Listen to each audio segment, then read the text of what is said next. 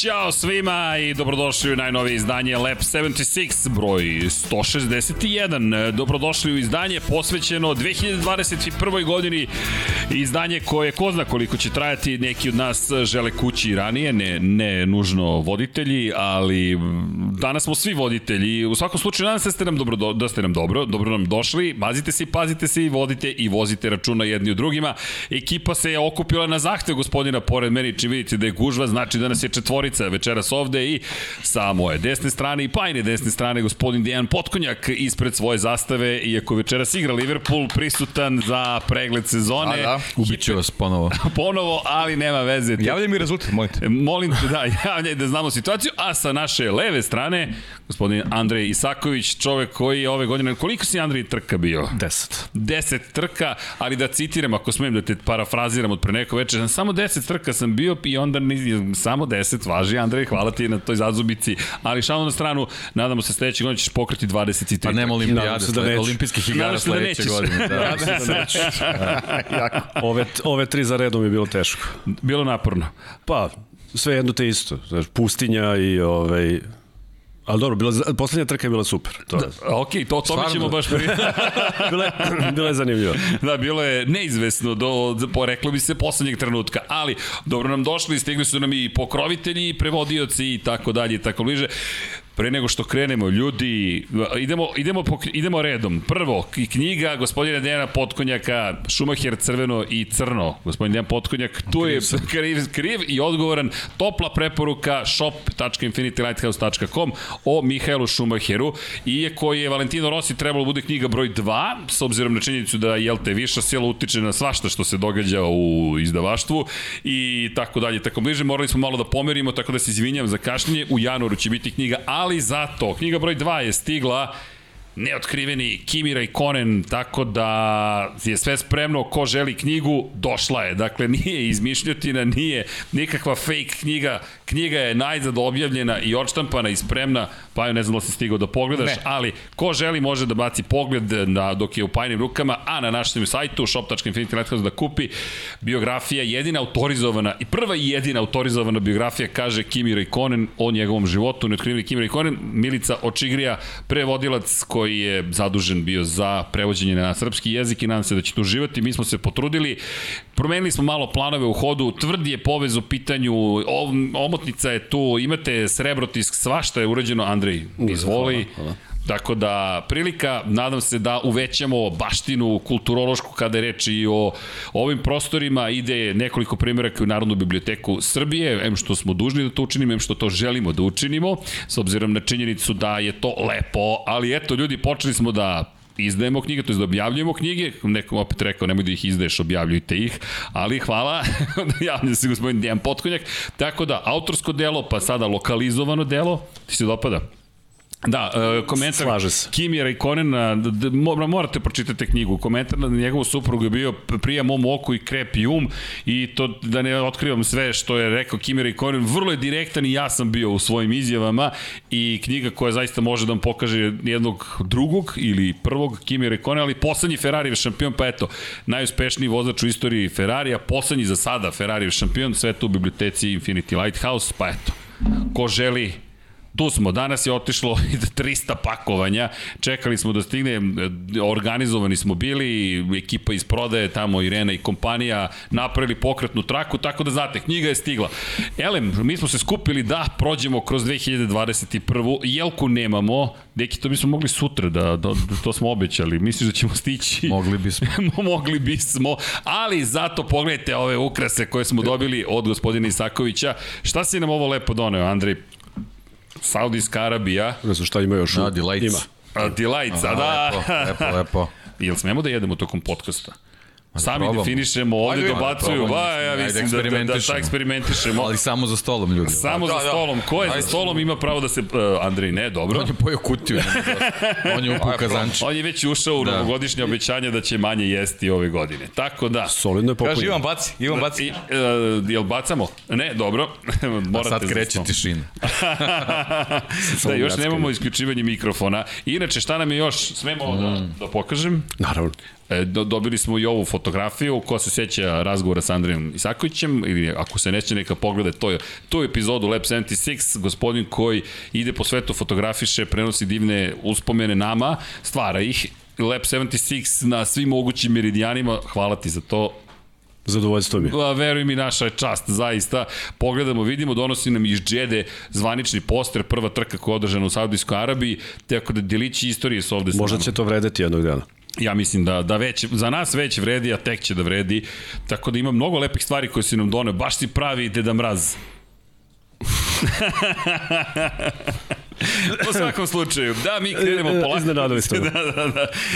Sa 2021. godinom, inače, da, imamo još lepih stvari, čekajte, znam da uvodi traju, ali ljudi, mnogo lepih stvari se dešavalo. Join dugme je aktivno, mm. udrite like, udrite subscribe i kliknite join. Inače, mi smo izmišljali šta bismo mogli dodatno da vam damo, ali vaša podrška naravno da znači. Hvala svim pokroviteljima na Patreonu, nešto kasnije ćemo posle treće trke ćemo pročitati imena svih pokrovitelja, a kada je reč o onima koji nam se pridruže na YouTube-u i vaše imena ćemo čitati, pa ćete imati tu priliku i na Patreonu i na YouTube-u ko bude član, slaćemo vam fotografije iza kulisa. To je kao moderno, mi kao moderni YouTuberi od 40 e, plus i nekih 30 plus smo rešili eto, da pratimo trendove, pa ako vam, je, ako vam je zanimljivo to iza kulisa šta se dešava, nadamo se da će vas zabaviti. Ali, ono što je dobro, ko se učlani ima, čao svima, ikonice, ima Dekija, ima Paju i ima naravno moju malenkost, ali bit će još ikonice, tako da znate, pa eto u četu pokazat ću vam čao svima. Andri, dobit ćeš i ti svoj e emoji. Avatara svog. Avatara, tako je. On je ikona. da, ovo je ikona.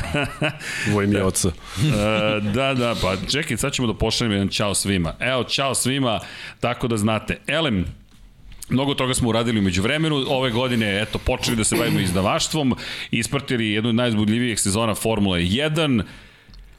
Šta smo još radili? Stotinjak podcasta, penzionere. ispratili penzionere, otišao Kimi, otišao Rossi, bili malo po trkama, neki su bili na više trka, neki su bili na manje, ali bilo zabavno, neki će ići na trke uskoro, ja se nadam, i tako. Svašta se dešavalo, snimale su se emisije, bit će još nekih noviteta, nemojte da brinete. Neki biće. su išle, neki smo snimali. Neki smo snimali. Bravo, neki. A, neki dobro, smo više neki snimali, smo radili. A neki smo više a, išli, a neki su više išli, da. Dobro. A to je poštena Ova polovina stola, ja mislim da je... Pa dobro, vidi, po, ovo, ovako smo se podelili. Dobro, okej. Okay. Šetači i ovi Preplanuli i prebledili. Pa ja ćemo oko 23 da krenemo. Pa mislim da je da oni ispričaju šta su videli. Mi skupljamo milje. Tako da. da. vidi, ja sam skupio milje samo na točkovima, pravo da ti kažem, samo kombi ove godine radio, ali nema veze. Negde sam u AMSS-u, sam dobar član. I da pozdravim ekipu iz AMSS-a. Pokušali smo da dođemo do novog predsednika FI koji je bio u Beogradu. Mislim da je otišao, da vidimo najnovije vesti, ali činjenici da je došao na prosto u 100 godina Automoto Saveza Srbije, Mohamed Bin da. Sulajem, da. došao sinoć... Čestitamo Automoto Savezu 100 godina 100 godišnicu, jeste, ceo vek postojanja. Jeste, i pokušali smo da dođemo do gospodina, AMSS je učinio sve što je bio moći, inače on lično je prihvatio da, da, da, da razgovara sa, sa ekipom Lab 76, međutim, protokol još uvek ne dozvoljava takve stvari da preskočite prosto i da dođete do predsednika FIE, već morate u Pariz da sadite zahte pa da se to vrati. On je rekao, ljudi, protokol postoji, ali raspoložen. Pa ako ga negde sretnemo ponovo, nadamo se da ćemo imati prilike da porazgovaramo. Imamo neka pitanja, tako da... A, kad smo kod predsednika FIA? A, kad, A, kad smo kod, kod predsednika, predsednika FIA. Hoćete gospodine ne, crveni, crveni mikrofon, ne, ne, ne, ne crveno je vaša ne, boja. Molim vas. Da, bivši predsednik, inače Vanja imao sjajno pitanje, smem Vanja da otkrijem tvoje pitanje. Vanja koji je pitao, zar ne bi trebalo Žan Todt da postane predsednik FIE? Rekao, Vanja upravo si opisao ceo njegov mandat. Nažalost, ali bio je savršen kao šef Ferrarija, međutim, kao šef FIE nije se pojavljivao, no, vratio se kući, ja bih rekao, i jedna od ključnih vesti današnjih dana jeste da je Jean Todt, ljudi kako to komentarišete, ponovo deo ekipe Ferrarija? Pa pričalo se o tome već. Pa, Nije to ništa, ništa novo. Pričalo se samo što su oni to malo... On je rekao da toga nema ništa. oblande, da nema ništa, ali očigledno su čekali da mu istekne mane da to... Dobro, još postoji oblanda u smislu da su najavili da će povremeno biti u, u padoku. Kao, kao savjetnik. Da. Ala Niki Lauda što je bio u Mercedesu, ali ja koliko se sećam, Niki Lauda je bio na svakoj trci, na svakom treningu, na svakom testiranju, konstantno u fabrici i u svim kadrovima kada god je pa, bila ekipa Možda Mercedes. i on, ako sve dobro krene sledeće godine, možda mu se osladi pa počne dolazi redon. U svakom slučaju to dobro zvuči Jean Todt u Ferrariju. Dok ne krene dobro, neće ga biti. Kad krene dobro, A, eto i njega. Stara priča. da kleči na stolici. Da, ali dobro. Da. Ali ima tu zanimljivih momenta. Znaš šta mi pada na pamet? Inače, pozdrav ukoliko slušao Miodragu Kotoru, čoveku koji je prvi bio angažovan kada je Jean Todt došao u Ferrari. Prvi zaposleni Jean Todt bio je Miodrag Kotur, pa eto, ko zna, možda dobije ponovo neki poziv, mada sada vodi Leopard ekipu u Moto3 šampionatu sveta. A ima obavezu u podcastu, mora se javi s vremena vremena. da, Ferrari izvin. Tako da Ferrari izvin. To mu je glavna obaveza. Šejla Čebirić da mi je pobegla, ali Miodrag Kotur ne može. Mada, čestitki gospodinu Kotoru, za, želimo mu srećne praznike, nadamo se da prati, da se da je lajkovao i da se subscribe-ovao, ali evo ovde ne dopadaju mi se ne, ne, ne dopadaju se moji komentari kolegama, ali ljudi moramo da imamo smisla za humor, sad smo youtuberi. Elem, da mi završimo sa youtubing. Svetioničari početnici stižu. Stižu? Tako je. O, svetioničari početnici, ljudi, dobro nam došli. Nadam se da će biti zabavno. Koristite emotikone dok još možemo, ne dok još možete. Tek ćemo da ih povećavamo broj. Stići će posle Miksa, Vanja, Jimmy, Andrej. Što je više članova, to više imamo prava da ubacujemo emotikona. Like, sve jasno. Sve jasno. A onda ćemo dobiti opciju super like. Ne znam da li znaš šta je, tako nešto Ne, on pojma, ali lepo zvuči. Da, da. to za majicu nešto. Samo se klikće i ima sve više i više. Da, YouTube nudi merchandise ako hoćeš. Cena sitnica, 37 eura majica košta i isporučuje se direktno u zemlje Evropske unije. Mislim da ćemo se držati ovih naših profanih momenta malo jeftinije od toga. Ali, ljudi, da mi krenemo sa 2021. Dobrodošli još jednom u izdanje 161 Lab 76 i da je ovo snimak Vanja bi bio zadovoljan što sam udario klapnu. Ali pošto nije snimak, vjerojatno sam probio tamo u crvenom. No, Pre nego što krenemo sa prvom trkom, velikom nagradom Bahreina, moramo malo da se vratimo u 2020, tu da postavimo scenu, da ispričamo ko su, gde, koja kuća je u duelu sa Kime. Mercedes osvojio sedmu titulu za redom. Lewis Hamilton osvojio četvrtu za redom, sedmu ukupnu u karijeri, izjednačio se po broju titula sa velikim Mihaelom Schumacherom, došao do toga da je najuspešniji vozač u istoriji, da je pro, da prešao taj rekord 91. triumfa. Lewis Hamilton na kraju ove godine je došao do toga da ima ni manje ni više 103 pobede. Čovek koji je zaista bio neverovatan i pre u početku ove sezone, ali neki rekordi su ga čekali u 2021. Međutim, jedna od najvećih promjena koja se desila nije bila potpuna promjena tehničkog pravilnika, već izmena na podu, bolida, koja je bila prilično velika izmena i u velikoj meri uticala na Mercedes. Čak se spekulisalo da Međunarodna automobilska federacija pokušava da donekle izjednači odnos snaga Red Bull koji je već bio u zaletu na kraju 2020. Max Verstappen slavio na, na velikoj nagradi Abu Dhabija, Lewis Hamilton se vratio na stazu 7 dana pošto je bio pozitivan na COVID, bio je negativan test, ušao je da ne dozvoli, ne da ne dozvoli, da se vrati na za svoj bolid, George Russell je dobio jednu priliku, mada ovaj lapsus možda i govori o tome koji su sve bili bili motivi. U svakom slučaju, Lewis Hamilton nije pobedio na posljednjoj trci, jeste Max Verstappen i tako smo stigli do 2021. Pravila nisu u potpunosti izmenjena, pomerena su za 2022. Uvedeno je ograničenje budžeta za ovu sezonu. Fernando Alonso se pojavio ponovo u Formuli 1. Nismo znali da li će Kimi Raikkonen ostati ili otići. Videli smo da je Carlos Sainz potpisao ugovor sa Ferrarijem, videli smo da je Daniel Ricardo otišao u McLaren, da je napustio Alpinu, svašta se izdešavalo u toj 2020. ne bili se postavila scena. Sergio Perez stigu Tako je, Sergio Perez stigu u Red Bull, zabeleženu veličanstvenu pobedu na kraju prethodne sezone. Roman Grožan preživeo veliki incident u Bahreinu i baš smo se obrali u Bahreinu. COVID-19 je ponovo svoju učinio sa samim sa samim kalendarom. Nismo imali trku u Australiji, nadamo se da ćemo imati ove godine, za, prvo za sledeću godinu je isplanirano da to bude treća trka, pa da znamo već kad otvaramo sezonu, mada smo svi skeptični po tom pitanju i na taj način smo mi negde započeli sezonu u kojoj se činilo da Red Bull možda ima šansu da nešto uradi protiv Mercedesa, koji je potpuno bio dominantan. Valtteri Bottas je ostao u Mercedesu, postavilo se pitanje hoće li ga zameniti George Russell ili će Valtteri dobiti još jednu priliku da bude vozač broj 2 u ekipi Mercedesa i tako smo krenuli. Lando Norris ostao u McLarenu, Charles Leclerc eto dobio Carlosa Sainca, to su bile priče o kojima smo pričali pred početak sezone. I kako počinje sezona u Bahreinu, prvo oluje i to pustinjske ozbiljne tokom predsezonskih testiranja, pa bilo manje podataka, nismo znali zapravo šta da očekujemo. Međutim, prva pol pozicija, prve kvalifikacije pripadaju Maxu Verstappenu, koji nije imao previše pol pozicije do tog momenta, ali u pustinji dobro je izgledao Red Bull i to su uglavnom bile oznake B, M i tako dalje, evolucije prošlogodišnjih modela. Inače, Sebastian Vettel, to isto da ne zaboravimo, Aston Martin je dobio četvorostrukog svetskog šampiona, sve su to neki noviteti pred početak nove sezone.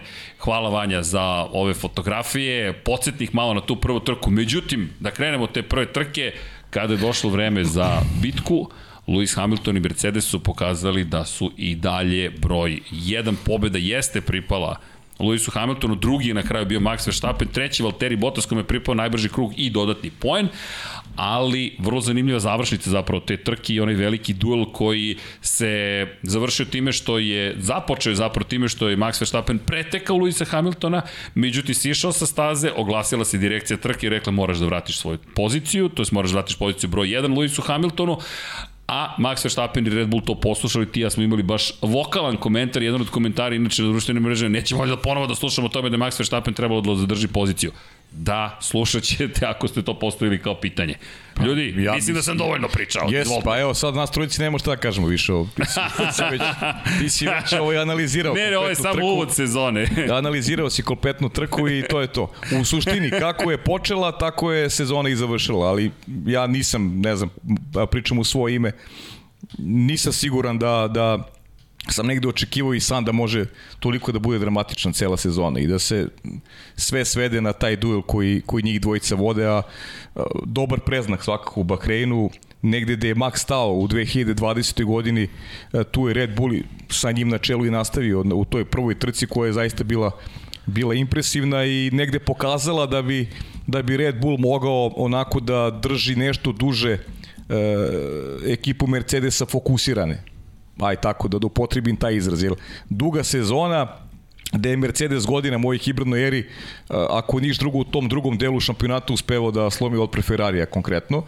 E sada ova trka je, meni je glavni utisak cele trke ono što vi ne želite da čujete, makar većina, da mislim da je Red Bull pogrešio što je vratio poziciju, imali smo tih detalja tokom, tokom sezone X za, za analizu, a eto počeli poprilično turbulentno u toj relaciji između Red Bulla između Red Bulla Mercedesa i neko se i na taj duel pored staze e, otvorene maltenetu sa, sa, sa tom prvom trkom. Da, za oni koji ne znaju, naš komentar je tada bio da jednostavno mišljenja smo da Red Bull trebalo, ne trebalo drugačije da postupi. Zašto?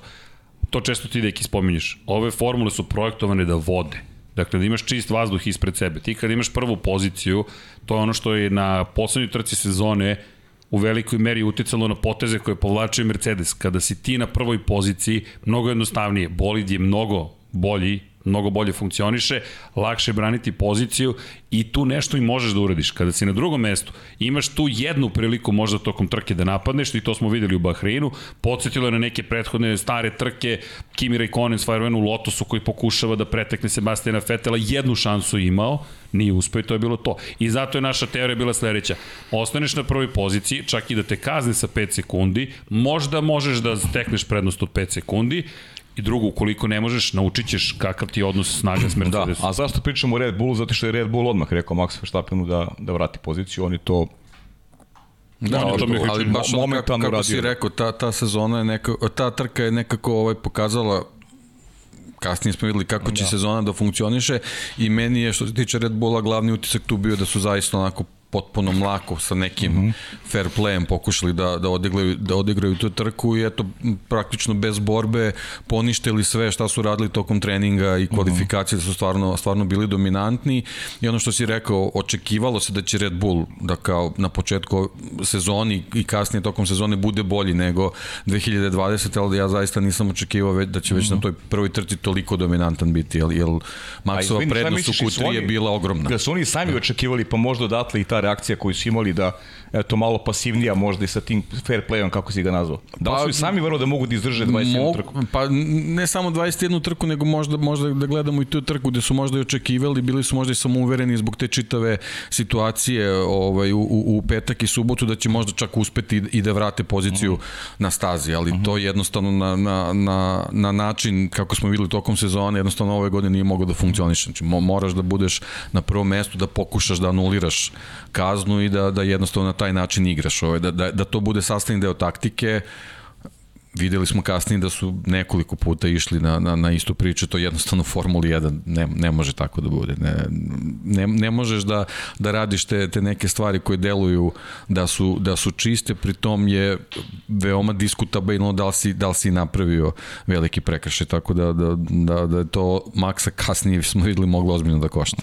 Ali i kasnije pregledanje cele trke je utvrđeno da je Hamilton koliko puta, ono, preko 20 puta tokom trke prelazio tu liniju, tako? Da, to je, da, to, to je takođe moment ko koji je bio tokom trke gde smo imali zapravo dve situacije. Jedna situacija jeste na izlasku iz krivene broj 4 zapravo, to je jedno skretanje gde ti silaziš sa staze i direkcija trke nije reagovala. Red Bull je tokom trke, to je praktično i uvod i postavljanje scene, zato nam je taj Bahrein toliko važan i lepo si rekao, prešao je skoro 20 puta dok Red Bull nije reagovao. Pa otprilike kad se sabere vreme koji je uštedeo tim presecanjem, došli smo do vremena koje mu je kasnije pomoglo da, da u, u poslednjem krugu drži maksa i da Jasne. se dešava, dešava ta situacija. E sad, da je, da je Red Bull u toj situaciji više insistirao na, na nekoj kazni upozorenju, šta god, verovatno bi sezona kasnije bilo drugačije. To je mm. bukvalno bilo odmeravanje snaga gde Mercedes shvatio kako a, a, može bilo da se tada u prenosu ovaj, one komunikacije kao što je sad na kraju sezone jest, bilo, jest, jest. ovako otvorene, jest. što nisam, pa, tad sam bio tamo. Pa, ovaj, e, to sam te da te pitam, da li si bio tamo? Da,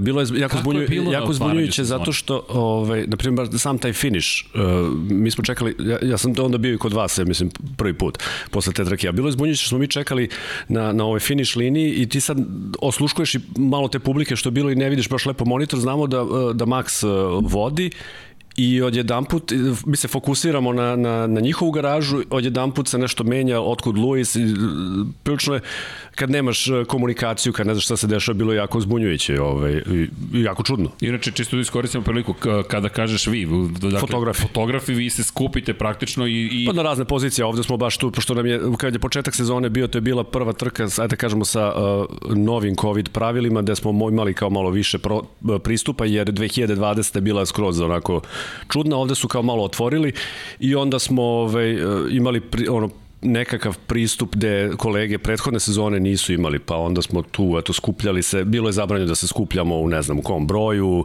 e, maske obavezno na onih 40 stepeni, negde to sam vam mislao, možda i slike, yes. to je znači katastrofa bilo.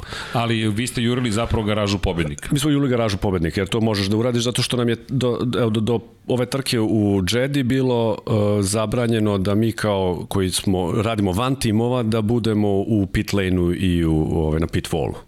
I to se promenilo sada to se promenilo, trku. mislim, od, od, za mene od Džede, ali mislim da je generalno od, od, od Ostina, da se tu promenilo, da su otvorili pit lane i padok za fotografe i tako dalje da se malo te COVID pravila smekšali. Pa dobro, to je, to je isto pozitivan znak, ali rekli da, da, da, COVID već... Re, rekli su da će u sledeće godine kao ne postoji više COVID pravila sad, šta god to značilo. Oni insistiraju na tome da ljudi budu vakcinisani, valjda, ali sad vidimo i za brojne slučajeve da u Abu Dhabiju koji ima toliko te rigorozne kontrole i vraćaju se neki kolegi i poznanici sa... sa... E da, iskoristio bih priliku da, da, da poželimo brzo porava gospodinu Živkovu. Zoran je čovek koji nama i kako pomaže i s kojim imamo divnu saradnju, pa eto, pozdrav i odavde, nadam se da sluša, ukoliko sluša, mislimo na tebe, čekamo Zoki, te se. na kafi Zoki i, i da. naravno u studiju da, da, da dođe, tako da da, bilo je raznih situacija i slučajeva. Ne, ali i pričali smo i mi tokom sezone, mislim, stvarno su bile neke onako sulude situacije da vi pod nekom protokolu koji je verovatno ustanovljen na početku sezone Holandija čini mi se, bili ste bukvalno jedini sa, sa maskama tamo. Jedini s maskama, da, ja, tu, tu, tu sam se začudio u trenutka kad sam sletao u Holandiju, niko ne nosi maske i mislim to, to je bilo ono u Evropskoj uniji svaka zemlja to kako je ta pravila donosila prema svojim sopstvenim ono ministarstvu zdravlja već kako ide. I onda se Formula 1 prilagođavala ali su postojali neki dalje FIA protokoli tipa da moramo u roku 24 sata kad dođemo u roku 24 sata na dolasku u, pa, ne u padok tada, ali na stazu, da moramo da se testiramo u okvirima FIE i na svakih 4 ili 5 dana i neki ovi znači ovi svi ostali koji su u timovima ako su imali back to back trke oni su morali da se testiraju vrlo često. Tako da sve to kako se opet to dešavalo da li su i ti a pojavljivalo se tokom sezone da su ljudi zaraženi šta ja znam kako da, da li tu nekih propusta u tom uzorkovanju ja, su malo mere popustile a, posle olimpijskih igara Kako ti kako pa šta sam ja, bilo tu neko Pa nije, ja, nije posle da. olimpijskih igara znači ne znam kako je bilo u Belgiju, nisam bio ne znam kakvi su bili protokoli tamo bili su čudni, a i celo cela priča s Belgijom je čudna, no, jel? Najkraća trka to je vremena. Trka o kojoj niko ne pri, mislim trka koja se Pričaćemo, da. pričaćemo. Ovaj u Monci je bilo nije bilo tifozije, bilo je jako malo. I bilo je ceo ceo onaj vikend je bio čudan sa onom sprint trkom koja se dešava uveče, gledamo hoće li pasti za ovaj mrak i tako dalje. Ja sad sam otišao da, u drugi deo potom, sezone. Potom, da. Ali ali su bile rigoroznije pravila nego nego u Holandiji. Sad šta je bilo? Ne, prvo je bilo Holandija, pa je onda bila Italija. U Holandiji je bilo, znači meni je bilo neverovatno kao na, na, na utakmici Lige šampiona sa sve bakljama, sa, znači super jedna atmosfera baš super, ali nula, nula protokola tih što se tiče za navodno da je publika sva ili vakcinisana ili testirana, sad ne znamo, ali to evo sad Holandija ulazi opet u lockdown, su ušli u lockdown sad. Da. To, to. Svaka zemlja, znači kao Michael Massimo ima, ima svoja pravila. A ovi formula se prilago, postoje neka pravila da je iz početka, eto mi nismo mogli da idemo ni u padok, novinari su mogli da idu s diktafonima, fotografi nisu mogli, znači objektivi prenose koronu, verovatno ne znam šta je, ono, znači, to, to je jako čudno bilo.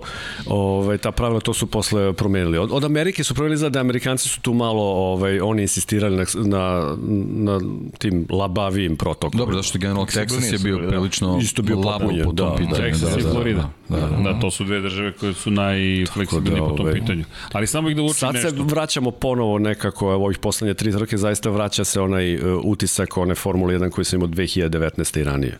Da, i ja bih... Za nas. Dve stvari da, da uradim. Za nas. Gledam će to tako da bude i početka vidi 21. Da Vidać, spomenem da smo tek u 31. minutu izgovorili ime Michaela Masija, tako da pohvale za celu ekipu. Mislim da je to veliki uspeh i drugo da nas vratim kada već spomenješ vraćanje nazad u Bahrein.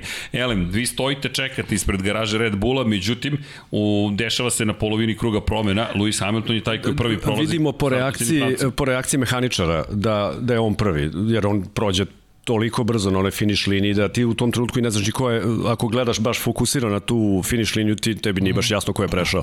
Vidiš ono, i onda po, po mehaničarima si vidio da se ovi penju na onu ogradu i oni se raduju, znači samo, a sreća što su oni jedni do drugih, tako da ne malo olakša, pre par sezona je bilo malo razmaka kada ono imaš između garaža, sad su, sad je super bilo i za finiš da možemo da budemo, da vidimo glavne aktere ono blizu. Vidiš reakciju praktično dva vodeća dva, tima. Dva tima, da. da tako Kako će biti vi organizujete kad krene sezona? Ili ima nekih promena odnosno na prijatnu godinu? Ili pokušavate nešto uraditi drugačije? Ili, pa ne znam ili za koristite sezonu, ono pa, uigrane kombinacije? Uigrane kombinacije. U suštini za one staze koje znamo i za, i, i za ekipu dosta sam ja bio taj putujući i uvek još se pridružuje bar jedan, ovaj, uh, ajde kažem, uslovno kažemo, lokalni fotograf To smo ovaj, radili ove sezone. U Bahreinu mi je ovaj, moj prijatelj Giuseppe Kakaći, on je italijanski foto, ovaj, fotograf koji radi za France Press, on je tamo stacioniran u Dubaju, pa to je njegova zona ono, pokrivanja. Radili smo nekoliko trka zajedno ove godine, sad ove poslednje tri, dve, dve poslednje smo zajedno radili i već smo uigran tim. On je fotograf koji je pre par godina slikao, to je ono, mi, mi smo uvek u Bahreinu imali to uh, uh, AFP da pre korone pričamo, imali smo uh, taj takozvani pool, jer ne, ograničen broj fotografa je tokom kvalifikacija i trke na pit wallu. E, mi smo imali taj rotacioni pool, znači mi smo imali tu, delimo slike ostalim agencijama i onda mi bacamo novčić ko će kada ide, pošto to je jako dosadno, ti presediš, pogotovo kad su kvalifikacije, tu se bukvalno ništa ne dešava. Dok je trka, ajde još oni menjaju gume, pa kao što je bilo u Monaku pre par godina Ricciardo, ono, potrajalo malo duže, ali na fotografiji malo to teško prikazati, ali nešto da. se dešavalo i to se objavljivalo. E, o šta je imao Giuseppe, bacili smo on će kao ovaj, da ide kvalifikacije, nisu to bile kvalifikacije, ili bila trka, kad je pregazio uh, Kimi mehaničara. On je jedini fotograf koji je to slikao tada. To je bilo isto u 2018. ili možda čak 19. u Bahreinu. Ne, Fetel je još vozio tada za Kimi i Fetel su vozili Ferrari. za Ferrari. Ne mogu setiti. To je... Da, on je pregazio ovaj, mehaničar. Sad, to su onda verovatno bile, bila trka, jer ne verujem da su u kvalifikacijama oni ulaze u, u garažu kad ne bilo šta menjaju. Ne, letko kad rade ono leteće, le, leteće Da, da, oni samo stanu, uradi se zamena točkova, ispusti se automobil, ne izlaze. To, to, to je kad je trka. Ne, ne, kažem, oni, oni uh, da. samo istreniraju zamenu i automobil ostane da, tu, tako da verovatno i trka bila. To, to, da, tokom, da Da, to bio je problem sa zglobom, nešto, baš ga je... Pa prešao mu je preko noge, da, da, da. da, da, pa, da. da. Ali mislim, ono, nehotice. To je 2018. Nešto je bilo sa onim, Lollipop nije baš kako treba ovaj, radio. 2018. Da, prelom, dvostruki prelom noge ima Jest. 2018. godine i Ferrari je kažnjen za to, 50.000 evra. Ali da se vratimo mi na Bahrein da. 2021. Uglavnom, eto sad imamo pristup, da, to, to, to, to, to, tada nismo imali neki pristup. O, o, baš, baš je bilo, ovaj, bili smo podeljeni, znači bili su to isto klasteri fotografa, da se ne bismo, kao, kao bubble ovde neki. Ali ti si imao dobru poziciju u Monci, doći mi do toga. Drugi deo sezone, da. Drugi deo sezone, ali to je, to je istorijski moment, istorijska fotografija. Dami i gospodo, Vanja, ako može kadar na gospodinu Tačić, to je čovjek koji čisto fotografiju, sa onu čuvenu fotografiju točak na glavi Luisa Hamiltona, obišla ceo svet. Jeste. Jeste, to se zove skromnost. Jeste, tu, e tu je rade, sedeo stanti i pitaš ga nešto, kaže da, i to je to. Ali to, to je do stolica. To je ta stolica. Da, da, da. Smirujuća. smirujuća da. stolica. Ali Bahrein nije bio smirujuć nikako i sledeće godine će inače ponovo ostati Mercedes i Red Bull jedni uz drugi. Dakle, da, da, da. prvo plasirani u šampionatu konstruktora dobija prvu garažu, druga garaža, drugo plasirano i tako da. sve do Hasa. I, sve do Hasa. Pa sve do Hasa to tako funkcioniše. To, to, to je malo isto sramota, mi zanemarimo skroz, one, znači, ono, ne ideš dalje od McLarena dole više. To, to, zona sumraka. To je druga ulica. A dobro, to je. Nažalost. Ali, od, od kad je Formula 1 tako, tako je. Ali se pojavi, ne, neko, sa, neko bi tražio slike. Modernim ne prenosima pa se oni vide, mislim, ranije je bilo da, da. prva Dobro. trojica i, i to je to. Mick Schumacher, ipak, eto, neko ko može da privuče malo pa. Iskreno za to u Monci, uh, očekivao sam da će, bili su jako na nož ovi dvojica Mazepin i to se, očekivao sam njih dvojica će napraviti neki karambol i to će malo da uspori taj celu trku i zato sam stao tu da vidim hoće li se to desiti i onda ne verujem šta mi se dešava u padovima u objektiva od dvojica. Znači, bukvalno. I zašto to radite kad čekam Haas? Znači, ne, ne, neverica, to je stvarno. Ali svaka čast, zaista, to Hvala. je potpuno neverovatno bilo i takav ponos, nekako smo lično odoživeli. Andrej, to Andrej. Ja nisam ni znao šta se to desilo, ti šalješ, mislim, znam šta se desilo. Ja sam imao live, ono, da, na Whatsappu stižu slike. Dv, dv, dv. Prvo ja, pa FP. Pa, da, njemu sam, njemu sam poslao ono, fotoaparatom ono, slikao display, da, da vidi šta imam. Počeo nešto se žali kao nije dobar objektiv. Da li si ti Koga? Pa da, šalji to. Što imaš, sam imao, imao sam zoom i koji, bukvalno sam ga ono prezupčio pokušavajući još da, jer su oni išli na mene. Da sam imao drugi objektiv ne bih imao tu sliku, to je sigurno. Dobro, ja, moj kolega, ja mislim da je ispalo kako treba. Ja, moj kolega koji je sa strane malo slikao, on ima fiksni neki 400 objektiv i on ima samo trenutak kada ovi su na njemu. I jednu sliku ima kako je, i malo iz drugog ugla. Ja tu imam malo to i sreće, dobro, mislim, puno godina iskustva i, i sreće, to je komšije, to. ali dobro, da. to, to je sve deo, da, deo rizika koji ćeš objektiv da staviš u tom trenutku. Pa da, ima, gledao sam ja snimak, uh, uh, vidim sebe mislim, jako čudno, tad smo isto nosili maske, ja sam još neku čudnu kapu, izgledam kao ono, kao sam iz pustinja neke i vidim, to tra, mene to trajalo kao beskonačno i, i kad pogledam slike, to isto traje nekoliko, ben deluje sekundi, ali to je trajalo manje od sekunde, da ja to slikam i već vidim, razmišljam, vidim idiota, gledam za sebe, koji, što bacam ovaj, bukvalno bacam jedan aparat uzimam drugi. Jer je to u trenutku izgledalo nestvarno, ono sve se dimio, one kočnice se zapalile, sve gledam, sad ćemo se zapali ispred mene, ovaj pokušava da se izvuče Hamilton, pa gledamo šta je s njim. Znači, svi mislimo u tom trenutku krivac je Hamilton.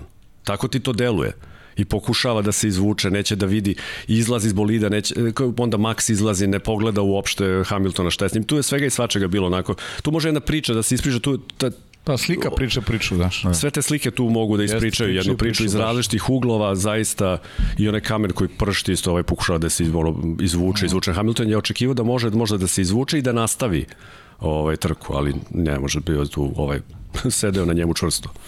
Da svaki Zaglavio za, da, ali bukvalno svaki detalj odlučio. Inače... Kao popeo ti se na glavu kao Max Verstappen Hamilton. Dopada da. mi se što smo krajnje efikasni. Nismo još završili ni prvu trku. Ja ste da ti kažem, u ovim tempom ali, mi ćemo završimo 22. negde u 7 ujutru. u 7 ujutru otprilike. Otprilike, da.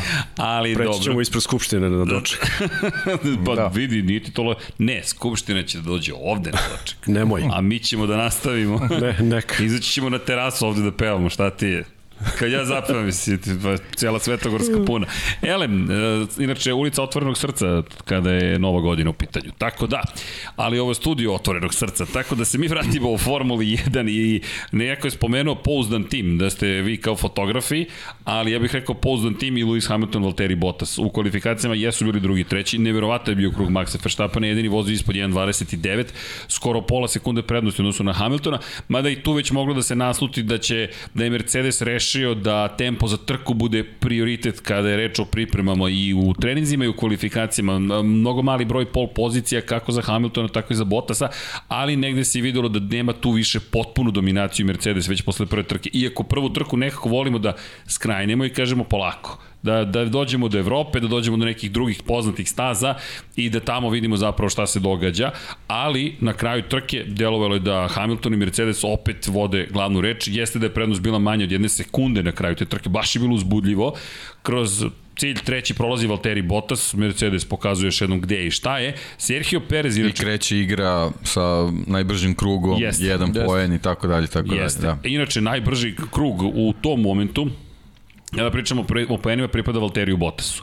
Valteri Bottas koji se koji je, koji je oteo praktično taj najbrži krug, ali bih pohvalio i prvi nastup Serhije Pereza u bojama Red Bulla. 11. je bio u kvalifikacijama, posle problema i kvara, na pre početka trke startovao iz pit lane-a i na kraju završio kao peti. Bilo je to prilično dobra trka za Serhije Pereza. Da, ponovo u Bahreinu Opet u Bahreinu, da. Očigledno da mu leži ta staza. Uz puno problema, da. zaista uz puno problema, a Lando Norris pohvale bio četvrti. Inače, Charles Leclerc je oduševio na kvalifikacijama četvrta pozicija za Ferrari i činilo se da je to Ferrari možda da, i nešto ali može više. Isto znamo da i njemu ta staza odgovara, tako da ovaj, e, jednostavno iskoristio tu situaciju, iskoristio situaciju da se očigledno Carlos Sainz tek privikao i na ekipu i na automobil, tako dalje, tako dalje, pa smo već tokom sezone videli da, da se tu odnos malo, malo menja. Da, inače, ko je isto oduševio na toj prvoj trci sezone, toliko davno bilo da kada, kada sam pogledao rezultate i šta se dešavalo, zaboravio Yuki Tsunoda koji u debitanskoj trci koji je stigao u Alfa Tauri,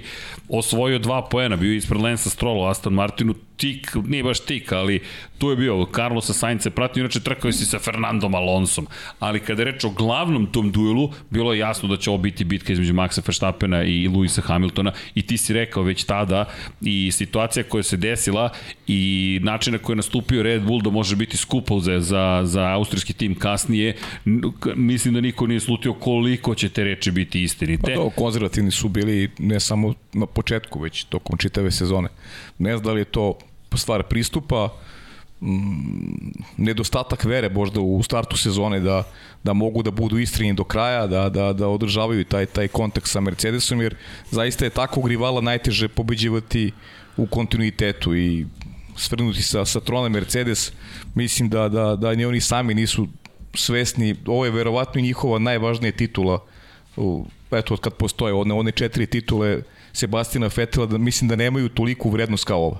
Jer nikad nisu imali takvog rivala kao što su imali sada. I još jedna, još jedna napomena, to je prvi šampion, dakle, posle Sebastijana Fetela. Sebastian Fetel je do sada bio jedini šampion Red Bulla, ali Honda je najavila odlazak iz Formule 1. I tako smo takođe započeli sezonu, to sam zaboravio da napomenem, a to ne smemo da zaboravimo. Nikako. Nikako. I to jeste važno. Honda koja je rekla, to je to što se nas tiče, pri čemu ko zna da li će se ikada više vratiti u Formulu 1. Mi držimo palče da nekim čudom hoće, međutim, to je bila ta sezona. Poslednja prilika da se osvoji titula, a poslednji šampion koji je koristio Hondine motore je bio Ayrton Senna 1991. godine. 30 godina kasnije ti pokušavaš da, da postigneš nešto to što od Sene nisi video, zaista veliki izazov i naravno za Red Bull veliko pitanje kako dalje, kupili su intelektualna prava, ali opet je to bilo zaista veliko pitanje i mogli su da budu zadovoljni, mi smo mogli da budemo zadovoljni. Pol pozicije za jednog, pobjeda za drugog, duel do poslednjeg kruga, kontroverza blaga, to je kontroverza, potez koji se postavio kao pitanje da li ispravno ili ne i još jednu stvar bih napomenuo, Sebastian Vettel je kažnjen u kvalifikacijama, ignorisao je dvostruke žute zastave i pomeranje pet pozicija unazad.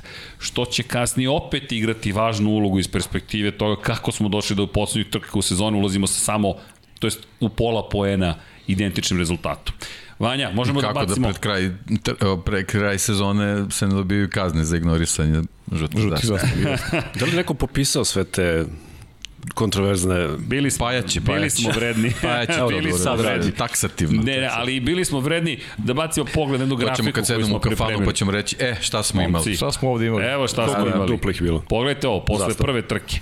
Poeni, na pobede, najbrži krugovi, pol pozicije i srećometar. Ubacili smo i srećometar, pošto je, ja mislim da je čet, tetelina četiri lista bila veoma važna ove sezone, da izbrojimo ko je u kojoj situaciji možda bio malo srećnije ruke. Mislim da to nije loša statistika. Ali, Ovo je pogled, dakle, posle prve trke, Lewis Hamilton 25 poena, jedan poen dodatni za najbrži krug je pripao Valteriju Bottasu, pol pozicija pripala Maxu Verstappenu, pobeda Lewisu Hamiltonu i ako se slažete posle 45 minuta da pređemo na veliku nagradu je Emilija Romanje. Moramo da budemo ovaj, malo efikasniji. Malo efikasniji. Da, ajmo Vanja, idemo u Italiju, dakle šta, šta Ako nam se dešava? Ako ćemo sitna crevca trke da, da ovaj... Ja nisam bio tamo. Nisi bio tamo Ali, ok, važna trka, vraćamo se u Imolu, prošle godine smo nastupili takođe u Imoli i odlazimo na stazu koja je trkačka staza, u yes. teškim uslovima se započinje trka, po kiši kao što možete videti i trka koja je donela pobedu Maxa Verstappena, ali s pol pozicije krenuo Lewis Hamilton i činilo se da Mercedes ne samo po pitanju trke, već po pitanju toga kakav je u kvalifikacijama uzvrća udarac, Međutim, početak same trke, jedan agresivan manevar Maxa Verstappena koji je tako pretekao Luisa Hamiltona da je rekao, ok, ja idem na teme krivine, ti biraj da li će biti kontakta ili se sklanjaš sa puta praktično. Lewis Hamilton je izabrao da se skloni s puta, Max Verstappen je tu zauze vodeću poziciju, međutim Hamilton je napravio jednu veliku grešku tokom ove trke i u malo nije ostao bez bodova. Na neverovatan način je vratio u Rickards bolid yes. i nastavio trku i na kraju uz crvene zastave incident između George'a Russella i Valterija Bottas. Kad to beše ljudi, kao da je pravi istorija. Pa to je glavni utisak trke, taj, taj incident George'a Russella i Valterija Bottasa i tada smo se negde javno pitali šta će biti sa, sa Valterijem usled eto i tog incidenta i činjenice da je i onoga što se dešavalo i pre tog incidenta koliko je jednostavno nekako letargičan bio da, ali, ali, i, i mlak on je na stazi gubio od Georgea Russella od Williamsu. Znaš, to je, to je onako bilo možda i najinteresantniji detalj i to Hamilton koji je, e, to je ono sada ta doza sreće koju, koju, koja prati generalno kroz karijeru e, Luisa Hamilton ima i ovog puta završio trku na drugom mestu i e, taj incident mu je bukvalno onako sačuvao sačuvao podijum u toj trci i druga pozicija koja je iz perspektive onoga što se dešavalo za njega bila bila kapitalna. Ne znam da li se neko seća, ali Sergio Perez je u kvalifikacijama pobedio Maxa Verstappena bio je na poziciji broj 2. Pa da li to da li je to jedina pobeda? Ja mislim da je to bila jedina u tom tako direktnom mislim da jeste, duelu. Mislim da jeste u kvalifikacijama jedina. I, ali druga pozicija startna u drugoj trci činilo se, ok, Red Bull je našao svog čoveka, kao što si rekao, Deki pa i ti bajo, Valtteri Bottas nekako je targičan osma pozicija u kvalifikacijama, puno problema, Charles Leclerc za Ferrari na četvrtom mestu, opet Ferrari dobro izgledao u kvalifikacijama, neko to postao kasni trener. Inače, Pierre Gasly, nismo spomenuli Pierre Gasly koji je opet u kvalifikacijama uvijek bio dobar, ali kasnije Pa to, to je ono što si rekao malo pre za Cunodu, ta Alfa Tauri je mora mnogo više da, mnogo bolje da eksploatiše taj start godina, oni su jako dobro izgledali. I Međutim, imali su malo i pehove, od, loš odabir taktike, Cunoda Novajlija, Juki je ruki, znaš da smo pričali Jest, često, Juki je ruki, pravio je mnogo grešaka i i to je onako nek, negde išlo onako negde negde pod ruku. Uh, možda smo nekad bili i preterano onako nekorektni prema prema Jukiju jer je eto na kraju sezone nismo, nismo. da okej okay, ja se slažem ja mislim da nismo ali e, nema veze ovaj ali tu je Emili Romanji pokazao zapravo koliko je preagresivan setite se da. incidenta koji je izazvao u kvalifikacijama on nije došao do Q2 iako ima bolid možda i za Q3. Ali evo vidiš finiš godine, ali ajde da nećemo pričamo o finišu, imamo imamo ajde, još da puno, puno skačemo s teme na temu da obrađujemo svaku trku. Ali činjenica je da je u tom momentu zaista zbudljivo na sve strane. George Russell protiv Valterija Bottasa pa i njegova izjava da li je Valtteri namerno branio poziciju agresivnije zato što sam ja u pitanju. I to je bilo vrlo kontroverzno. Pa tu se otvorila ta bitka, bitka ta, ta priča oko, oko pozicije broj 2 vozača Mercedesa za narednu godinu. Znamo da je Mercedes godinama unazad drži onako na, na Uh, u pripravnosti, ajde najbliže rečeno Valterija Botasa, ne dajući mu mogućnost da ima višegodišnji ugovor, stalno je potpisivao ugovor na godinu dana i, i pazi, to je ozbiljan pritisak. A pa konstantno si negde drugi vozač. Ovo je bilo očina trka za Valterija Botasa i bilo ih je tokom ove sezone. A, bilo ih tokom ove su, ali je zato i bilo i tih nekih svetnih momenta kad je on pomagao mnogo Luisu Hamiltonu da se vrati u trenucima kada je Max izgledao nedodirljivo. Inače, to je bilo pre 8 meseci, 18. aprila se održala ova trka. Lako je zaboraviti neki detalje, ali zato smo i rekli, ajde da prođemo kroz celu 2021. da vidimo šta se sve tu dešavalo.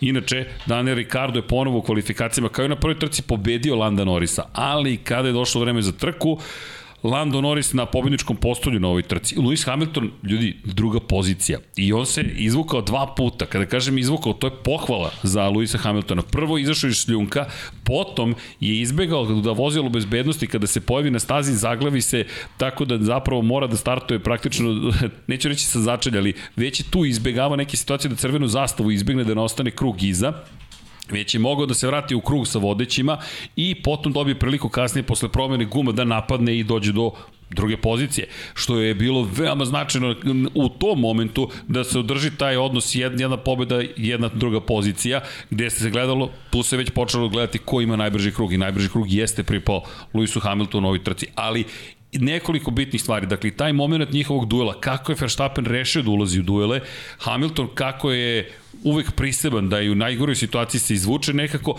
i prvi put neka situacija uslovno rečeno sreće koja je pomogla Lewisu Hamiltonu da zadrži vodeću poziciju u šampionatu sveta. Poen prednosti imao u tom momentu, ali kako je izgledala sezona da jeste, već tada. Generalno, on, naravno, trebamo da, da, da kažemo i to, to stalno i potenciram, jedan od, od glavnih faktora da bi bio svetski šampion u Formula 1 i sreće. Tako Ali nije, nije uopšte sporno da je Lewis Hamilton zaista u svakoj situaciji u kojoj, u kojoj su od njega zahtevao i više od maksimuma da je, da je on to i radio. Osvojio pol je, poziciju, da, ostao pribran. To je, to je nešto što, što je ovaj, stvar ko, sa kojom je postao zaista prepoznatljiv. Kad je potrebno da, da, da, da se vozi na maksimum, on je tu uvek radio bez greške. Bilo je, bilo je tih nekih sitnih grešaka koje, eto, jednostavno sa tom dozom sreće uspevao da on anulira, ali uglavnom ih je anulirao zaista da, pa to, to je u krajnjem slučaju ona i ona reakcija Monci o kojoj ćemo pričamo kasnije kada je želeo ima bolid na glavi i hoće da hoće da, da se vrati na stazu. To, to je to.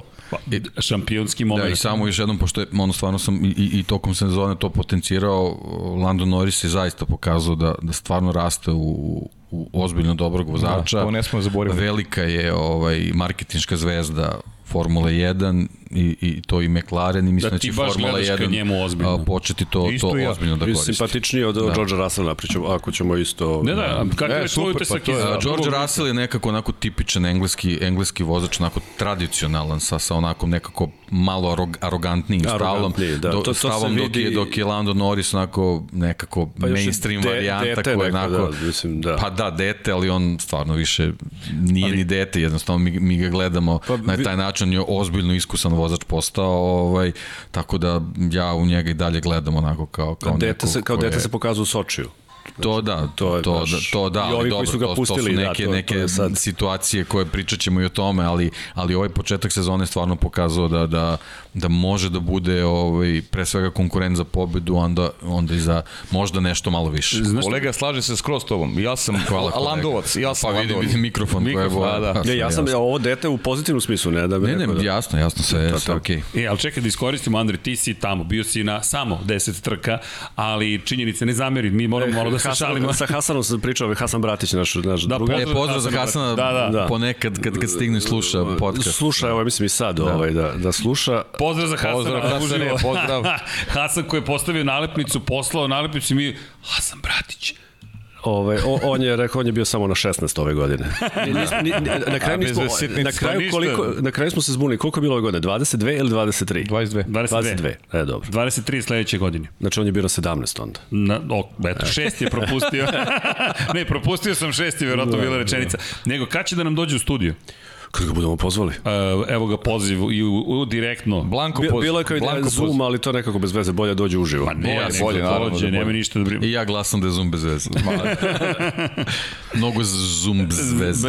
Ima dosta Zoom. Bez veze. Da. A dobro, po, ponekad mora tako, ali Hasan da nam dođe u posetu, da se malo družimo Imamo i specijalno izdanje. Uzeo sam u titulu na jedan dan. I on će kad bude ono rest, restoransko izdanje kad bude bilo. On, će da, e, to, da. Bibliotekarsko izdanje. Da, bibliotekarsko izvinjam. A vidiš da iznemo knjige, objavljujemo, objavljujemo knjige, izvinjam se. A kad je Has, ja, ja sam njemu uzeo na jedan dan ovaj, titulu ovo u Monci. Inače, on je doktor, ovaj, Mr. Crash, doktor Crash ga zove, ima i...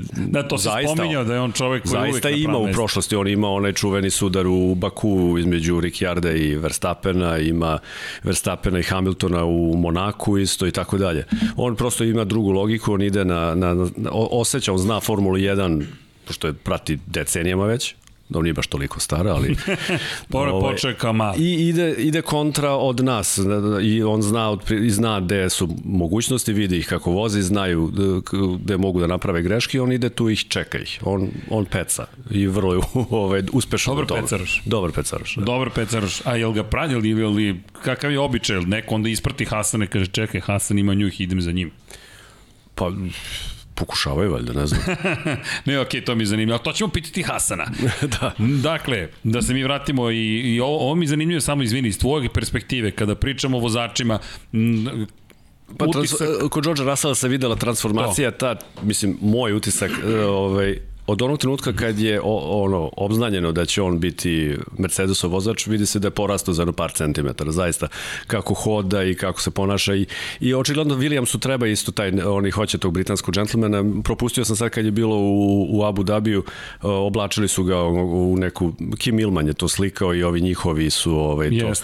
slikali kako, on, njima treba tako izgledan nekakav tip da malo promoviši modu neku i šta ja znam, le, lepi čovek, mislim to i on izgleda da i plus ovo što je sad dobio ovu znači, prestiže voziti za Mercedes, staviti onu ovaj, zvezdu, znači očigledno, ali se vidi njegovo ponašanje, on jedini je išao bez maske kad su svi morali da nose masku da bi se slikao očigledno, pa onda stavi kad mora i tako dalje.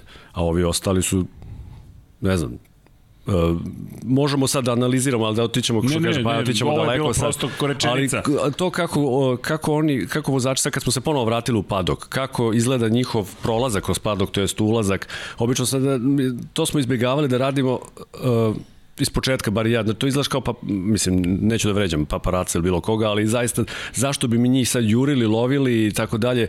To je, Hamilton se igrao s nama godinama unazad ili na skuteru, ono malom proleti negde, neki put hoće se slika, neće, a ove godine imao potrebu da se slika jer je svaku trku neku novu garderobu nosio i to je verovatno morao da promoviše ili već želeo ili šta god, pa se dosta i slikao. Ovaj, I njegov odnos je onako, neki put jako čudan, neki put jako prijatan, neki čud, na, uzme telefon pa gleda kao u telefon, desilo se u Soči pre par godina da je u praznu šaku. Ima, ima Mark Satonj baš je to slikao, primetio i slikao da on pogne glavu kao da gleda telefona, shvatio da u ruci ne, mislim, videlo se da u ruci nema telefona uopšte čisto da ne bi kao ga... Možda neku puškicu pisao. Pa Možda neke, da, da, neke puškice, da. Ovi drugi su svi, Ricciardo je super, on voli da se, ovaj, on, za njega, on je posebna tema, ja mislim, skroz, da, super, i njego, njegovi navijači su isto... Znaš kako, Andri? Uh, I italijani, ja bih volao da nje, on vozi možda za nekad, ali to za, teško za Ferrari. Za Ferrari, ja. Da. Pa on ima da ima tu harizmu da ima ima tom nekog italijanskog porekla ima tako, poreklo da, da, da, ima poreklo. I ovaj vidim kad je on pa ove godine je bio na, na podijumu, ili tako? Jest, jest, pobedio, pobedio, da. Pobedio A i prethodnih par godina bio jedan put i valjda treći pre par godina, ili tako A ne nešto. Ne Andrej koji je pobedio u Monci, on je sliko nešto. Da, ja sam, ja sam završio tad. on meni, je, sliko... meni je posle jedan kolega ovaj poruku kad je video sliku, ti, ti se sa spaku idi kući. Idi kući, pa da. tako da. To je Slušaj, je, tako. ove stvari koje nam pričaš, ovo je nešto što, što ima najveću vrednost ovo današnjeg podcasta iz moje prizme, zato što si ti neko ko je na licu mesta i možeš nama da podeliš nešto što mi ne vidimo. Pa da, Tako da, da i da potrajemo, mislim, možemo, mi, možemo, možemo mi da prebacimo drugi deo analize za sledeću emisiju, tako da lepše nam je da pričaš o ovim stvarima pa jo, sa lica mesta. Mi smo znali da će ovo da se desi. To je, to je već isplane, već, da, to, već to, viđeno. To, to, to je scenarij. Pazi, da. o, o, ove priče su, ove su pa, naravno. priče vredne, znaš, ovo je nešto, neki, neki utisak tebe čoveka koji tamo njih gleda, koji posmatra, recimo, evo ovo, ovo za George Russell je sjajna priča. Evo, Hasan je vrlo često vas pominjao, ako, se, ako štucate, to je ove, nas dvojica.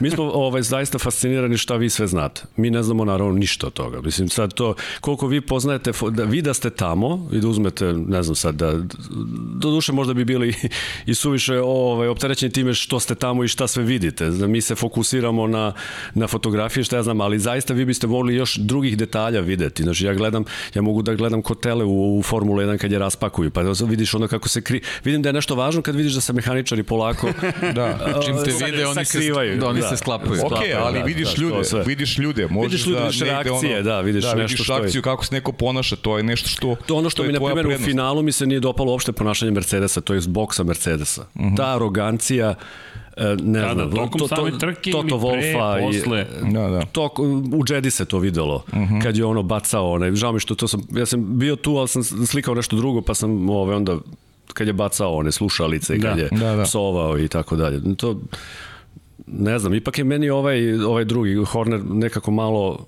onaj engleski Milvol e, navijač, tako nešto. Malo taj ima, uh mhm. -huh. a ovaj Austrijanac je ipak, ne znam, neću nikog da vređam, nema veze možda sa nacionalnosti, ali Toto Wolf i cela ta ekipa kako se tu ponašala u finišu, kao da je njima morala da se dodeli ta titula. Tako su oni. A tako si danas ponaši.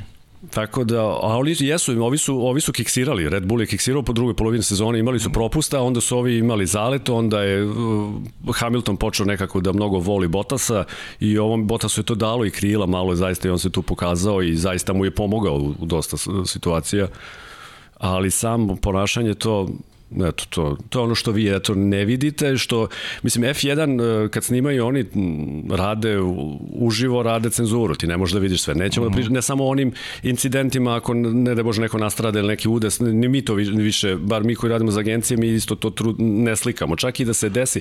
Na primjer, ja isto navodim primjer, ova sreća je ova slika koja pokazuje trenutak kako čovjek ostaje živ u Formuli 1. To je bukvalno to. Yes. To sam ja na kraju isto shvatio. Zašto ta slika ima vrednost? Zato što imamo trenutak trenutak ponovnog života na neki način. Možda se zvuči ovo mnogo ono... Pa nije, pa Jeste, ima reol je ali, a, imao bih sliku smrti nekoga, da nije bilo reola. Ta slika, ja bih imao, vjerojatno nigde ne bi bila objavljena i mislim, ne bi želeo da imam.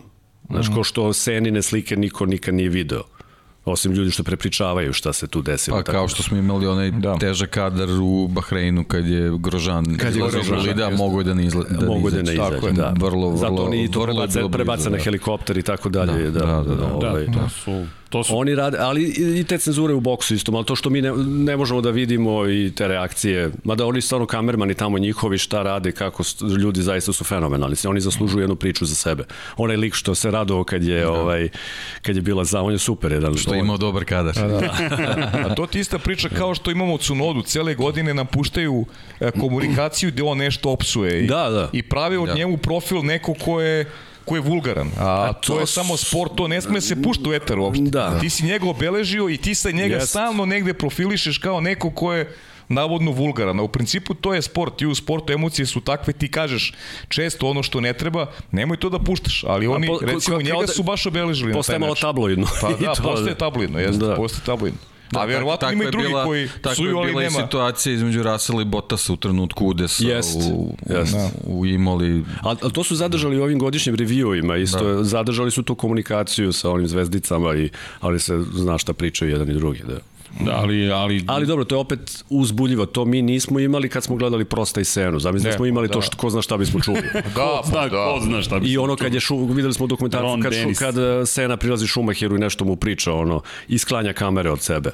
To je isto Jest, ovako što... Jeste kad mu je držao lekciju. Držao lekciju. Dobro, on je mnogima držao lekciju, i Lupo da. Šamare, i Edi Irvajnu i tako dalje. Da, tako dobro, to je dosta to bilo ovaj, i. I, I bilo je to svega. Da, da. Ali dobro, to je, to je neka, hajde kažemo, druga Formula 1. Da, ali to je ta igra, mislim, generalno i, i, i kad to sve uh, ode u istoriju, nekako je mnogo, mnogo, mnogo lakše i, i posmatrati celu priču onako, što kaže Paja, kad je, kad je u žaru borbe u tom trenutku, onda onako malo potencirati nekim stvarima je nepotrebno, ali, ali kad se radi taj neki review sa vremenske da, distance, da, da. onda je okej okay, zato što zadržavaš tu, tu neku dinamičnost tog, tog trenutka i, i, i, i spektakl vezan za tu priču. Baš u tom trenutku, predrasud. kad insistiraš da, da, na, na takvim stvarima, to je počelo generalno sa Kimijem.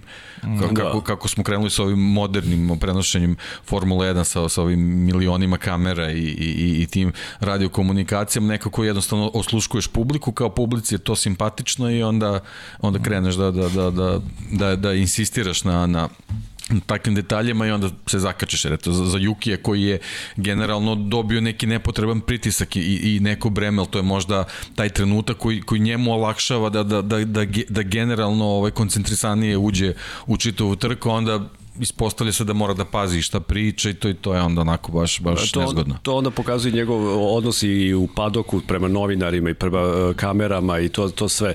Uh, recimo Mik Schumacher, on ne znam zašto, ali on se sklanja, on se krije. On, pa, da, jasno. Pa dobro, jasno. Trči da. tamo. Pa neće ga niko ništa pitati za, da. za zdravlje. Pa misliš da ne bi neko? Pa, pa ne, to je ipak... Dobro, bila je, bila i cela situacija i sa Netflixom i, mm, i onom pričom u jednom trenutku iznenada bio baš onako u, da. u fokusu. Ali nemački mediji kao i britanski da. nisu baš onako ovaj, da režljivi sa epitetima, jer oni kad neko pogreši, po, ono, zna da bude, ovaj, možda se očekivanje, očekivanje nemačkih medija mnogo veća nego što realno on to može da i da, i da pokaže kao... Pa u Hasu baš je teško. teško a dobro, da. očekivali su da, da može napraviti neko čudo s Hasom, a videli smo i, i, i baš u, u, i u imali da je to prilično nemoguće. Bilo. Kad si spomenuo već Kimija, samo da napomenem, knjiga je objavljena tako da znate, stigla je, prevedena, moram da je spomenem, previše sam ponosan, neotkriveni Kimi Konen. Pozdrav još jednom za Milicu. shop.infinitylighthouse.com I imate naravno Schumacher crveno i crno, ali da se mi vratimo u zemlju Ferrarija. Enzo i Dino Ferrari, Charles Leclerc, Carlos Sainz, tu smo stali čisto da znate na drugoj trci sezone. Dobro Ajmo smo se zaleteli, stigli smo pred kraj, međutim Carlos Sainz dobra trka za njega, peta pozicija. Da, Daniel Ricciardo bio, bio, bio u sredini, u sredini grida. Ovaj, Jeste jako važan detalj i već na drugoj trci sezone u teškim uslovima sa, sa ovako ovaj, turbulentnom trkom on već polako pokazuje da ono što je bilo u McLarenu nije bilo slučajno. Jeste, Max Verstappen dominacija praktično i neverovatni ili verovatni Lewis Hamilton koji opet sa začelja se probije u završnici pretiče Landa Norrisa, jedno sjajno preticanje, na mestu na kojem je došlo do kontakta zapravo između Bottasa i, i Russella. Dobro se branio Norris, međutim Hamilton uspeo da se probije na poziciju broj 2 i dođe do 19 poena. I time bih zaključio Emilio Romanju i kako izgledala situacija u šampionatu između Maxa Verstappena i Luisa Hamiltona. 43 poena za Verstappena, 44 za Hamiltona, jedna pobjeda za Verstappena, jedna za Hamiltona, najbrži krug prvi za Hamiltona dve pol pozicije pripadaju vodećoj dvojci i upisujemo jednu deterinu s četiri lista Hamiltonu na početku sezone. Idemo na trku broj 3, trka koja je bila pa možda i najmanje upečatljiva iz moje perspektive. Nekako od početka do kraja rekao bih da se znalo šta će da se desi. Velika nagrada Portugala. Da. Otišli smo u Algarve i kvalifikacije Valtteri Bottas pozicija broj 1, Lewis Hamilton pozicija broj 2 Max Verstappen četiri desetinke za ostatka, treća trka sezone i pomisliš, ok, Vraćamo se na fabričko podešavanje. bukvalno, resetovali smo 2021. Kakva priča Ali o sečenom podu. Bukvalno nema, nema šta da se priča, definitivno. Čak nismo ni imali ni start Kimera i Konena po kiši od prethodne da. sezone. Da. Bukvalno ad acta je sve stavljeno bilo. Jedna dominantna trka i dominantna pobjeda ovog čovjeka koga vidimo sad svi u kadru 30 sekundi skoro Sjajna prednosti pobjeda. na kraju da. imao. Skoro 30 sekundi prednosti.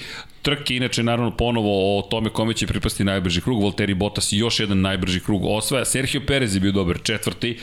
Taj početak sezone nekako dobro izgledao za Pereza i bolji u kvalifikacijama dobar i ovde bio u kvalifikacijama četvrti najbolji od ostatka sveta. Ferrari ponovo dobar, ali ovoga puta Carlos Sainz na poziciji broj 5 i Esteban Ocon se na kratko pojavio sa Alpinom, ali to je to suma sumarom trke dominacije Mercedesa. I Jeste. zaista što ti kažeš, vratili smo pa se. Pa nema, nije bilo nikakve kontroverze, nije bilo ničega. To je jedna onako u rangu tih pobjeda u, u hibridnoj eri kakve je imao najčešće Lewis Hamilton bez, bez pravog otpora protivnika. Bukvalno i možemo odmah vanja da skočimo na zaključak trke broj 3. Ja zaista neki ljudi, Andri, ne, ne, ja nisam... Nisi bio tamo, Andri, nisi? nisi. E, to, gde god si bio neki tvoj onako utisak, utisak priče, molim te. obavezno. Inače, ovo je stanje bilo posle tri trke. 69 pojena za Hamiltona, 61 za Verstappena, dve pobede za Luisa, jedna za Maxa. Ostaju na istim pozicijama što se tiče najbržih krugova, pol pozicija i sreća. Da, i ovo je nekako situacija koju smo očekivali pre početka sezone da će Mercedes imati blagu prednost, Tako manju je. nego u 2020. I da bez obzira na sve, ipak ne očekujemo da će neki drugi tim pre, preuzeti ulogu favorita. Posebno na način bolje. kako je ostvarena pobjeda. Jeste. I onda dolazimo do važne trke, jedna od, moram reći, trka koja mi baš je bila upečatljiv, taj podcast mi je ostao upečatljiv, čuveno špansko otvaranje koji je izveo Mercedes, velika nagrada Španije, Da, da, i sjajna. I, Četvrta trka sezone. Da, sjajna taktička ovaj, e, sjajna taktička reakcija Mercedesa i naravno Lewis Hamilton u glavnoj ulozi koji je koji opet na kraju eto pokazao da Mercedes ima više varijacija kako da dođe kako do da dođe da. kako dođe do triumfa i bitan kadar malo pre Max Verstappen koji je preoteo vodeću poziciju startovao, yes. drugi pol pozicije pripalo Lewisu Hamiltonu, ali ni to nije bilo dovoljno. Mercedes koji odlazi... A, a znaš da je, da je generalno plasman da je Lewis Hamilton bolje startovao tokom cele sezone od, od Maxa Verstappena?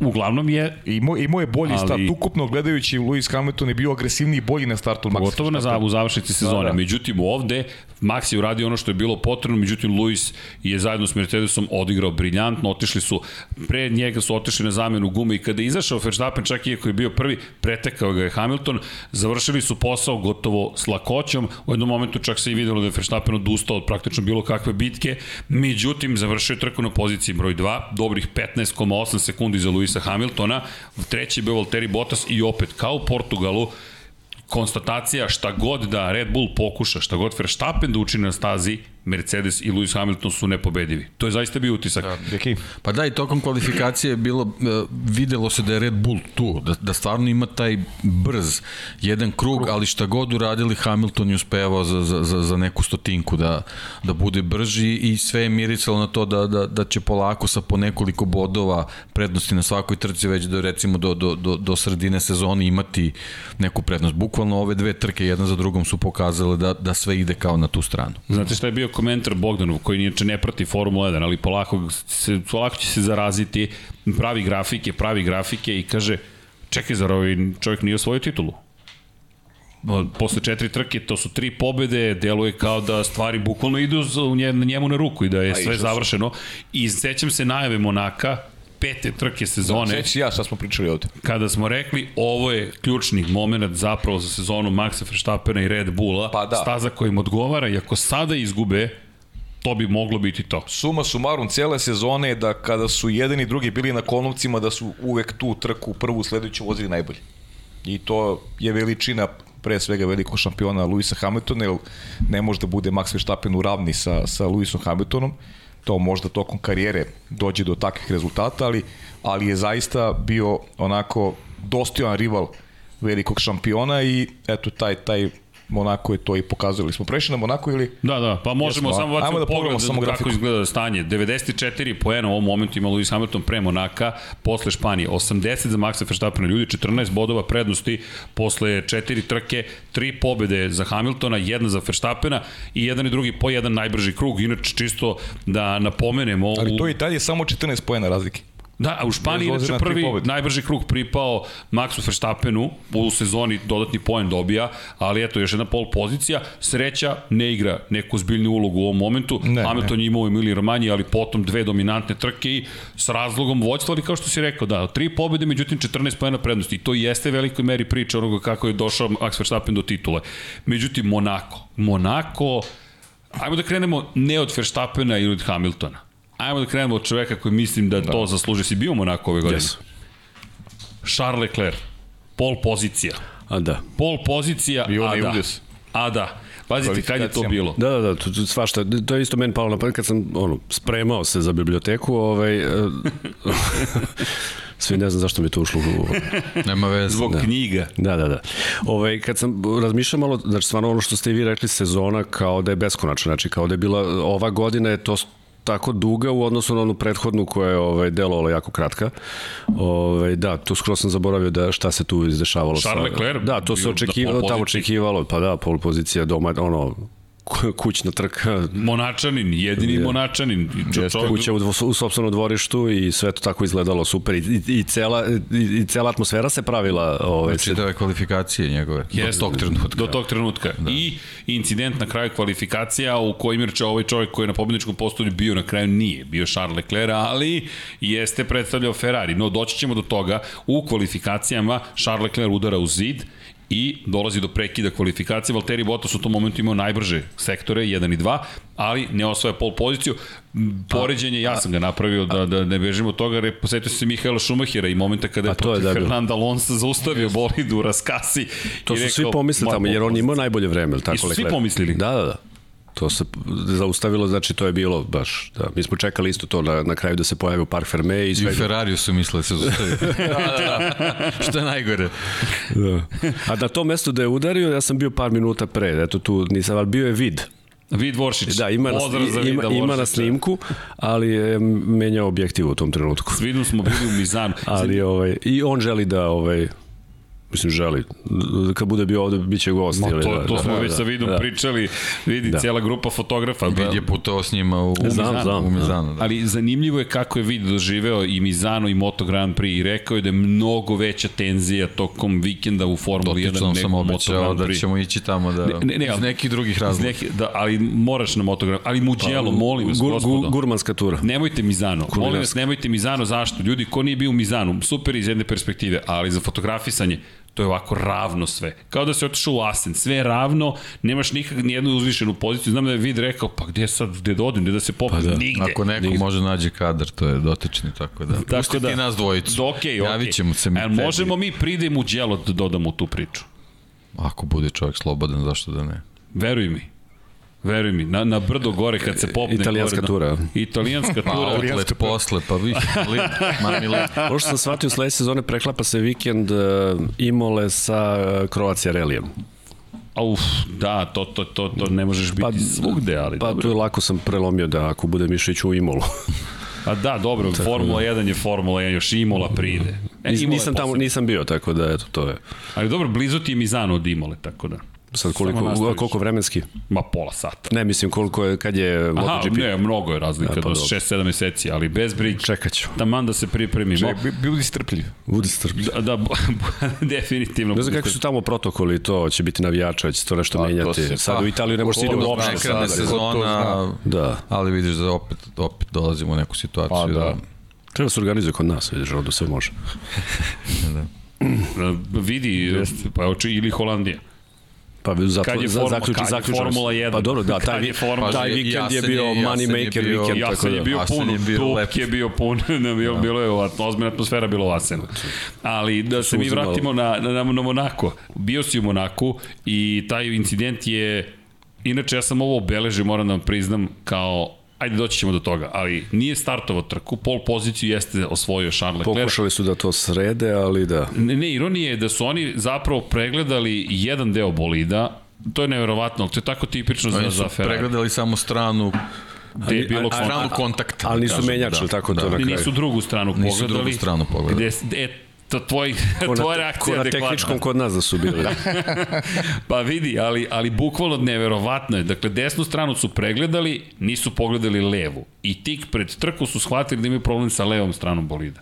Neverovatno. Pa zato što mi to isto nismo znali, mi smo čekali na, na startu, svi bolidi dolaze na, na, ove, na grid i nema Leclerca, svi čekaju da se on pojavi, nema i onda na nekako Twitter ili nešto dobiješ informaciju da Da ga neće ni biti. Da. da, to, to je fascinantno. Da, zapravo. prošetao se, došao je, došao peške.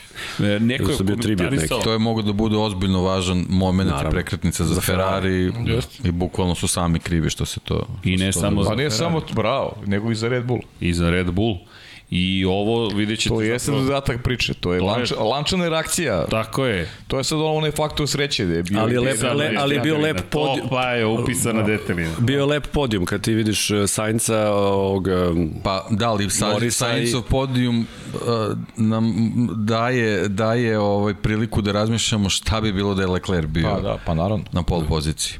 To je, to je nešto što uh, što onako baš Šarlo ako ono mu krene neki san, sigurno se probudi sa noćnom morom, da, da, jednostavno ono, stvarno situacija da, da, da u tako visokotehnološkom sportu ponovo Ferrari pravi takvu grešku da, da ono kao čekiraš ne, neki, A, ali, neki sitan deo umesto da baš u toj situaciji ako treba o, o, ovaj, na skener staviš čitav bolida, ne, ne, ne, ne a ne drugu stranu, nego stvarno je onako baš bilo, bilo početnički. Pri čemu drugi vozač ti da. je na poziciji broj 4. Dakle, ti da. si prvi i četvrti, između vas su Red Bull Racing Honda i Mercedes. Ali koji Mercedes? I to je isto veoma važan moment I za celu sezonu. To je ona priča o, o Ferrariju, kad, kad nemaju očekivanja, oni prave takvu grešku.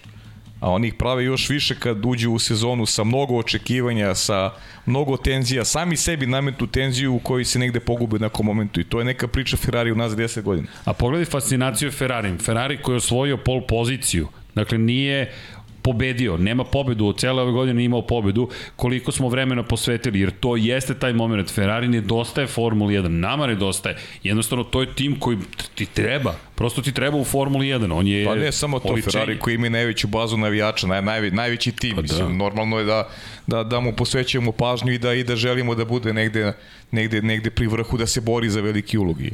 Ovo je da, zaista ali, ali, kombinacija nevratnih grešaka. Sad, sad, da. da, postoje već neke situacije gde, gde se za Leclera povezuju pehovi. Yes. I to je nešto yes. što tako mladom vozaču ekstremno talentovan, definitivno ne treba u karijeri, ali jako brz neko, vozač, nekako, nekako počne to da ga prati. Da. Yes. da. Jako brz vozač bez kontinuiteta. To se videlo tamo kako oni voze. Ta, ta, za, neko, kad, ljude mojih pitaju koja je meni trka omiljena, to mi je definitivno zato što tu zaista, em što si jako blizu, em što oseti, bukvalno osetiš tu brzinu na svaki mogući mogući način osetiš. I ja mislim da sam bio posle ovaj, te trke isto ovde i da, neke jest. slike sam donosio i ja sam se samo oduševio kad sam posle gledao te slike koliko oni blizu prolaze kad izlaze iz, od bazena u onu šikanu gde on posle izletao.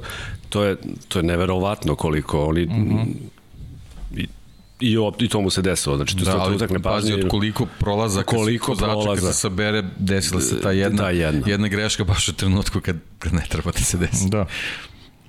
U svakom slučaju nije za početrku, samim tim pol pozicije pripala Maxu Verstappenu. Da. Max koji startuje prvi, brani poziciju na početku i to je to. Manje da. više ti, to je to, da. to je to. Pa da, to je šahmat. Nema, da, to je tamo ako ti u ono u boksu nešto neko ne ono ne ne, ne pogreši, grešku, to, da. to je... Pa ili kroz de, ili, ili više kiša, da je, ili više a legenda kaže da pa... još skidaju, ovaj, još je Bota se još u pit stop. da, da, da. da. se htio ti kažem da, kada da, si da, pričao, da. kako je neko ostao zagledan u, u bok, yes. mislim da li da spomenem Botasa i njegov... Pa bio je Ricciardo godin, pre, pre par godina pre toga isto su mu točak nešto dugo ono menjali. Da, ali nisu 30 pa, i nešto. Ne, nisu uzeli mu pobedu. da. da, da, uzeli su mu pobedu, bukvalno. Da. S tim što Botas ovde baš je skupa bila trka za Mercedes. Lewis Hamilton se kvalifikovao sedmi. Lewis yes. Hamilton imao i to je kada se sada pravi retrospektiva, to mi i ovo služi. A to je najlošiji plasman Lewis Hamiltona kada govorimo o završenim trkama sedma pozicija na kraju te trke. Da, Prosto nešto Monaku, što ti nije trebalo posle dve je. onako superiorne, jeste, jeste. superiorne trke. A imaš bolid koji očigledno može skoro do prvog startnog reda. Valtteri Bottas je pokazao šta može u tom bolidu. Naravno da nije bilo incidenta Charles Leclerc, ne znamo kako bi se završile kvalifikacije. Pa da, ne znamo ni kako bi Hamilton prošao. Ne znamo, tako je. Slučaju. Tako da, to, je to. to ostaje, ali to opet pokazatelj koliko moraš biti u svakom trenutku na najvišem mogućem nivou. To deluje prosto kao formalnost. Uđeš u Q3, osvojiš pol poziciju, poziciju, budeš drugi, treći, četvrti. Nije puka formalnost. Neverovatno mi je da je Valtteri Bottas uspeo da, da uvek bude u Q3 delu kvalifikacije u svojoj karijeri da, u Mercedesu. To je pre, preko koliko? 102 puta, rec, 102. Uključujući ulične trke. Uključujući ulične trke, da. Neverovatno. Uvek je bio u Q3. Ne znam da li znaš, mi, ne znaš šta je to ove godine, od kada je ušao u Mercedes, nijednom nije bio van Q3 van dela Q3 u kvalifikacijama, nikad nije bio. Nijednom. Hamilton. Hamilton jeste. Hamilton jeste. Da. Hamilton Bottas jeste. nikada. Ili je pravio greške, znaš, Ili ne završi... Problem sa bolidom. A, a on je uvek bio u Q3.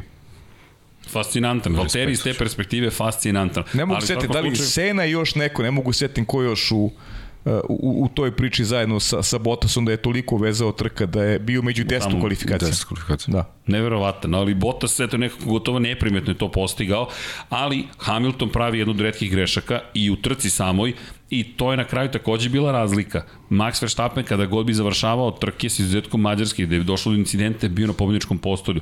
I to je nešto što zaista ne samo zaboraviti. 18 puta biti na poziciji 1 ili 2 u jednoj sezoni je neverovatno. Redak kiks Luisa Hamiltona, na kraju prilično skup je bio, jer ta trka opet koliko je svaki detalj u toj sezoni, odlu, pa ovoj sezoni I da budemo do kraja pošteni kada pričamo, eto, Luisu Hamiltonu, Luis Hamilton i Deki, ako se ne varam, uvek u tom drugom krugu Q3 postavljao najbolji rezultate. Uvek. je. Uvek je u tom završnom krugu kvalifikacijama Luis bivao najbolji, najbrži. Tako da taj incident eh, Charles Leclerc i tekako uticao pritom smo na stazi gde ti ne možeš radno da pretičeš, tako da tu je ostao zagledan i završio trku na 7. poziciji, što kada sad sumiramo, sada kada pogledamo šta se dešavalo ove sezone, to je možda, ne možda, nego definitivno i najveći, najveći promašaj Luisa Da, ali, ali i ovde su iskoristili situaciju, bili su komotni da, da ovaj, vozi najbrži krug. Jeste. Da, da. Što je ispostavlja se taj poen Opet dodatni u, poen, u Monaku gde, gde su bili u tim problemima, ipak su uspeli da iščupaju i taj dodatni poen. Ali I tu treba, treba spomenuti Sebastijana Fetela. Jeste. Pričali smo pre toga loš taj početak sezone, kazni i tako dalje, tako dalje. Pričali smo da mu je potrebna neka iskra da se desi, da, da, da on malo oživi, da, da, da sve ono zbog čega je potonu u Ferrariju, da, da eto u tom Aston Martinu bar proba nešto da uradi, eto desila se ta trka u Monaku i to je nešto što ga blago uzdiglo ovaj, u, u nastavku sezone, da, da se nadamo da ćemo u sledećoj sezoni imati onog, onog pravog Sebastina Fetela i to bi bilo fenomenalno da, da ga dobijemo za, za čitav šampionat. I desilo se još par stvari veoma velikih u tom momentu pogledat ćemo stanje, to jest odnos između Maxa Verstappena i Luisa Hamiltona, ali nećemo završiti na njima, ovo je samo između njih dvojice. U ovom trenutku Max Verstappen preuzima vodeću poziciju da. u šampionatu sveta. 105 poena nasuprot 101 poenu. Toliko je loš bio vikend za Luisa Hamiltona da izgubio vodeću poziciju. Dve pobjede ima Verstappen, tri ima Hamilton, ali prednost pripada Verstappenu. Koliko su nijansi bile ozbiljne. Dva najbrža kruga za Hamiltona i jedan najbrži krug za Verstappena, dve pol pozicije za Hamiltona i jedna pa, za Hamiltona. Max 5 pet trka. I po jedan srećko. Da. I po jedan srećko. Po jedan srećko. Max 5 trka, dve pobede i tri druga mesta. mesta ali to su te nijanse i Srećko polako se upisuje i jednom. I ovde smo upisali Srećka, prosto hvala za naziv. Da. Ulazim Srećka. like majster. da. da, da, ali bukvalno. I Hamilton pada na poziciju 2, Lando Norris pretiče Valterija Bottasa u šampionatu sveta, Sergio Perez se penje na petu poziciju i još jedno veoma značajno jedna značajna promena Red Bull Racing vodi uz poen prednosti u šampionatu konstruktora. 149 nastup protiv 148.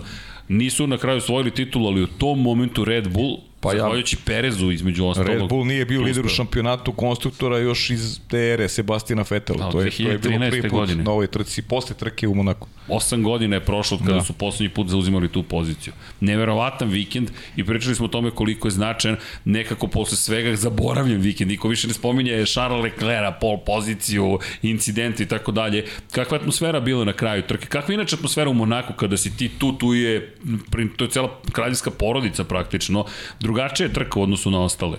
Nama makar tako deluje.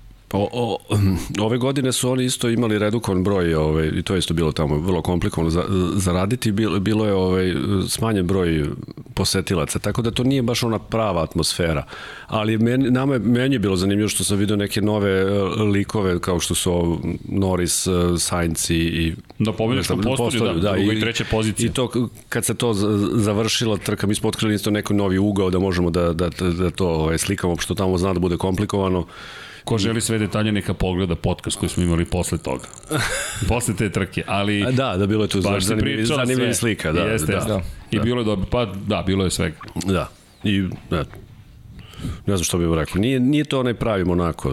Nije, falilo je tu, nije bilo padoka, nije, bile su tu neke COVID pro, protokoli tad još na nekom višem nivou. Kao, Ali Norris i to u posebnim bojama, To isto bilo zanimljivo. Da, imali su posebno gal, onaj golf, golf, golf, da, golf. golf je bio, dobio, do, odali su to su lepo, to trebali, to trebali da ostave, to je mnogo lepo izgleda. Ti je lepše da, nego imali smo, imali smo ove godine prilika nećemo sada detalje, Bilo... evocirali smo neke stare trke Bilo u Monaku sa jednim našim prijateljem i onda kad pogledaš šta se sve dešavalo pre 30-40 godina, da, danas da, da. baš je ogromna razlika. U Monaku se baš potom, vidi, da. da, o tom potom, u Monaku se baš vidi kolika je razlika. Da, da a rekao sam posle treće, da ne ali kažem paralel. Da, da iskoristim posle pete trke, da se zahvalim. Da, kaži pa. Samo jedna, jedna digresija, pošto ljudi postavljaju pitanja, a teško će imati vremena danas večera za pitanja, osim ako nisu za Andreja I onda ću ja da iskoristim Petra Naravno. Popović, kaže, može pitanje za Andreja, koji mu je najbolji fotoaparat za slikanje? To, to sad lično pa dosta. najbolje one koji imaš mislim to je to, Tako, je, to je to. Eto Petar nas si zadovoljan. ali nema ne, tu nema tu nekih znaš ove... kako to tebi možda izgleda. Ako mogu da izmam izvučem iz tebe iz tebe informacije. Dakle obično ljudi se dele Canon Nikon neka Sony. pla, neka plate ovaj eh, okay. pa ćemo da pričamo. Dakle Zaista. donirajte. Ali šalno na stranu to je ozbiljno znanje.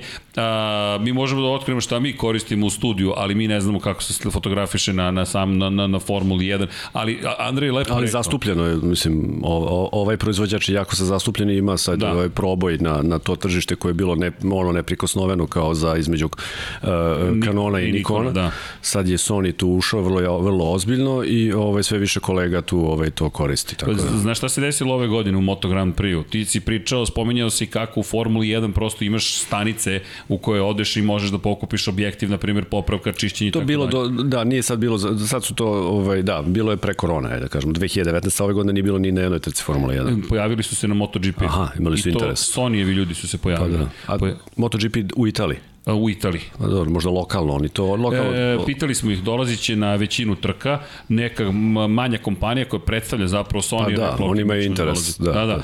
I bukvalno ti daju objektiv, čiste ti aparate, sređuju sve. Da. I setili smo se tebe, Draganče, Dragan otišao kao, Srki, znaš šta sam otkrio? Rekao, nemam pojma, i dolazi sa topčinom, ovoliko, 400. Kaže, šta si uradio, odakle si to, koji ima stanica? Znaš, koja je sreća, naravno, kao velika radost, da, da. pošto nemamo tu opremu. Dobro, njemu su uzeli opremu, otuđili su mu opremu u Austriji, pozdrav za naše Gagija, ali činjenice da, da, da dolazi sa opremom i kaže, ok, sad mogu da fotografišem, ali da, da, što se tiče zaista toga koji je najbolji fotoaparat, nema savršenog odgovora, pa nema. zavisi šta vam treba zaista, ali ovo su tri proizvođača s kojima nećete pogrešiti ako krećete, ljudi, samo jedna stvar, it's not about the equipment until it's about the equipment, ili ti dok vam zaista ne zatreba, to je čuvena pravilo oprema, krenite s bilo čim, bitno je da steknete osjećaj, da, da budete hrabri, ako vam se neko smeje, ignorišite ih, to, to su ljudi koji ili ne znaju ili su pakosni, baš vas briga, vi radite svoje i polako gradite svoj zanat. To je, ja mislim, jedini savjet koji, koji bih ja podelio pa to je pitanje pri, pristupa koji ne može ipak svako da ima, zahvaljujući što radim za France Press, onda imamo, imam taj pristup i, i, i kolege, mislim, Hasan će vam pričati svoju borbu, ovaj, kako on kao freelancer E, već godinama unazad radi Formula 1, kako on e, konkuriše, kako meni treba da bude on konkurent, aj da kažem, u tomu. Da, on, bira, on ima poseban, on ima drugačiji pristup, tako radi i drugi, ali njegova borba je skroz drugačija nego moja. Ti si u okviru agencije. Ja sam u okviru agencije i opremljen sam svim onim što mi je potrebno. Jasno. Tako da, a on to mora sve ipak i sam da nabavi, da vodi računa o tome i da, da tu vaga šta mu zaista treba i tako dalje. A viđao sam na nekim trkama zaista u publici ljude koji imaju sasvim solidnu opremu, da, da ne kažem skoro kao pa i kao, ne kao moj, već mi imamo i, i zaista i, i, i preskupe objektive i, i ne, to nema zaista ni potrebe. Ni paletu celu, da. Celu paletu, da. zaista i da, nema potrebe sve da vas imam. Eto, mi imamo taj to je nama u opisu posla da to sve imamo i nije to baš lepo ni za leđa sve da se to vuče i tako dalje, ali eto mi to, to moramo tako, ali Idite na domaće trke takođe, vežbajte zanad gde god možete. Ja, samo rizično je, ne znam sa, sa ono... Da, nije će... baš za savet na da. taj način. Da. Dobro, ali pa ne mislim bukvalno da uđeš u stazu, ali... Pa, pa ljudi, nažalost, pre, ljudi prelaze povučete to, zato što povuče, ljudi prelaze i vole da se raspravljaju da. sa obezbeđenjem i da pusti me tamo i tako dalje. Poslušajte. Mislim, negde obezbeđenje zaista jeste neki put ono nefleksibilno, ali opet njima neko to dao da tu stoje i za, zašto to treba, tu treba pričati sa organizatorom da nađe bolje pozicije, a nekad dođeš na trku da se ti objašnjaš s policajcima obezbeđenje, zaista to nema, nema svrhe. Ali e, mnogi ti protokoli zaista postoje, mi se ljutimo na one zaštitne ograde, pogotovo u Monaku kad vidimo one romantične slike da oni leže na, na, na asfaltu. Da, pre 50 godina. Da, da, to je to je isto bilo ono suicidalno tako prilično, ali ovaj ne znam. Učili su sad. Pa da. Učili su i oni. Da, ali bezbednost pre svega. Kako ali oni su imali prije, oni su kao sa na filmu, ti dođeš na film sa 36 snimak, se, ne znam, par rolnih filma i ti, tebi je to za celu trku ili za vikend i ti moraš da izvučeš nekoliko slika. Pa, da, to je ono što je Deki rekao. U 3 sekunde sam to već napravio. Moraš da film, koga fotografišeš, scenu prosta mensela, tačka, kraj da. priče, zašto? Pa dobro, i mi smo sad isto, mi kao, e, gde možda, ajde da kažem, pro, nije propust, moj, na primjer, ili već ono, fokus je na ovim uh, liderima, ti pratiš ono ko, i gledaš šta tebi mediji traže. Tu propuštamo no, dobro, ono, to, je to propuštamo ono što Netflix je, na primjer, u prvoj sezoni, što se meni dopalo prvu sezonu Netflix, ovog uh, Drive to Survive kad sam gledao, Ja sam bio na tim trkama i bio sam celu te, dobar deo sezone, što to nisam video. Znaš, to, to je druga i kako Daje se... Daje dodatnu dimenziju. Da, je Ali, A to ne možeš ti kroz... Film, izvini, koji je Vanja pripremio kao slide show, ima jedan detalj vrlo bitan, dva hasa u kontaktu. Vidjet ćete kako Schumacher i Mazepin imaju kontakt u jednoj od krivina. Da, da, apropo tvog malo, malo pređešnjeg, evo ga, dakle, pogledaj ovo oni su, to, to, to je to, to je bitka klubskih kolega. Da, Miki na šahtu ideš u Bukvalno. skroz beži. Ovde, ovde jako sporo da. se vozi. Da. da.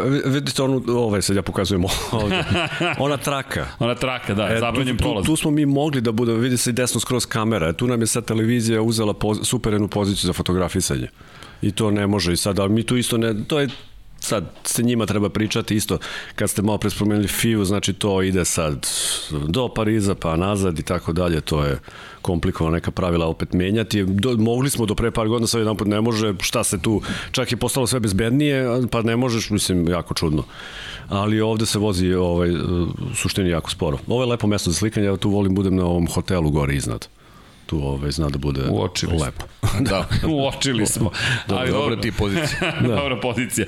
U svakom slučaju, posle trke u Monaku, preokret u šampionatu sveta, videli smo, ali videli smo preokret. ja sam rekao posle trećeg trke da ću pročitati imena onih koji su naši pokrovitelji, ja mislim da pravi trenutak posle pete trke. Pretposlednji put. Pretposlednji. Ljudi, slušajte dobro. Aha, polako uvodimo, završava se, ali pogledaj kako je lepo. Pogledaj kako smo ovo pripremili za, za novogodišnji Čite, praznik. Čite, pošto ja ne vidim bez značaja. Srećni praznici, inače svima koji već slave, koji su već proslavili, oni koji se pripremaju da slave, mi ćemo biti tu, a ovo su naši pokrovitelji, pa ko želi, patron.com kroz Infinity Lighthouse, svaka podrška znači Sava, Toni Ruščić, Mario Vidović, Ivan Toškov, prisutan, Stefan Dulić, Marko Bogovac, Ozren Prpić, Marko Mostarac, Nikola Grujičić, Aleksa Vučaj, Zoltan Mezej, Zoran Šalamun, Miloš Banduka, Laslo Bor, Đorđe Radojević, Ivan Simunović, Mihajlo Krgović, Nena Divić, Nikola Božinović, Monika Erceg, Omer Kovačević, Filip Banovački, Miroslav Vučinić, Predrag Simić, Žorž, Stefan Vidić, Mlađan Antić, Jelena Mak, Mladen Krstić, Marko Ćurčić, Milan Nešković, Ivan Maksimović, Bojan Mijatović, Petar Relić, Stefan Prijević, Nenad Simić, Luka Savović, Andrej Božo, Boris Gvozden, Boris Golubar, Zorana Vidić, Luka Manitašević, Ljubo Đurović, Borko Božunović, Đorđe Andrić, Aleksandar Gošić, Mirina Živković, Nemanja Miloradović, Milo Miloš Vuletić, Vukašin Vučenović, Ognjen Marinković, Miroslav Cvetić, Marina Mihajlović, Jelena Jeremić, Antonio Novak, Stefan Milošević, Nikola Stojanović, Jesenko Samrđić, Mihovil Stamičar, Stefan Nedeljković, Zoran Majdov, Josip Kovačić, Lazar Pejević, Benjamin A, Nemanja Jeremić, da žena ne sazna, Boris Kujundžić, Tijena Vidanović, Stefan Ličina, Aleksandar Antonović, Dejan Vujović, Nemanja Zagorac, Đole Bronkos, Aleksa Jelić, Aca Vizla, Igor Vučković, Milan Ristić, Branko Bisački, Nenad Đorđević, Vukašin Jekić, Aleksandar M, Žarko Milić, Dejan Đokić, Bojan Markov, Ertan Prelić, Ognin Gurjanović, Igor Gašparić, Alen Stojčić, Depressed Cody, Garbrand Fan, Branislav Dević, Favela Kube 4, Strahinja Blagović, Aleksandar Jurić, Vladimir Filipović, Branislav Marković, Vanja Radulović, Đorđe Đukić, Miloš Todorov, Emir Mesić, Stefan Stanković, Dušan Ristić, Vladimir Petković, Pavle Njemec, Jovan Đodan i Boris Erceg plus 21 tajni pokrovitelj. Ljudi, ovo je aplauz cele ekipe. Bravo. Ovo je za vas, bukvalno. Bravo. Jer potpuno je neverovatno i hvala vam. Od sveg srca, pa dok nam se uključe pa tineđer kad je izašao na društvene mreže, samo telefon drži u rukama. Šalim se naravno. Ne, čitam nešto ovaj... Bitcoin, ne? Bit, da. Majnuje, majnuje, majnuje čovek, da, da, da, da. Ali, da, pa Crypto.com koji je veliki sponsor zapravo Formula 1 i tako dalje. Ušli su neki novi sponzori, bio je alkohol, bio je duvan, energetska pića su stigla, kriptovalute su takođe stigle i to vam je siguran znak, dakle u koje doba smo ušli, kripto doba, ali ušli smo mi u doba kada se odigrala jedna od e, takođe veoma značajnih trka za ishod šampionata s jedne ulice na drugu ulicu, s jednog mora na drugo more, odosmo mi u Baku, odosmo mi u Azerbejdžan i odosmo mi na stazu koja je trebalo da bude Mercedesova staza. Tako je. Tu već počinju polako da se stvari menjaju. Za, za Monako smo rekli, ovo je Red Bullova staza, ovde moraju da iskoriste priliku, pa, a Azerbejdžan bi trebalo da bude Mercedesova. Vratit ću te malo samo ono vreme kada je Ferrari uspevao da malo pomrači negde tu dominaciju Mercedesa, Sebastian Vettel uspevao da pobeđuje na stazama koje su bile Mercedesu i tada je delovalo da Ferrari može da izdrži bitku do kraja i da i da bude da bude da bude ravnopravan e, takmac. E, e ovde je Red Bull zaista bio sjajan i ovo je jedno od najboljih trka koje je vozio Čeko Perez između ostalog pripala mu je pa, na kraju i pobeda. Verovatno, verovatno u tri najbolje trke koje vozi u Red Bullu, do duše imali smo i taj peh Maxa Verstappena, Ali... I tu dolazimo do onih prvih kontroverzi, crvenih zastava, u momentima kada se trka maltine završava, da imaš gratis promenu, pneumat, promenu pneumatika, nešto što je iz mog ugla, a složili smo se x puta, glupo pravilo. Međutim, imali smo taj incident, Max je kontrolisao trku i koliko ostalo do kraja? Nekih 7-8 krugova do kraja, tako? Pa na kraju, prvo je Lance Stroll imao incident prvo Lance Stroll, ali Max pričamo... Verstappen, na kraju tri kruga pre kraja smo imali istaknute crvene, crvene zastave. Crvene zastave tri kruga pre kraja, što menja potpuno dinamiku trke i onda smo se pitali kome odgovaraju te crvene zastave, zašto su crvene zastave, ali ajde da, da polemišemo, da ne bude sad ja da imam ove, ovde monolog neki, nego da uđemo malo u ali vidi, analizu. Ovo zaslužuje ovako ozbiljnu analizu. Da, i, da, i krenuo bih i od kvalifikacije zašto. Charles Leclerc je ponovo osvojio pol poziciju. Ljudi, Charles Leclerc je u tom momentu ponovo bio na prvoj poziciji startno. Jesi ti bio na trci, Andrej? Ne. Da, u Baku, dakle, nismo imali predstavnika, ali Charles Leclerc, pozicija broj 1, ispred Luisa Hamiltona, pa onda tek Maxa Verstappena, pa Pjera Gaslija, pa Carlosa Sainca, pa Landa Norisa, Serhija Pereza koji je bio sedmi. Spominjem Serhija Pereza planski, sjajan Charles Leclerc iskoristio zavetrenu zapravo to planski na onom pravcu dugačkom 2 km došao do prve pozicije. Međutim, opet se znalo da će ovo biti duel između Hamiltona i Maxa Verstappena.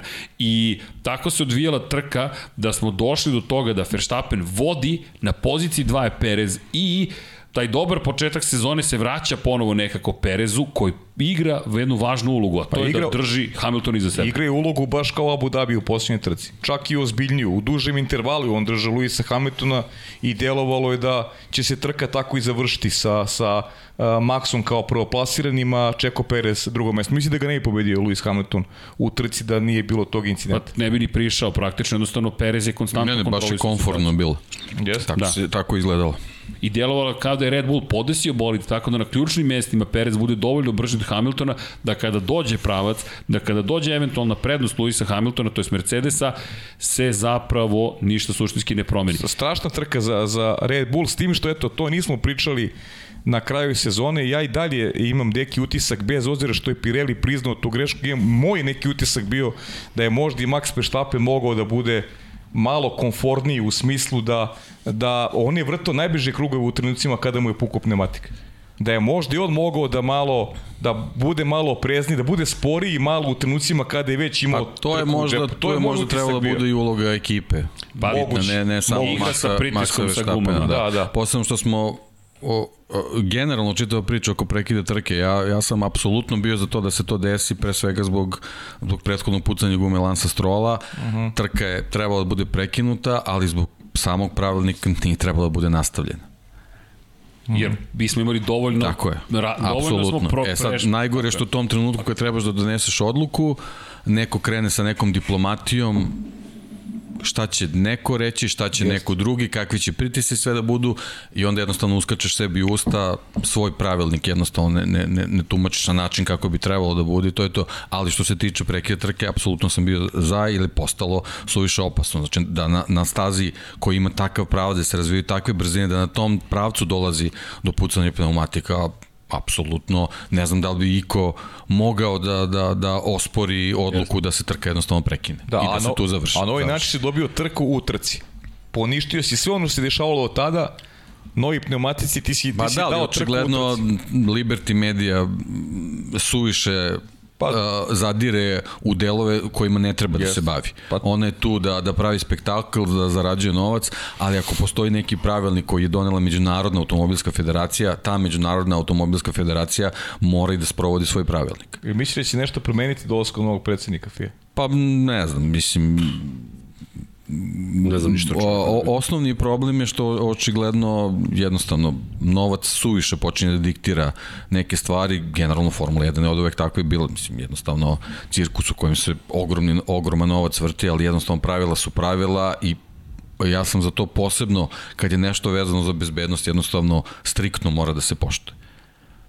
Nikakav nastavak trke, posebno što, što tu onda dolazi do, do, do one situacije. Crvena je zastava, svi menjaju pneumatike, Mislim, ne, ne vidim jednostavno kak, kakva je svrha, kak, kakva je tu neka, neka korist od svega toga, nego jednostavno, znači ako, ako se ako je dovoljan procent trke vožen, to je crvena to. zastava, kraj, vraćaš se na, na, na na situaciju iz prethodnog kruga, ne zato što je neko u tom trenutku to izmislio, nego od kad postoji taj pravilnik, postoji to. Max Verstappen je prvi, šta da radimo, Max Verstappen prvi, nije so namerno slupao sa, sa, sa 300 km na sat. Da, i onda organizaš besmislicu u Belgiji. Besmislica, i, i onda ideš iz besmislice u besmislicu da. i onda dođeš do toga da se Paja jada nervira na kraju poslednje trke i gde smo stigli. Ali ušao u legendu. Pa, od kad je on ušao u legendu? ja se izvijem. Ušao davno, ali... Od kad je on ušao u legendu, on je u Belgiji samo ja ne izla, Ja ne izlazim u da. Iz Belgije. Ja i Srđan imamo... Još uvek je tamo. Ja, još uvek sam Srđan i ja imamo ikonice, vas dvojica imate ikone, tako da to je, da, da, da. to je ove godine rešeno. Ne, Znaš koliko mi još moramo da radimo da bi stigli na taj nivo? Šta se još ima ikonice, ne znam da li si video. Ali Level Pro. Pavle. Level Pro. A evo, pa je cool. Ali, Sve si deki rekao. Ali sa FIOM, na primjer, ono što mi imamo iskustvo sad je to, e, neke stvari su, se nisu Uh, nisu imali naslednika da ga uvedu u posao. Da mislim da to sa ovim nesrećnim Masijem, evo sad ga spominjamo tek drugi put, je tako? Tek drugi put. Njega kao o, smrt o, ovoga, kako se... Charlie Whitinga. Charlie Whitinga je izgleda tu ovaj, napravila prop, mislim, ne smrt napravila propust, nego on, niko, nije on imao nije bilo vremena da se uvede neko. On je pro, prosto ubačen. Ne znam koji je razvojni put Michael Masija sa stvarno.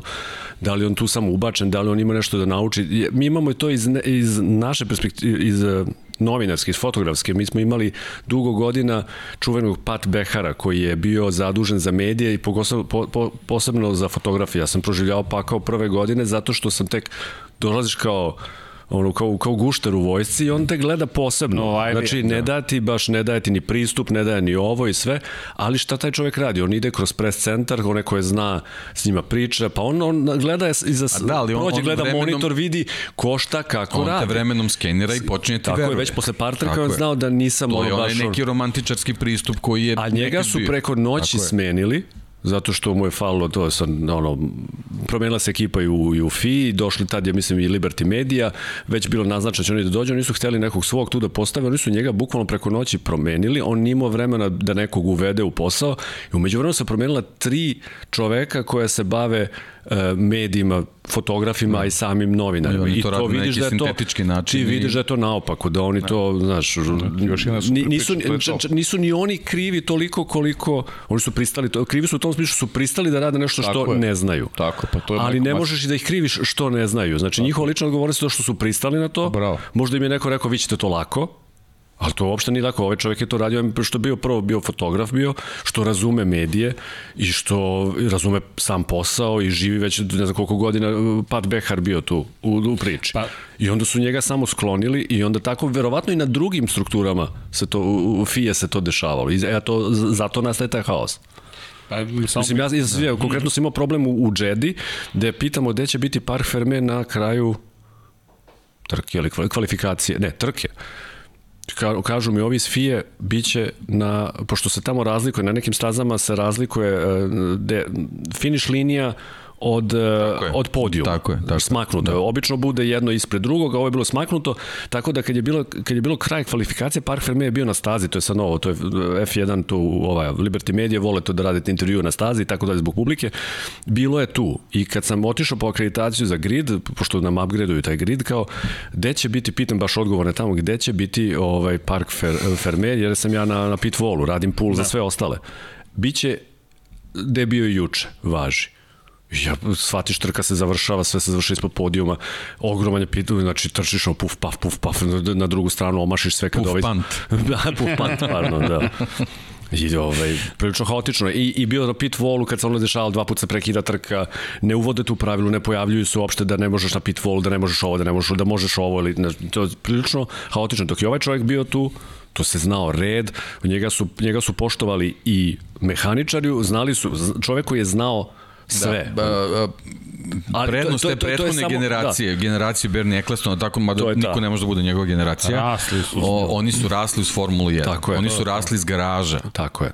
Oni su od, od, krenuli kako je. nije bilo to. Tako Kad je. je to bilo bukvalno takmičenje trkača i u garaže su bile mnogo Sad je postala na korporativna priča što je da. na nivou ovih Pritom, timova. ti si imao drugi... Bernie Ecclestona koji je pandan Liberty Mediji, a sa druge strane si imao FIU gde je prvo bio, bez obzira koliko je on bio kontroverzan i grešio, prvo si imao Jean-Marie Balestra koji je bio čovek koji se direktno mešao u neke duele vozača, uh, spuštao loptu, možda navio za jednu stranu, za drugu nije i tako dalje. Posle si imao Maksa Mozlija koji bez obzira kakve privatne skandale i nešto imao vrlo zaslužan zašto smo dobili bezbednu Formulu 1, je... kakvu smo dobili, ali on je direktno učestvovao u nekim kontroverznim situacijama, pokušavao da, da, da, da smiri strasti, razgovarao sa šefovima ekipa i tako dalje i tako dalje uključujući Žana Toda, gde onda dobiješ situaciju gde se pojavi Žan Tod i jednostavno Nema nemaš njegov uticaj Ne, po meni kakav si bi trebao da imaš u nekoj situaciji, ali to su možda pa, i neki u, upado, delovi ugovora koje Liberty Media dobila. Do, to. dođe Žan Todt, da, da ljudi obrate pažnju neko, pojavi se Eccleston dan danas,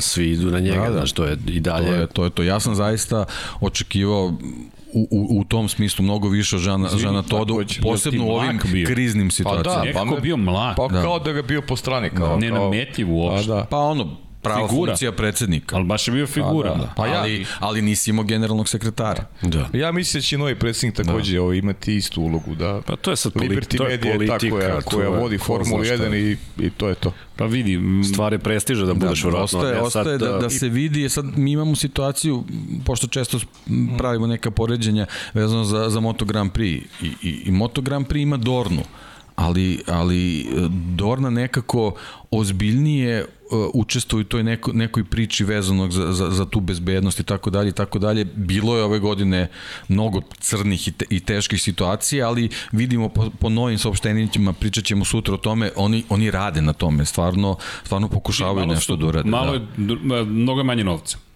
puta 10. Prvo to, da, puta prvo 10, to. Bukvalno prvo je puta 10. Ma možda, novca. možda i više. I možda i više. Možda i više mi govorimo o, o budžeti kada, su, kada nisu bili ograničeni, Mercedes je skoro pola milijarda. Prvo funkcionisanje ekipe je mnogo jefti, ekipa je mnogo jeftinija i onda one nisu toliko u stresu, mada su to sad počinje sve više i više. Jeste, ali, ali ma, znaš, to su da. i dalje mali timovi kada porediš sa bilo kojim timom Formula 1. Ne, ne, ne, nije, nije uporedivo uopšte. I da, dalje da, da. postoji neka vrsta porodične čuli smo, čuli smo mi od Draga Kotor pričaju da, da u jednom trenutku Ferrari bilo preko hiljada i po ljudi. Mislim, to je grad. Ne znam, se sastavi sve u Moto Grand Prix, ne znam da li ima hiljada i po ljudi. Veliko pitanje. Ali zaista veliko pitanje sa svim pričam za jednu klasu. Da, da, ne, da. ne, ne ulazimo sad u sve klase. Nego. Mm, ali, ali, ali, mislim, problem je ostaje, ja sam prekidam vas opet, da, problem što je to isto troglavaš daje sa ta Formula 1. Imaš, yes. imaš uh, FIU, Tako. imaš Liberty Media i imaš F1, šta god to sad značilo. Mislim, oni koji se bavi, gledam sa naše novinarske strane, imaš televiziju koja je tamo dominantna i onda, ovaj, mislim, ona i mora. Mi smo živimo u to vreme i ja kapiram da televizija treba da ima ono prvenstvo, ali i oni znaju da diktiraju gde šta može, pa onda imaš Liberty Media koja ima svoje interese i FIA koja se tu ali snalazi vidi, onako onako... I, izvini, to nas savršeno dovodi do Bakua. I zašto? E, Zato što... Izvini, samo, poenta je, FIA je organizator takmičenja. Ali oni, oni govornik, ba, ba, do, do nadzorni organ, ja ga više tako. Može i tako da se zove, što znači ti si, ti si uh, zadužen za te neke stvari koji su vezane za pravilnik. Ali zato to jeste point. Ili ga, da. Vidi, uh, zašto se vraća na Baku? Ne toliko samo trku, koliko to da dobiješ crvenu zastavu. Pravilnik je takođe promenjen u skladu sa novim stvarima gde sada mi više pričamo o tome koliko ukupno može da traje trka. Mi posle čuvene Kanade 2011. Jeste. godine koju smo komentarisali, koja je trajala 4 časa, tada još nije postojalo ograničenje u pravilniku koliko trka može da traje. Posle toga, pošto je to televizijama bilo mnogo, preko 4 sata je rečeno, e, maksimalno i sa crvenim zastavama možemo da trajemo 4 sata. Osim ukoliko ne kažemo drugačije, kao što smo rekli ove kao godine drugačije. Kao što je bilo u Belgiji. Tako je. Što je... u famoznoj Belgiji. A, što, znači, znači možeš da tražiš tražiš Zavisi neke... koliki je rating. Tako je. Jer znači, to je znači, bilo gledano. Me, menjaš pravila ostajemo. u skladu sa onim kakva je situacija. Ko ti onda zapravo ne, ne se upravlja šampionatom? A Liberty Media, naravno. Televizija, to je Liberty Media. Liberty Media upravlja, tako gleda da. barometar. Pa I kad pričamo sad o Michaelu Masiju, čekaj, zašto bi neko menjao Michaela Masija kad je, svi pričamo, svi pričaju o Formula 1 i dan danas. Pa da. Svi pa pričaju o tom, o tom famoznom posljednjem krugu. Ti si I, rekao, i se... mora pregled sezone da se uradi. A da, pa mora se uradi. Pa I mi bismo ga ranije uradili, ali bi to bilo školski, družimo se, zabavno je nova godina. Sada, pogledaj, mi smo, se, mi smo tek došli do pete trke, mi otvaramo Pandorinu kutiju, polako li sigurno. Ne brini Andrej, nećemo do 7 ujutru, ne brini Deki, kad, nećemo. Kad je poslednji ja ne brinem. Slušaj, rekao ja. je, pa, da, Bo, Boris, ustajemo i krećemo. Na, na, Boris Truti nam je pisao, slobodno dođemo kod njega u 7 7 ujutru ima pečenje, ima rakije tako na poslu, tako da su Zašto je prvi put čujem? Ne, ne, ne. Prvi Se put. kriju neke stvari. Deki. Čekaj da se završi sezona da kaže ovo. Evo, to, o, o, ne u Svaki 7 podcast mogu da traje. Pa ne ideš u biblioteku redovno. Da, pa ne ide. Da. Dobro, od, ali Dobro, ali mislim da smo završili Ajmo. Azerbejdžan, idemo dalje. Ali vidi, vidi, i samo pa, ima ima još jedna stvar za Baku. U Baku smo videli šta? Nešto što se začeto zapravo u Španiji. Posle kvalifikacije u Španiji Lewis Hamilton je prijavio Mm, začeto je savitljiva čak i u krila. Imoli. Može i u Imoli. Imola je taj, Ali- taj oštar duel u, u, u prvoj krivini je generalno polako zakuvao sve. Da, ali čak sam hteo još nešto da dodam, još jednu dimenziju. Posle kvalifikacije u Španiji, Hamilton je prijavio savitljivo krilo na bolidu Red Bulla. I Christian Horner se oglasio posle kvalifikacije, rekao naše krilo je legalno. Međutim, Lewis Hamilton je to izneo kao svoju sumnju, Mercedes je to počeo da istražuje, polako su kulminacije, počeo da dolazi, dolazimo do kulminacije praktično već u Baku, gde imamo ultra tanka krila, posebno prilagođena i tako dalje, tako dalje. Bilo ih i još i u Austriji, međutim već tu dolazimo u period godine kada politička bitka počinje da se ozbiljno zahuktava. U tom momentu u Španiji Mercedes deluje dominantno, ali bez obzira na to, reakcija već tada počinje. Inače, to nije kritika, to je konstatacija, ali bih čak pohvalio što Hamiltona, što Mercedesa, zašto. Oni već tada predupređuju šta će se desiti. Već tada kreću agresivno u napad. Zašto? Pa, deluje mi da su već bili svesni da će biti malo teža sezona nego što su planirali. Inače, Andrej, možeš da mi dodaš Alonsa ponovo? Hvala Marini još jednom. Mislim da je ovo najspektakularniji poklon svih vremena. Zapravo, šta znači savitljivo krilo? Pa ovaj nosač dole, centralni zapravo, je bio najvažniji. Pošto nije dozvoljeno da ovi delovi budu savitljivi sami po sebi, s izuzetkom naravno DRS sistema gde se krilo otvara, zapravo šta se događa? Pod, pod pritiskom fluide kako se kreću kroz vazduh, jel te? I zadnje krilo se bukvalno ovako savija. Savija se i profil se smanjuje. Samim tim otpor vazduha je manji, povećava se maksimalna brzina, a vi ne kršite pravilo. Zašto? Tako je testirano zapravo da su te, te, te, statički testovi nisu mogli da demonstriraju potpunosti sile kojima će biti izložena ova krila, jer vuku samo na, dva, na dve tačke. Kada vučete na dve tačke, materijal potpuno drugačije se ponaša i, i savija ugljenična vlakna, pogotovo možete sada da pletete, ne baš kako želite, ali nisu daleko od toga, a kada prolazite kroz fluid cijelom površinom se gura i odjednom imate savitljivo krilo u suštini, da ne bih slomio ovaj predivni fer. Ali, ali sve, sve, si, sve, sve to okej, ali mislim da poenta cele priče opet leži jednoj drugoj strani, što smo isticali tokom sezone. Svaki šampionat kada se menjaju pravila, možemo da ga, do, možemo da ga dovedemo pod pitanje regularnosti. Jer to ti je kao u futbolu imaš neku sezonu gde se bodaju tri boda za pobedu i ti odjednom kažeš sve se važi, a sad ćemo bodemo dva boda. Znaš, to više nije regularno. I to je nešto, ne sme se dešava. Je to opet sad ta priča FIA, Liberty Media i opet pokazatelj koliko moć ima, koliko moć ima Mercedes. Ima ogromnu. Ogromnu moć. Ne lobiranja. kažem, ja, meni, meni je dalje utisak da je imali sve krenulo, znači prvi taj duel, kontakt onaj. prvi kontakt, onda pritisak Mercedesa, izletanje Luisa Tako je. Hamiltona koji hodom unazad se vraća na stazu što apsolutno je, ako, ako uh, nije bilo za direktnu odluku, onda je bar, bar zahtevalo da se dobro izanalizira da li je prekršio pravila. Jeste. I tu već kreće argumentacija s jedne strane, Vratit sa druge na veliki Bahrein. pritisak Zašto na sudije tamo i vršio Pa svoj da, pritisak? Tako je, u trke do trke Pa i onda ne, dolazimo do, do tog Bakua koji je po meni apsolutno I- i- i- neosporno bilo koja odluka je trebala da bude. Jeste, jeste. I o Slažem Baku u svakom slučaju, ali vidi koliko svi idu do krajnjih granica. Red Bull koji pritisak je na granici onoga što čak je zapravo siva zona nađena u pravilniku. Red Bull koji nije ispoštovao pritisak, ispoštovao je preporuke, ali se spekulisalo da je zapravo šta radio Red Bull. Dosta je jednostavna situacija. Dakle, grejači su igrali važnu ulogu. Grejači su igrali važnu ulogu u tome da je do poslednjeg momenta zapravo tim Red Bulla držao na grejačima, grejače na, na točkovima, kako se, jel te, Ma, gasovi se glavna šire. uloga je bila u farbanju garaže. I to isto je igralo veliku ulogu. Nemoj zaboraviti taj moment kada je dozvoljeno Red Bullu. da. Tako je, ne smemo da zaboravimo. Uh, Farbana je garaža dan ranije u Baku i Red Bull, pošto je u kvalifikacijama ušao s tim bolidom u garažu, oštećeni su, oštećeni su gume koje Red Bull koristi u kvalifikacijama i dobijena je dozvola da zapravo koristi druge gume Max Verstappen. Dakle, moj utisak nije da su oni navijali za jednog ili za drugog. Ma stalno su da pokušavali pokušavali da pomire. Tako znači, je. diplomatije na sve strane. Tako to je. Kompromisi koji ne mogu da postoje. I upali su tornado, jednostavno nisu mogli da se čupali. E, baš lepo, tornado, zavrtili su ga. Super. Su, ne, fenomeno. Umeš da kažeš kada hoćeš. vidi, Mercedes Red Bull, Mercedes Red Bull i ti počinješ da spinuješ. Pa kravaš. Za, za, za, za, za, ode. Kad ubacu film. Bik. Pa štala, pa ko zna šta se, pa garaža. Jesi gledao, pa... jesi gledao Sharknado? Nisi gledao ja Sharknado? Ne.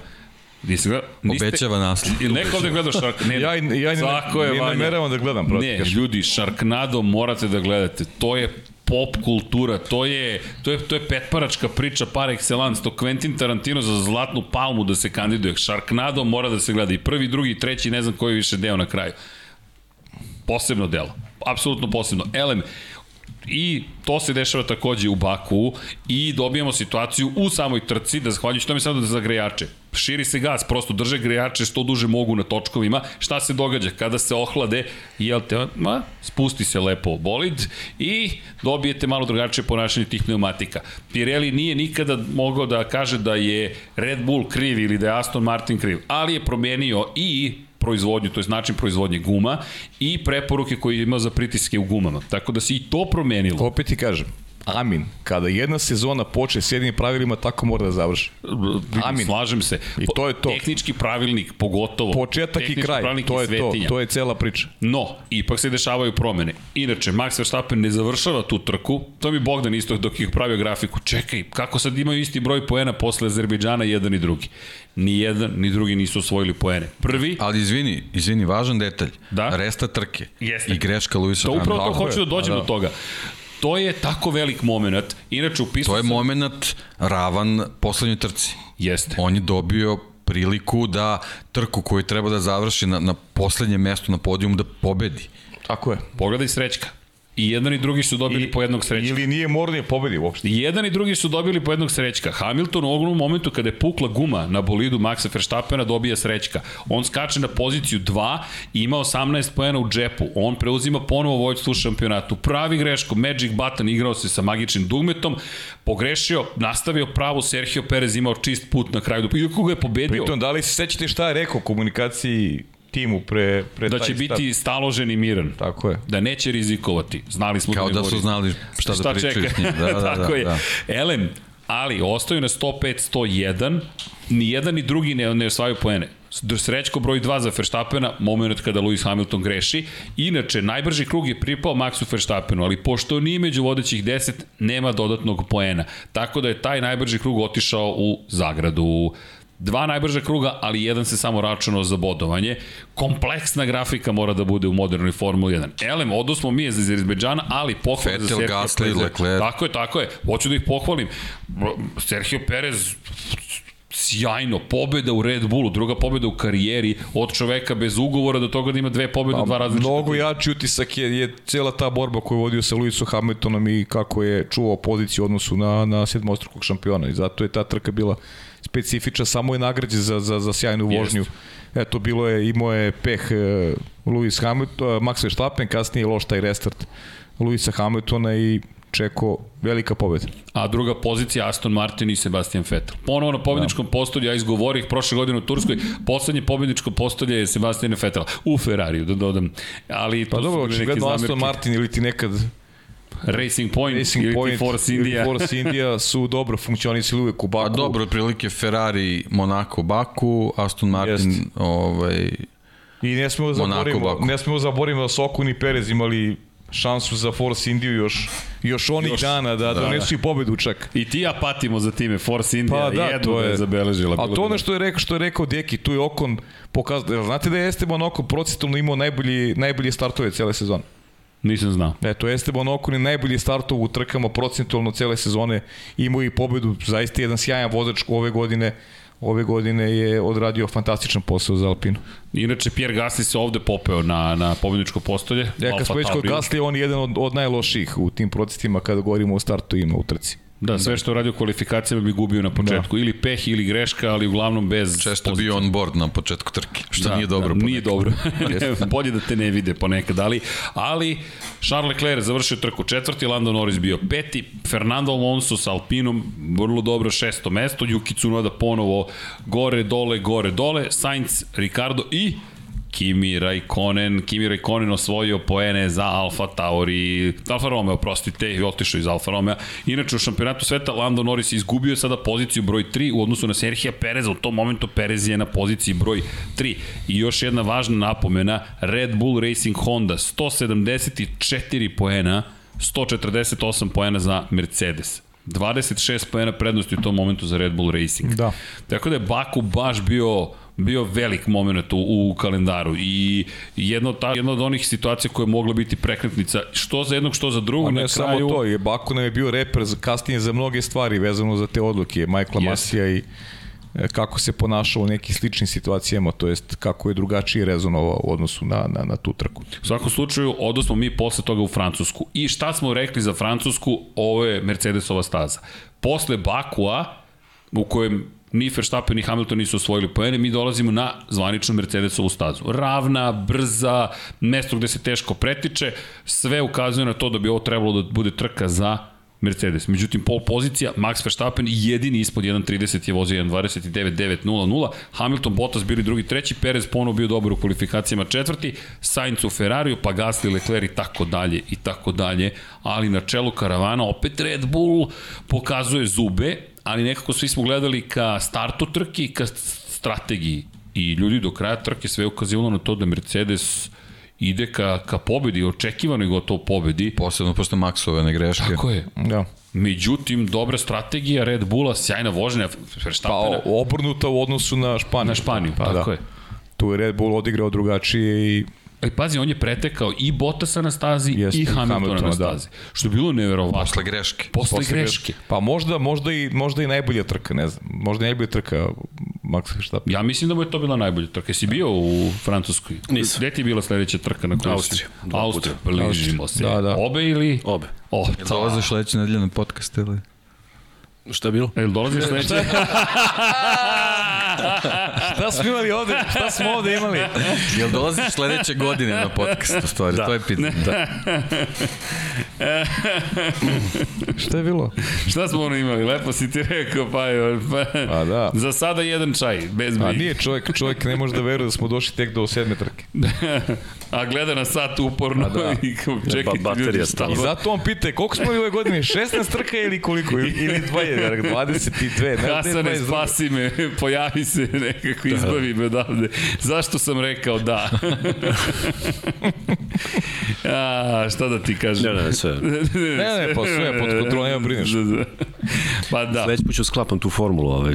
Jel, hoćeš? Pa mogu da probam. Pazi, imamo, imamo mi i motore, i Lego kocke, svašta mi imamo. Možemo Saturn da sklapamo. Ne možemo, ajmo, idemo u Francusku.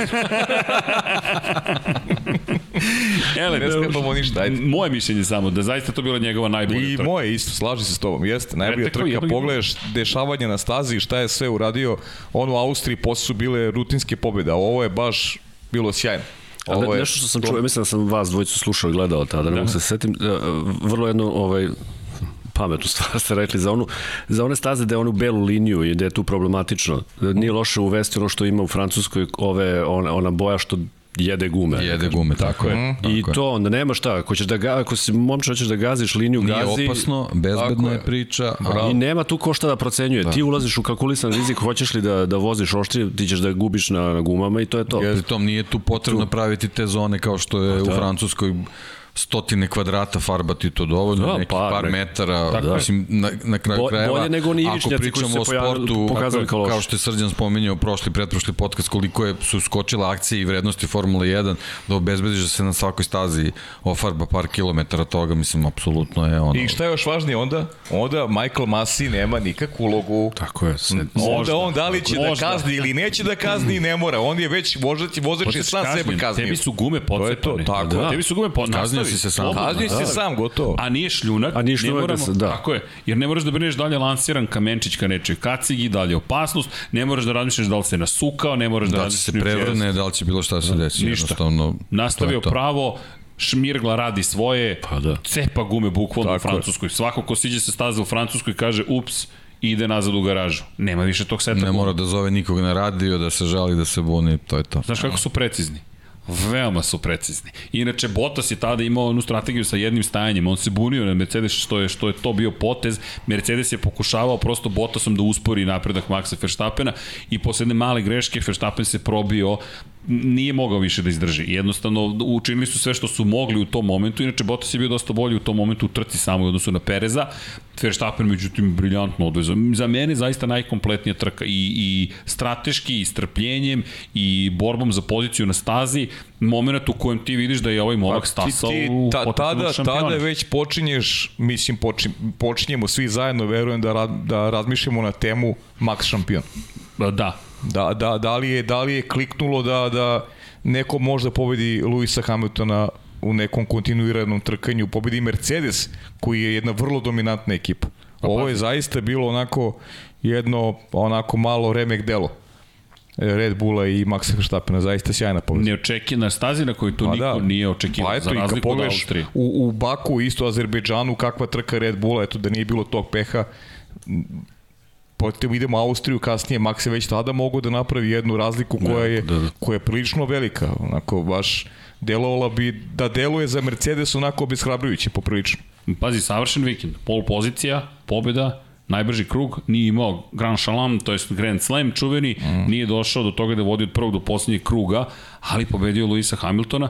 Na kraju, inače, u Francuskoj, Valtteri Bottas nije bio treći, bio četvrti. Sergio Perez ga je sustigao, pretekao i popeo se drugi put za redom na pobedničko postolje, što je pomoglo Red Bullu da još više poveća prednost u šampionatu konstruktora. Ali, kada bacimo pogled na stanje u šampionatu između Verstappena i Hamiltona, pogledajte sada promjenu. 12 pojena prednosti za Maxa Verstappena, izjednačeni po broju pobjeda u ovom momentu, 3 naspram 3, Tri najbrža kruga za Verstappena, dva se boduju, jedan se ne boduje, dve pol, po, po dve pol pozicije i po dva dve srećne situacije i to je stanje posle sedme trke. Dakle, mi imamo potpuni preokret od Monaka do Francuske. A mi imamo još, to je tek trećina sezone završena, mi imamo još, četr, još 15 trka zapravo da. ispred nas. I ne samo to, nego što onda idemo u Austriju, idemo na Tako dve je. trke gde smo negde i mi očekivali da Max Verstappen ima prednost u odnosu na, na, na Staza Hamiltona. Red Bulla. Staza Red Bulla i gde je on, to su sad trke 8 i 9.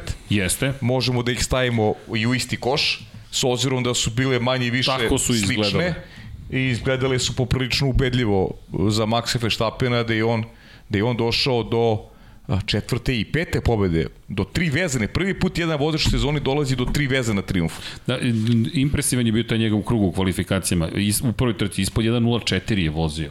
Zaista izgledao sjajno. Inače, često spominjemo koliko se muči sa hlađenjem Mercedes na visokim nadmorskim visinama, manja gustina vazduha, međutim pogotovo kada su topli dani u Austriji, iz nekog razloga Red Bull Ring im baš ne prija, čak više od Mexico City gde smo na preko 2000 metara nadmorske visine i to se i ponovilo ovde. Bottas inače bio u kvalifikacijama bolji od Hamiltona, Lando Norris, Sergio Perez, tu smo imali te zanimljive momente. E, to je bio zanimljiv moment. Zašto mislim da to bilo vrlo zanimljivo?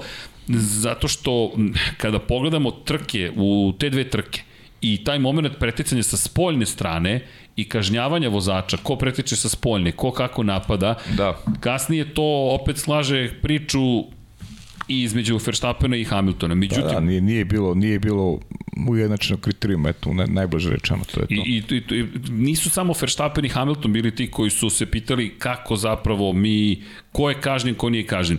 Inače, Sergio Perez koji je dobio tih 5 sekundi u drugoj trci kažnjavanja, ali je ostao na stazi.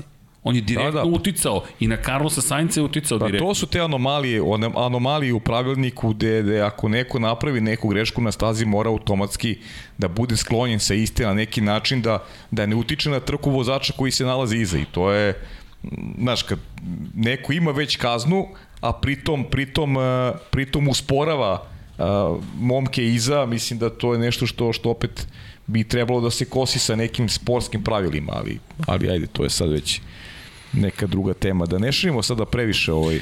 U, u svakom slučaju, trka koja, kada trke zapravo, koje su dobre toga da bacimo pogled vanja posle velike nagrade Štajerske, to je posle osme trke kako je izgledalo stanje u šampionatu. U tom momentu Verstappen samo povećao prednost.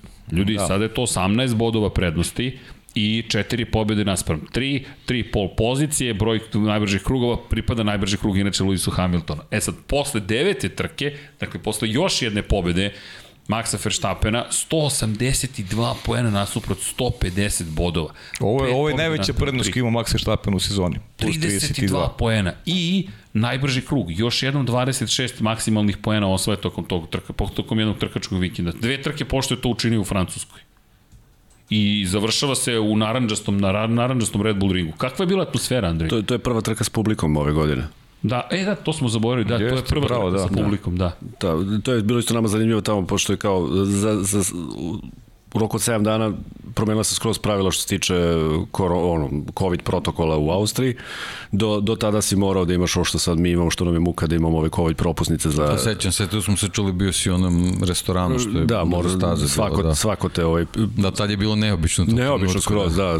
da, pokazuješ im neke testove, šta ja znam. I pojavilo se, znalo se već da će doći ovaj, Holandjani i oni su to napunili daleko ispod onog kapaciteta koji to može, ali iznenađujuće koliko je to ipak došlo ljudi s obzirom na, na, na celu situaciju. Ne, ne, ne, Holandjani su sada na misiji, ljudi sada Holandjani. Da, da oni da. Oni ja, ta, ta bodovna razlika u stvari rezultat iz Francuske bio pozivnica za njih za Austriju. Čim da. se otvori priča čim se otvori, da, da A da. da. I sjurili su se, tako je bilo i prethodnih godina. Setite se prve pobjede sa Hondom, desila se upravo na Red Bull ringu. Red Bull Honda prva pobjeda je zabeležena na, na ovoj stazi. Oni pune te evropske staze, bar onog što, ovih što ja pratim, oni pune te, te tribine. Sve je u, u naranđastoj boji, nema.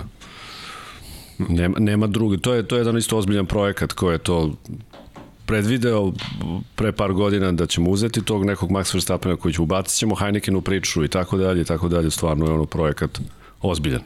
Nisam trebao spomenem ime, da. Koga? Pi, piće. Ma ne, smeš, ne, ne, ne, da, ma, ovo je, da, ma, ne. Ali je projekat, to se, ne, videlo, ne, to se videlo u Holandiji. Ovde si u studiju na kraju univerzuma. Platit ću li ne, šalim se. Ko kaže da neće. Sa ono 0-0 pivo, da. Da. A šta ako nam bude sponsor? Pa ništa, šta? Šta su? Okay. Svi mikrofoni zeleni. da. Pazi ovo, o, vidi ga Vanja šta je izvuka. Da, vidi, da, da, da, da. Lab 76 putuje sa Andrejem. Andrej je bio dosledan, da. Andrej car. Tu sam počeo, mislim, s tim. Ne, u, u Monaku smo počeli, da. U Monaku. Mislim da sam u Bahreinu. Ne, nemam reči kojima možemo ti se zahvalimo, zaista potpuno je neverovatno, znaš, Lab 76 putuje sa tobom, to je toliko dirljivo, meni, ne znam za ostale, ali ja sam, ja sam nežan. Hasan, spomenut ću ponovno Hasana, ono, igramo se s tim, pokazao sam je o mom italijanu, ajde zalepimo neki bolid. to nemoj molim nemoj, te. Nemoj, nemoj, nemoj molim te. To kad, re, to kad rešim da više neću raditi Formula 1. Ako ima advokat u publici, neka se javi za svaki slučaj. Na Ferrari možemo ovaj crvene biti. Ma idealno, ma nema da, problema. Da, bilo bi Dolno ide na džuntu. da.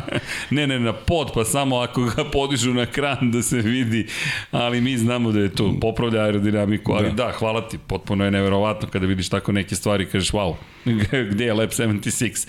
Da, e, u svom slučaju u Holandiji. Inače, Lewis Hamilton je na drugoj trci u Austriji imao još jednu problematičnu trku iz perspektive rezultata. Četvrta pozicija na kraju, nije ja. bio na pobjedničkom postolju i to jeste veoma značajna situacija. To mu se ponovilo još alarm, jednom do kraja sezona. Alarm je krenuo. Tako je. I je desilo se još u Turskoj, ali lepo si Deki rekao, alarm je krenuo. A sledeća trka, istorijska trka. Silvestre. Silvestre. Da. I prvi put I u istoriji put, da, sprint. sprint trka.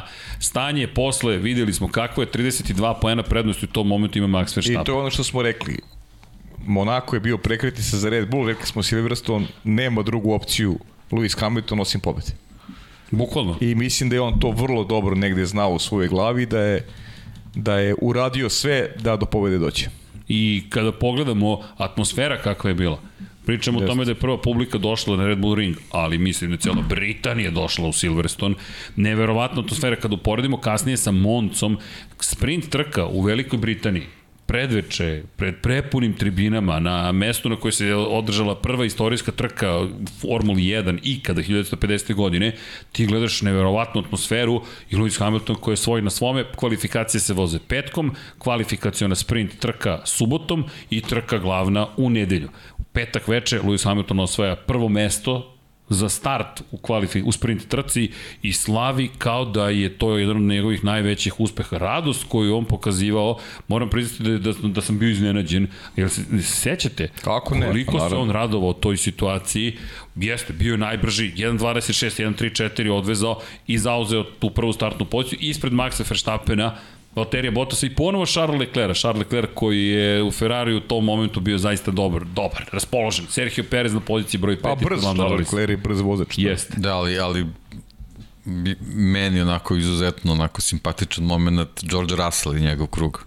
E, da. Gde ga bodri čitav Silverstone. Jeste, no. jeste, to, to i bilo, probija se u da, Q3 da. deo kvalifikacije, osmi bio na kraju u, u petak. Tu je osvojio ogromni deo simpatije. Jeste. Ovaj. Jeste publiki, tada još bio, bio niži za tih par santimetara. Mogu je da stane u bolid.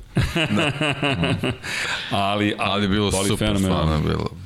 Williams Lepo bilo vidjeti. U, da, da Williams koji, je, koji da. više nije bio od po kraja prošle godine u vlasništvu porodice Williams. Tako smo i počeli godinu s promenom u vlasničkoj strukturi, ali ono što je bila najveća priča jeste bio Hamilton protiv Verstappena, pre svega Lewis Hamilton, njegov dom, njegova staza, mesto na koje je vozio neki od svojih najboljih trka, mislim da mu je čak ona trka po, po kiši 2008. Da. jedna od najboljih. Još jedna super fotka na stage live. Hamiltonov. Pa dobro, to se dešavalo da. svaki... Pa dobro, da. ali ona, ona slika je baš bila onako rock. Koje? Kad? Pa tvoja. A, pa dobro, to je bilo 2000... 18-19. Tako da, nešto da, bilo, da, da, da, da, ali je bila super. Da, srećno sam propustio ove godine, vidiš da. pet godina za redom sam tamo bio i stvarno, da, on ima dru, poseban odnos tamo.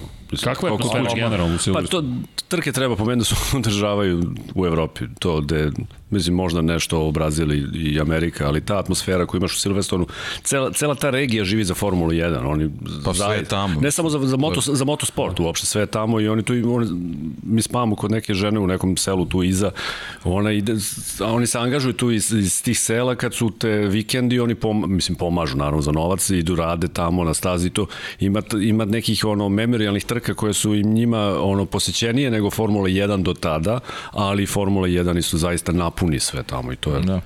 To je Popuno znači, delim tvoje mišljenje i šteta je velika. Be, Belgija, Monza, da, zamislite Monako, da je neko od tih trka bila završena sezone. To kalendarski pa da, nije izvodljivo, da. naravno, da se vozi u decembru u Belgiji da. ili Britaniji, ali to bi popuno druga dimenzija bila da, da, da smo imali tu vrstu Finale, zabave u, negde u Evropi. Da, da to sve nešto priča tamo, ali sam da zaboravim, to ne možemo zbog sezone, da se, kao što je Liga šampiona, da se izvuče ono, svake godine jedna zemlja u kojoj će da bude finale Formule 1, ali ti ne možeš da očekuješ, će, ne možeš tako ne da... Ne kalendarski, ne možeš u novembru da voziš u Evropi. Da, da vidiš da u Belgiji može.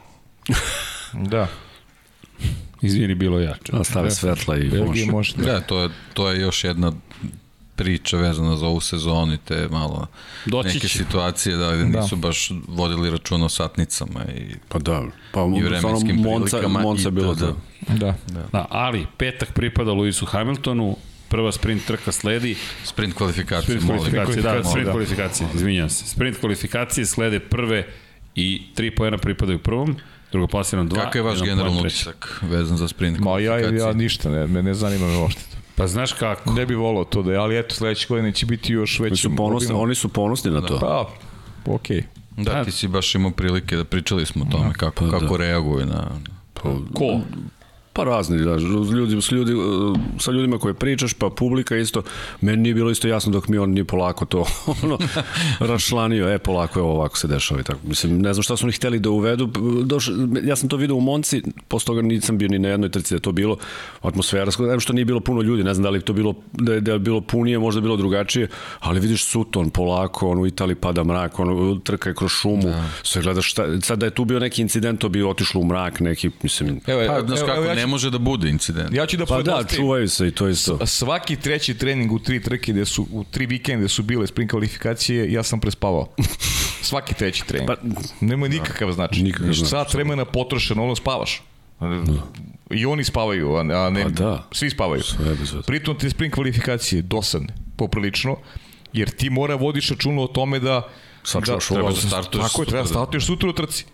Da. Ti, ne, ti se ne trkaš ti ako hoćeš te sprint kvalifikacije, mora da imaju neku težinu, da, da imaš kvalifikacije koje određuju start u nedelju. A da te sprint kvalifikacije bude nešto će dodatno da poentiraš dodatno i da tu možeš da budeš, ne znam, da se trkaš stvarno. Ali ovo zaista ja ne, nisam vidio nikakav neki takmičarski naboj, nisam vidio ništa. Sa, meni bilo meni dosadno, zaista kao gledalcu mi je baš dosadno. Možda to da puste da, da, da, da, obrne, da obrnu ovaj grid, da možda da startuju ovi najlošiji da, ali, napred, pa nešto, ali opet predlog, rizik je to taj veliki. Taj predlog u startu ne bi prošao od, tako, od velikih od, od ekipa. ekipa tako, da, Ili ono što je bilo... Ovo su samo, samo prilika za dodatne bodove za njih. To, to yes. sam isto s tobom pričao, to si, ne znam se kojih godina bilo, kad sam klinac sećam s toga da su se nešto uh, vrednovali uh, treninzi, ili tako? Petak, su, petak i subota zbirno. Pa, da, petak to bi bilo okej. Okay. Ako hoće pa malo, onda nemoj da ti voziš u treniraš, nego vozi. I onda se tu dobijala, dobijala, dobijalo na, na zanimljivosti tako što si imao dva dana sa različitim vremenskim prilikama. I onda da. bila mogućnost da neko iščupa kao što je Rubens Ali... Barrichello iščupo neverovatnu pol poziciju u spa, znači cela planeta je pričala o tome kako je ono nekom Jordan beše tad vozio, Jordan, ne znam šta je vozio kao uspio da, da napravi pol poziciju. A vidi, ima, ima par stvari. Uh, u Silverstonu je to bilo super.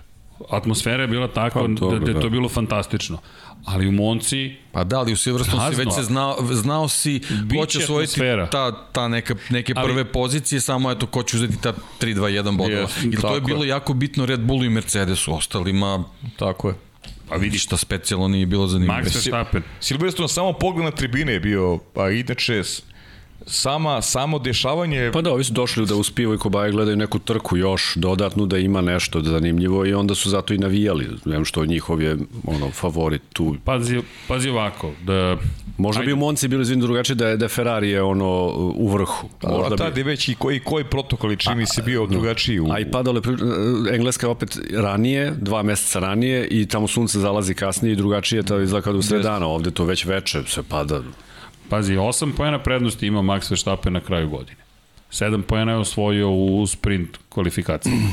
S druge strane, Lewis Hamilton, kada govorimo o sprint kvalifikacijama, ove godine ne možemo baš reći da je imao ta, ta, takve rezultate. Znaš, mi sada govorimo o, o tome da to direktno utiče i na da. stanje u, u šampionatu sveta.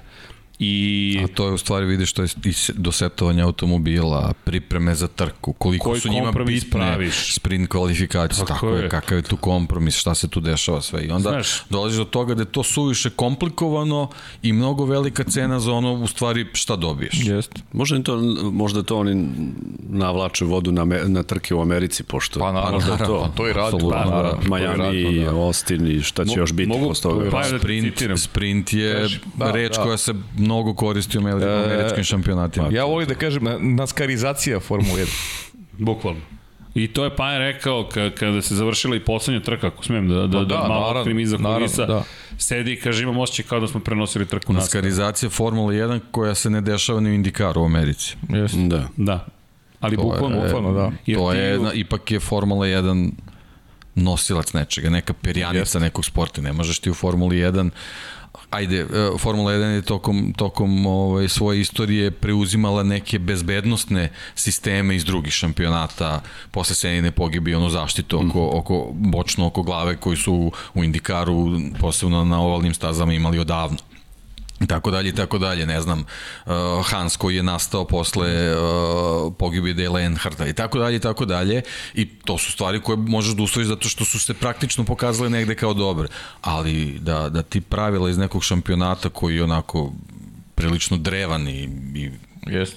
Nosi pa neke svoje svoju osnove, priču, svoju prosto. priču i, i, i, i bi prilično onako ori, originalan šampionat i niko čak ni u Americi ne pokušava da pravi nešto kao to, ti sad to donosiš u nešto što je high tech potpuni Ne, ne vidim jednostavno. Ne Ali vidim, vidi, ja imam problem sa, sa imam sa... I nikad neću reći da je to trka. Meni je problem, mm. sad razumem zašto nećeš, hvala. Dakle, sad, sad, sad mi je jasno. I, i slažem se. Šta je, šta je, koju situaciju mi zapravo imamo? Uh, kada pogledaš hajde, uzbuđenje. Da li mi zaista imamo uzbuđenje? Imam problem sa kompromisima koji se, koji se zapravo zahtevaju od vozača, a onda praviš format koji bi zahtevao bez kompromisnu Formulu 1. Ili ti. Ili ti sledeća situacija. ti kažeš, ok, ovo su sad neke sprint kvalifikacije, ali ti ne smeš da menjaš podešavanja svog bolida do kraja vikenda. Čekaj čoveč, čekaj ti si sad mene ograničio da u, kvalifikaci, u kvalifikacijama u petak uveče podesim bolid koji će da me služi i za sprint kvalifikacije. prenosne odnose koliko ranije. Pri, ne, ne, da. o prenosne odnosi na početku, na početku sezone, sezone moraš da. da definišeš prenosne odnose i nemaš promenu, nemaš pravo promene. Dakle, ti ako imaš slabiji motor, slabiji bolid, ako imaš drugačiji pristup trkanju, ti nemaš prava da koristiš neke od najosnovnijih stvari koje su automoto pozdrav našim pokroviteljima čao, čao, ljudi. da pajke. Dakle, nemojte ići nigde. Lajkujte i udrite subscribe, a može i join. U svakom slučaju, to Ivane like.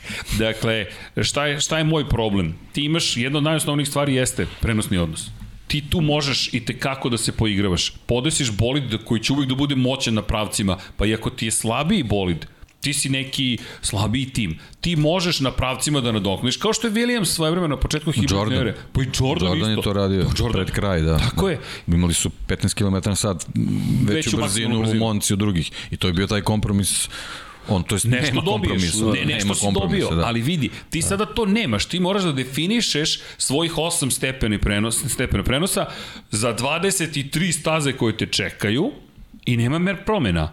Pri čemu ti znaš da si već izgubio tu bitku i da nemaš načina da, da promeniš sistem, jer sve ostalo je mnogo skupo, to je mnogo jeftino. Promene stepena prenosa su jeftina stvar.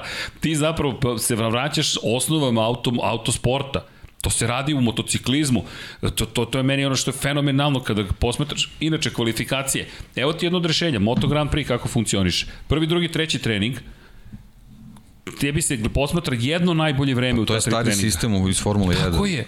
To su, to su oni uzeli prosto i rekli, e, ovo radi dobro, zašto? Pazi ovako, a, jer zašto se Formula 1 okrenula tome da ima samo jedne kvalifikacije? Strah je bio da ako, na primjer, je lep dan u petak, a pada kiša u subotu, do subotu niko neće gledati. Okej, evo MotoGP-evo rešenje po, o petak pre podne, sunčano je, svi moraju da voze mnogo brzo. Moraju da voze mnogo brzo jer možda to jedini trening kada će proći direktno u Q2 deo kvalifikacija. Zatim, u, odvozi se popodnevni trening, pada kiša, super, pripremaš se za trku, nema sedenja u garažama. Neki su sedeli i platili su cenu toga što su sedeli u garažama, nisu bili spremni za trke po kiši. Posle, nemam poene u trkama po kiši, moraš da sedneš i da voziš. Treći trening, bez obzira ako je suvo, pa imaš šansu da oboriš vreme. Ako je kiša, nastavljaš trening. I nema spavanja, ko za nas, treći trening, niko reći da izađe na stazu. Čuvam da. gume, čuvam bolid, da. zamisli da udarim u zid i onda nema me u sprint kvalifikacijama. I onda dođeš do toga da, na primjer, imaš trening dobro, broj 4 koji se priprema za trku Moto Grand Prix, da ga zanemarimo, imaš kvalifikacije. Prvi deo kvalifikacija, dvojica najboljih mogu da skoče među 10 najboljih. I opet imaš trkanje za vreme, opet je neka jurnjava, opet mi imamo sprint, a mi ovdje imamo kompromis na kompromis na kompromis kompromisa, a onda kažeš mi pravimo beskompromisni šampionat. Kako? Ne razumem. I onda uvodiš sprint kvalifikacije. Ja imam problem s time. Atmosfera je super bila u Silverstone, ali tamo će uvijek biti super atmosfera. U Monci smo očekivali super atmosferu, Ništa, čorak. Bukvalno čorak. Nam izgledalo kao pa, Formulu 2 da prenosimo. Hoću to ti kažem. Molim te. Pa možda je publika i pokazala stav jasan prema, prema tim sprint kvalifikacijama. Možda. Mada nije bilo ni za trku, ali dobro, kao što pa, se rekao, ali, COVID naš, protokol, Ferrari. Da, malo ih je bilo, da. Malo bilo ljudi. Jeste. Ali, ali, evo ti sad... Ajmo da pogledamo kontra. drugu stranu. Znaš, Brazil. Sad, Silverstone, Silverstone je baš bio onako jedno... E, šta mislite da je, da je u Monci prvi put su bili sprint kvalifikacije? Pa, pazi, ljudi, posle one atmosfere. Pazi, ljudi, ljudi se često vode time što vide, naš, ono, vide publiku, da spektakl i onda kao, naš, pa bilo je super. Naš. Ili da smo došli na sprint kvalifikaciju u Silverstone da je recimo Lewis Hamilton ima ogromnu prednost u šampionatu. Da nije da. morao toliko da grize kao što je grizao. Tako je. Da, ne znamo. Znaš, ljudi često se vode nekim utiskom, znaš, ne znam, ono, kak, šta, šta je rekla većina ili, ili kako je to izgledalo s obzirom da su bile tribine pune, a Generalno, evo kažem ti, evo kaži sam, sedimo ono, i u Silverstonu smo sedeli u kabini, ja se sećam komentara da, ne znam, onaj treći trening potpuno poništen, ti, ti, ti sediš, a jedva čekaš da se to završi. Pa sprint kvalifikacije koje pa su ništa, svedene na start. Ne, sprint kvalifikacije su svedene na start. Pa bukvalno svedene na start. Kad se započne viš. trka, posle toga manje rizikuješ. Naloče se rukavice i to je to. Pa, Zašto to je bi to, ti rizikovao? Da. I onda recimo upropastiš Russellov taj krug koji je bio petka, petka, tako je. On jednostavno ono u trci on je se i Ma, kvalifikacijama, ne, ne, sprint kvalifikacijama se predao i, i vratio se pa vratio da. se tamo gde pripada. Tako znači sve što su radili čitav trud koji su radili tokom kvalifikacija za pa, sprint kvalifikacije. Da, da, pa kao što je Alfa Romeo imao, imao je, imao je često je. ove godine da je taj taj kvalifikacije bile budu solidne, pa to bude neka polazna osnova za dobar rezultat. Nemaju tempo za trku. I sad im uvediš i sprint kvalifikaciju, ne mogu ništa da, uvedeš, pa da, da. Ne mogu ništa, ponište samo rezultat da. koji su napravili u I, kvalifikacijama. I da se vratim na ono na početku, da im onda negde drugde mogućnost da nadoklade to izgubljeno. Ne, tim stavljaš jasno do znanja, podela je sledeća. Ovi su loši, ovi su dobri i ono što mi se nije dopalo u celoj priči, a to se često radi, nadam se da će, ajde, vidjet ćemo sa budžetima i sa novim pravilima, da će se malo izjednačiti timovi, pošto to često se dešava kada, kada je reč pre svega o američkim sportovima. Nacionalna futbolska liga, američki futbol je tipičan primer toga. Bez obzira koliko bilo tvoje nominalno tržište, ti ćeš imati isti budžet i možeš da stvoriš potencijalno pobednički tim postoji mogućnost. Videću da li će to da urade.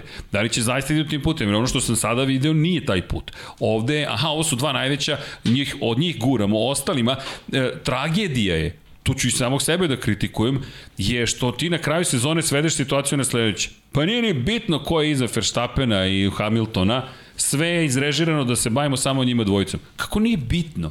Pa to poništava suštinu sporta. Da dobijemo raš. Bukvalno. Nikola da, Latifi je za bukvalno, mene pa najveći da. sportista koga smo do... imali. Ne zato što je izazvao incident, nego zato što se bori za svoje 15. mesto. Pa to je suština sporta. Naravno. Šta si se pojavio na toj stazi ako nećeš se boriš za svoju poziciju? Pa ne, još, još i veće glupost da nekog to komentariš kao da je Nikola pa, Latifi nešto najbolje uradio. Dokaz da je to i... i dalje sport, dobar, dobar sport tu su ovi sportisti kao što su Vettel, Alonso i koje tre, Kimi koji su najviše preticanjima. To pokazuje isto nešto da... Pa nema predaje. Nema predaje. Ma nema predaje, svaka šta, pozicija. Njih, troj, njih trojica, šta im to treba da su oni sad nešto...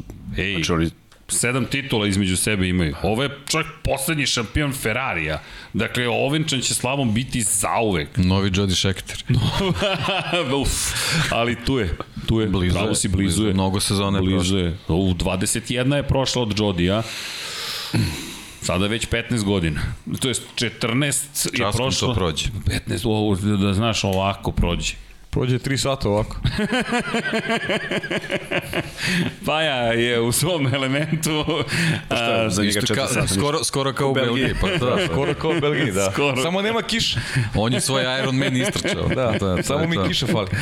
A vidi, možemo da se redu. Gde ti animacija? Gde animacija? Da vratimo pa i kišicu, ali samo na ovaj kadar no. ovde iznad stoji. Ali, pa do, da, do, do, sprint kvalifikacija. Kako?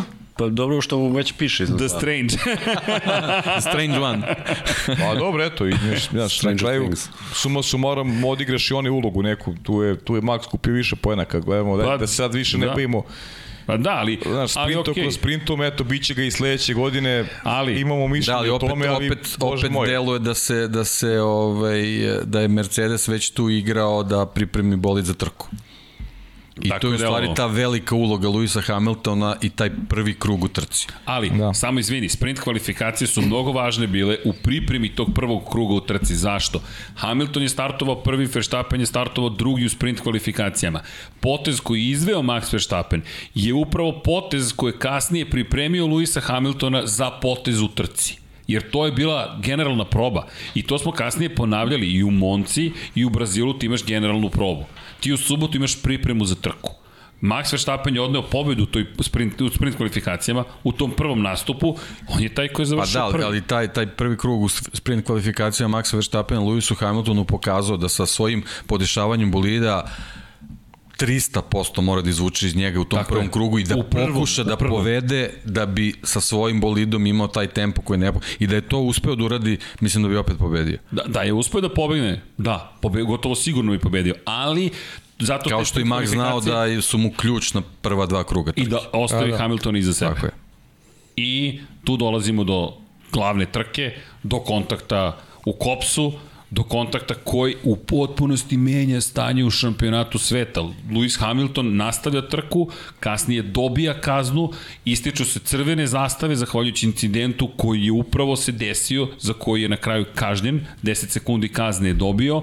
Kontakt koji je poslao Maxa Verstappena pred 270 km van staze, potpuno uništen bolid. Ti si tad prokomentarisao taj bolid više ne postoji. Sada se pravi replika tog bolida, ali taj bolid s kojim je pobedio u Francuskoj, Štajerskoj, Austriji i tako dalje, ne postoji. On je od tog momenta vozio drugi bolid. Drugi bolid i tu kreću repovi vezani za korišćenje motora zbog čega je u nekoj situaciji u, u, u finišu sezone Red Bull morao da bude malo konzervativniji. Konzervativniji, jeste, da. Jeste, a to počinje u Velikoj Britaniji. Tako I tad smo pričali da taj incident može imati velike reperkusije. Ali ja se opet vraćam ono, ono što smo pričali, za mene to trkački incident.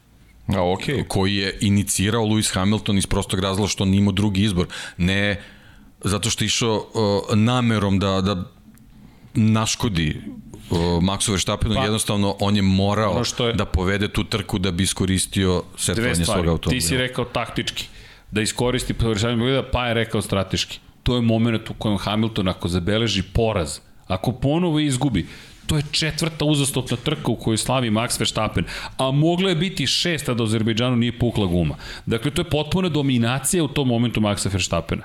Ti ne možeš, ti ne smeš da dozvoliš pobedu privala. I dolazimo do Imole, teme krivine, ko se sada povlači? Niko se ne povlači. Ni jedan, ni drugi.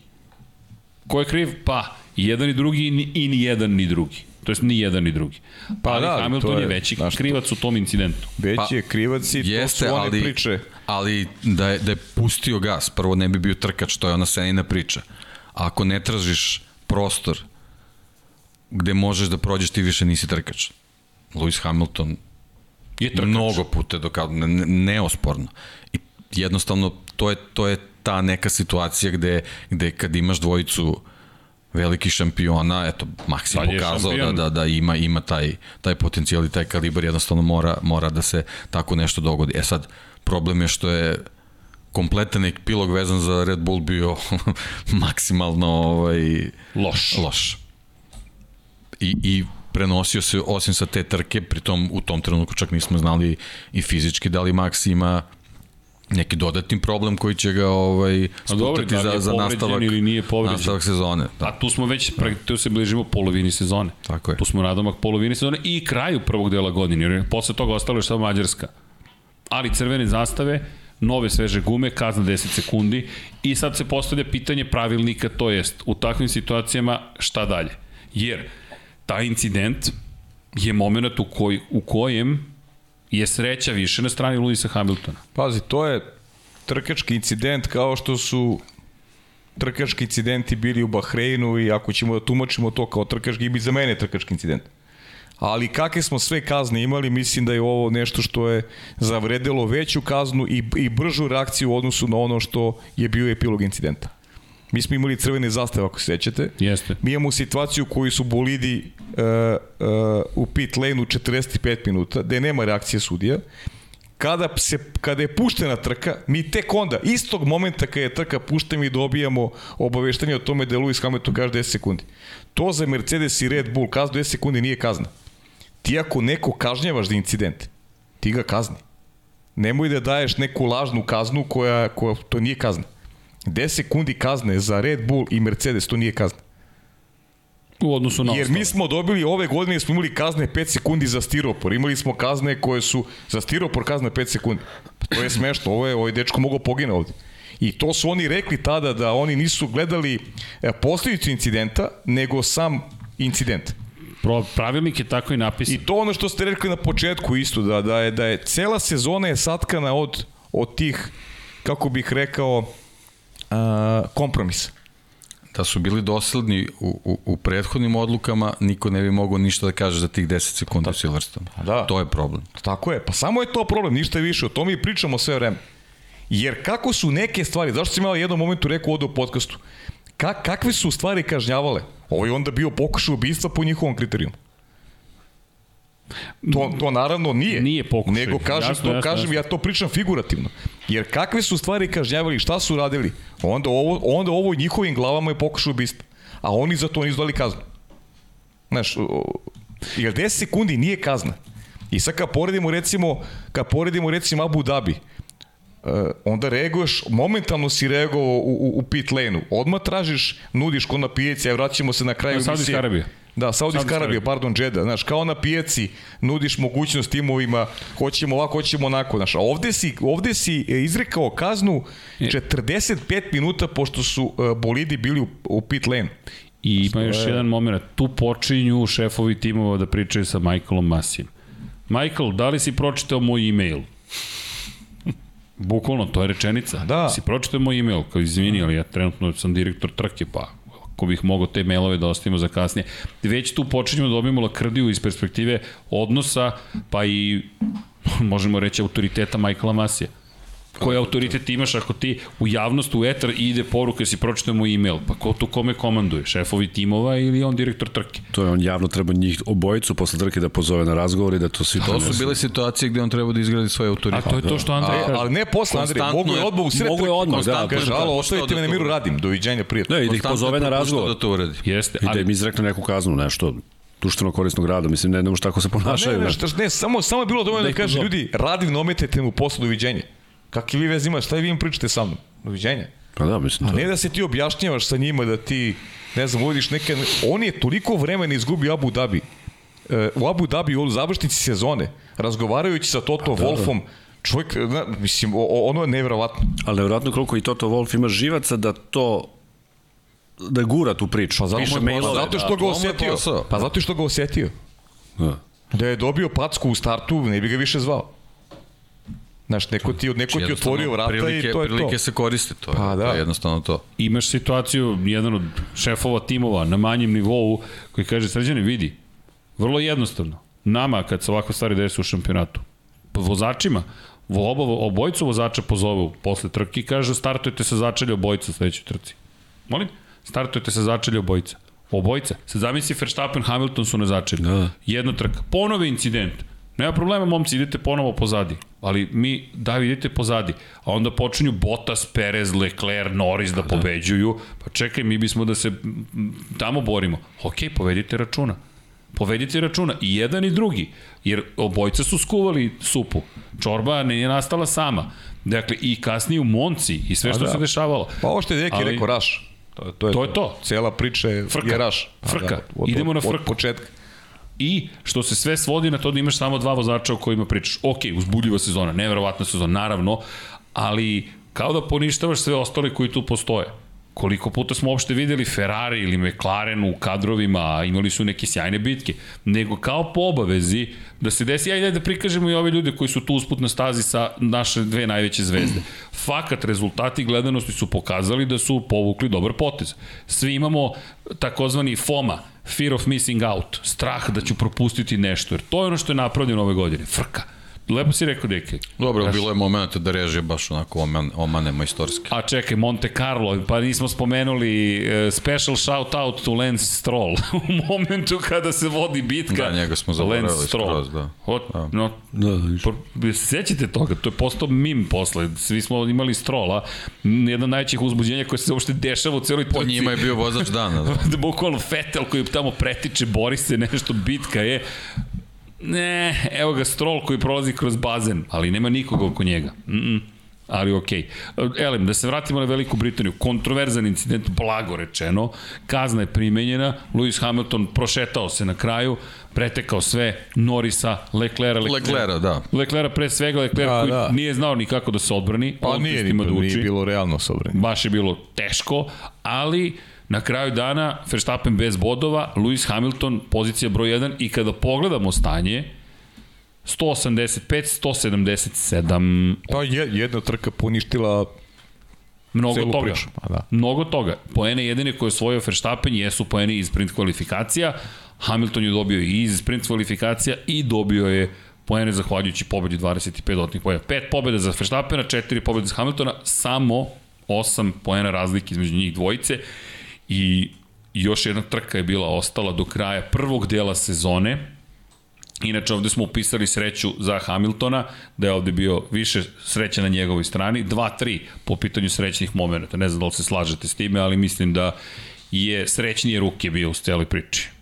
Pa ja mislim da je, iskreno mislim da je tokom čitave sezone ukupno plasmanu bio srećnije ruke, tako da... Na, na, namjerno smo krenuli da brojimo, baš zato, da, da izbrojimo, da vidimo koliko... Pa znaš kako, evo, evo sad, sad možemo hipotetički da je ona izletna zona u Silverstonu bila malo, malo duža, što generalno na takvim brzinama možeš da je staviš koliko hoćeš, on bi zakačio neki zid, da nije bilo crvene zastave, da je dobio 10 sekundi, tu bi onda neka, neka priča bilo drugačija, ovako iz, iz te perspektive pa da. vezane Ceo za kompletnu situaciju, za taj splet okolnosti, kažeš da je to, da je to, da je to neki srećko. Zato smo ga i upisali. I velika nagrada Mađarski si išao na velika nagrada Koja ti je bila sledeća trka? Tek Holandije i Monza. Bio opravdan odsudan u Tokiju tada. A da. To smo gledali tamo, da. Kako je bilo? Gde, u Tokiju? Da. Boj, mislim, drugačije od svega drugačije. sa što pričamo. Da. Ali si gledao Formulu 1. Uh, jako te komplikovano to bilo. Ni, bar u tom nekom hotelu koji sam bio nije bilo toga. Ne, ne znam kako sam ja to uspeo, nekako sam slušao. Ne mogu se setim. Nisam imao prilike gledati. Ja sam gledao, gledao sam Britaniju ili Brita, Mađarsku? Britaniju sam gledao, Mađarsku nisam, već sam nešto počeo tada da radim, ali sam te incidente ispratio nekako. Mm. Samo kroz uh, Twitter ili tako nešto. Već je nas uveo u trku u Mađarskoj, opet incidenti, ali to je taj period sezone kada je zaista da, to je kritično. Valtteri Bottas kao kuglani. Da. Pa da, baš je izgledalo Kada je kao... onako kegleo po baro. Hamilton je inače osvojio pol poziciju ispred Valterija Bottasa. I podsjeti me, podsjeti me sad kaznu koju je dobio Valtteri Bottas. Valtteri Bottas dobio je pet pomeranja. Pet pomeranja. Pet, ja mislim da dobio pet pomeranja. Da li je bilo pet za sledeću trku? Vanja kaže tri, ali ja mislim da je bilo pet pomeranja pozicija u nazad. Da, pet, pet, pet To je zanimljivo, šta je, šta je bolje, to pomeranje ili te sekunde? To je isto možda za sledeću trku, možda ne kažnjavati bo, sekunde. Bolje, možda... bolje pomeranje. Možda je A pravičnije. Da je, znaš kako, ako kažnjavaš, ako, kaž, ako kažnjavaš, onda kažnjavaš mislim, mislim da je stop and go kazna. Ako si utvrdio nečiju krivicu, mislim da je stop and go prava kazna. Mm -hmm, tokom trke, da. Tako je. Tu se slažem. Stop and go je prava kazna. Ili kroz ali... pit lane da prođeš, da se skloniš. Isto kao za Pereza A da daješ velikim, velikim ekipama. Ali da, Ferrari, su... E, e, Red Bull u stvari, Red Bull, Mercedes, koliko su dominantni? 10 sekundi kazne u trci, to je smešno, kažem. Mm. To nije kazna ali, za njih uopšte. Ali to je zanimljivo sada što kažeš. Diskrecijono pravo ima direktor trke. Na njemu je da proceni situaciju. Na njemu je da proceni upravo o čemu govoriš. Ne postoji u pravilniku ništa što kaže okay. veći tim, uspešniji tim će biti više kažnjen. Ali, kazna, na primjer, ako pričamo o saobraćenom prekršaju, neko dođe i kaže 1000 dinara. Nekome ko nema mnogo novca, 1000 dinara je mnogo. Nekome ko ima mnogo novca, 1000 dinara, kao ok, 1000 dinara i nastavit ću da se ovako ponašam. Ali, ako ti kao direktor trke upotrebiš svoje diskrecijalno pravo i kažeš čekaj, morate da osetite sankcije, to je ono o čemu si ti govorio, samim tim kazna za vas će biti ta i ta. Ja mislim da je Michael Masi jako dobro znao kada kažnjeva i kako kažnjeva upravo u sklopu tog kompromisa. Sezona je bila takva, išla je, išla je u tom momentu u jednom pravcu. Tornado. Sačekali su da, da se završe, da završe taj period iz, i, uh, iza crvenih zastava. Uh, bili su pit lane-u, nastavljena trka i tek onda dobija, dobija se informacija o kazni. Lewis Hamilton, a da, tornado. Je, ma naravno. U krug. Je. Kome šta tada ma, potrebno da, da bude drame u šampionatu. Tako je, to je to. I onda dolazimo u Mađarsku koja je zaista splet nesrećnih okolnosti. Moje mišljenje, Valtteri Bottas koji startuje sa druge pozicije, ali ima tu sad važnih momenta iz perspektive i, i Valterija Bottasa. Hoće li ostati, neće li ostati, pod kojim je pritiskom Valtteri Bottas, šta mora da uradi Valtteri Bottas, mi to ne znamo, ali je na poziciji broj 2. Idealna pozicija za Luisa Hamiltona i Mercedes. Sve što Valtteri treba da uradi je da zaštiti poziciju broj 2 na startu, on to upravo ne čini. Bukvalno to, to je jedino što nije uspeo da uradi. Ispred njega su svi otišli. Pa dobro, ali da svi. kažemo, Valtteri Bottas je mnogo puta u ovoj sezoni loše startu. Jeste. Pa nije prvi put da Valtteri Bottas loše startu. Jeste. I zaostaje. Ide Verstappen ispred njega, Perez ide ispred njega, Norris ide ispred njega. Jeste. Svu trojicu je pogodio. U malo nije i Luisa Hamiltona udario. Greška velika na kočenju Valterija Bottasa eliminiše Pereza, eliminiše Norisa, eliminiše sebe, jedini koji nastavlja da vozi je Max Verstappen. Ja. Sa oštećenim propisno, oštećenim bolidom, ali je uspeo da nastavi i to inače od trka koje je završio ove godine. Da, najloših plasma, to je deveti. Jedina trka tako? koja nije bio na poziciji 1 i 2. Da. Nije završio trku u Azerbejdžanu, nije završio u Velikoj Britaniji, nije završio trku u Italiji. Ta tri odustajanja Verstappenu, naravno upisana, ali ima i ovu devetu. Pa to je jedina priča, je u stvari taj početak trke i naravno ono što... I, dobro, velika pobjeda yes. Estebana Okona, Esteban Okona ne, da. nemojmo ljudi zaboraviti, ja sam u, u, u čast Fernanda Alonsa i Estebana Okona u plavo-belim bojama, ne, ozbiljno, dazi, Fernando se vratio, Fernando prosto, ali pogledaj, takva je sezona, Fernando koji je bio sve bolji i bolji, on je krunisao upravo u Mađarskoj dobar početak sezone četvrtom pozicijom i onom odbranom protiv Luisa Hamiltonu kojim je sprečio Hamiltona da pobedi Estebana Okona. Esteban Okona koji, je, koji, koji gotovo sigurno bi bio ugrožen na kraju, ali ovo je zanimljiva takođe trka iz jedne druge perspektive. Na kraju, iako kroz cilj prvi prolazi Esteban Okon, pobeda za Alpinu Renault posle decenije slavi, ne računam Lotus, dakle govorimo o, o fabrici Renaulta, Alpine u ovom slučaju, s druge strane, Sebastian Vettel prolazi drugi kroz cilj ali tehnička da. nepravilnost ga eliminiše sa pozicije broj 2. Lewis Hamilton samim tim napreduje na poziciju broj 2, dobija dodatne poene zahvaljujući grešci koje napravila ekipa Aston Martina. Na pobedničko postoju se zvanično seli Carlos Sainz, koji je drugi put u sezoni na pobedničkom postolju. Ali ta trka je zaista bila mnogo uzbudljiva incident na početku, situacija u kojoj se zahvaljujući tom incidentu konačno i našao odjednom u, u, celoj toj priči Esteban Okon koji je sjajno to iskoristio. Inače, bilo je par situacija kasnije, ali možemo o tome da pričamo i kada je reč o potezima Mercedesa, koje je pravio tokom trka, kada je sklanjao Luisa Hamiltona, ne bili konzervativnom strategijom uspevao da, da dođe do uspeha, pogotovo u ih je to koštalo. Turska je možda jedna od kritičnih, to, to ćemo uraditi kasnije, ali Turska je, ljudi, nećemo večeras, ne, ne, ne, bez brige, bez brige. Okay. Već me gledaju svi zabrinuto, pošto, ne, ali bez brige, da, ali činjenica da će, da Turska će doći na red. I u, to, u Turskoj ćemo pričati o tome šta je Mercedes učinio. Ali ovo je moment kada opet nekako Mercedes uspeva, bez obzira na sve što učinio Red Bull, šta da uradi? Da se vrati na prvu poziciju. Jer ako pogledamo stanje u šampionatu sveta, posle velike nagrade Mađarske, tačno negde na polovini sezone, odjednom mi imamo još jednu promenu. 195 poena za Luisa Hamiltona, 187 za Maxa Verstappena. Pet pobjeda za Maxa, četiri za Luisa, ali vodi Luis Hamilton. Sada potpuno suprotna situacija odnosno na onoj koje je Hamilton bio na početku, koje je Verstappen ima manje pobjeda, ali... Pa eto, 32 boda su poništena za Za dve trke. Znaš, dve trke. Šta smo smo samo trebali za ovom, sa, sa ovom tabelom? Da. Izračunaš koliko srećko donosi bodova. E, pa ne, da, da, a, može da upišem u zagradu koliko ti je bodova. Pazi, ovo je četvrti srećko za Hamiltona. Koji je možda čak i peti. Zašto? Prvo, da Bottas košta Maxa Verstappena poena i drugo, da bude diskvalifikovan zapravo Sebastian Vettel. Jer, iako je napredovo zahvaljujući tome i Verstappen za jednu poziciju, svojio dodatni poen, Dodatna 3 poena je osvojio Lewis Hamilton po merenju. Računaš kao srećka i tih 10 sekundi koje je dobio od Michaela Masija ili to nije pa, srećka? To sam uračunao, ali ne toliko tih 10 sekundi koliko e, crvenu zastavu pre. Evo sad mi, evo, se sećaš kim je rekao na 20 sekundi u Soči? Da, da, za start trke. Za start trke, tako je. Alfa Romeo.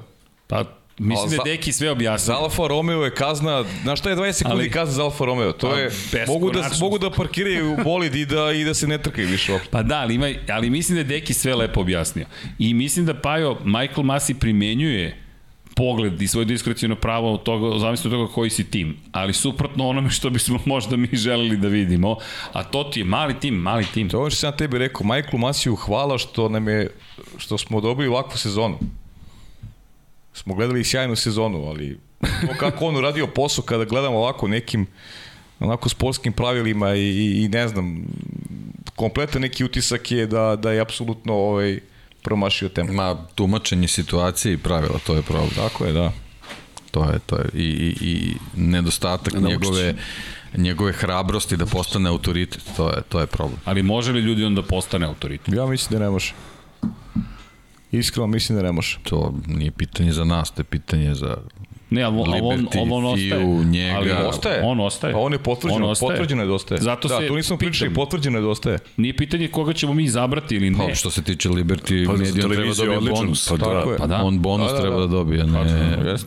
Pretpostavljam da hoće. Akcije su svima skočile, ne pričali smo o tome prošlog puta.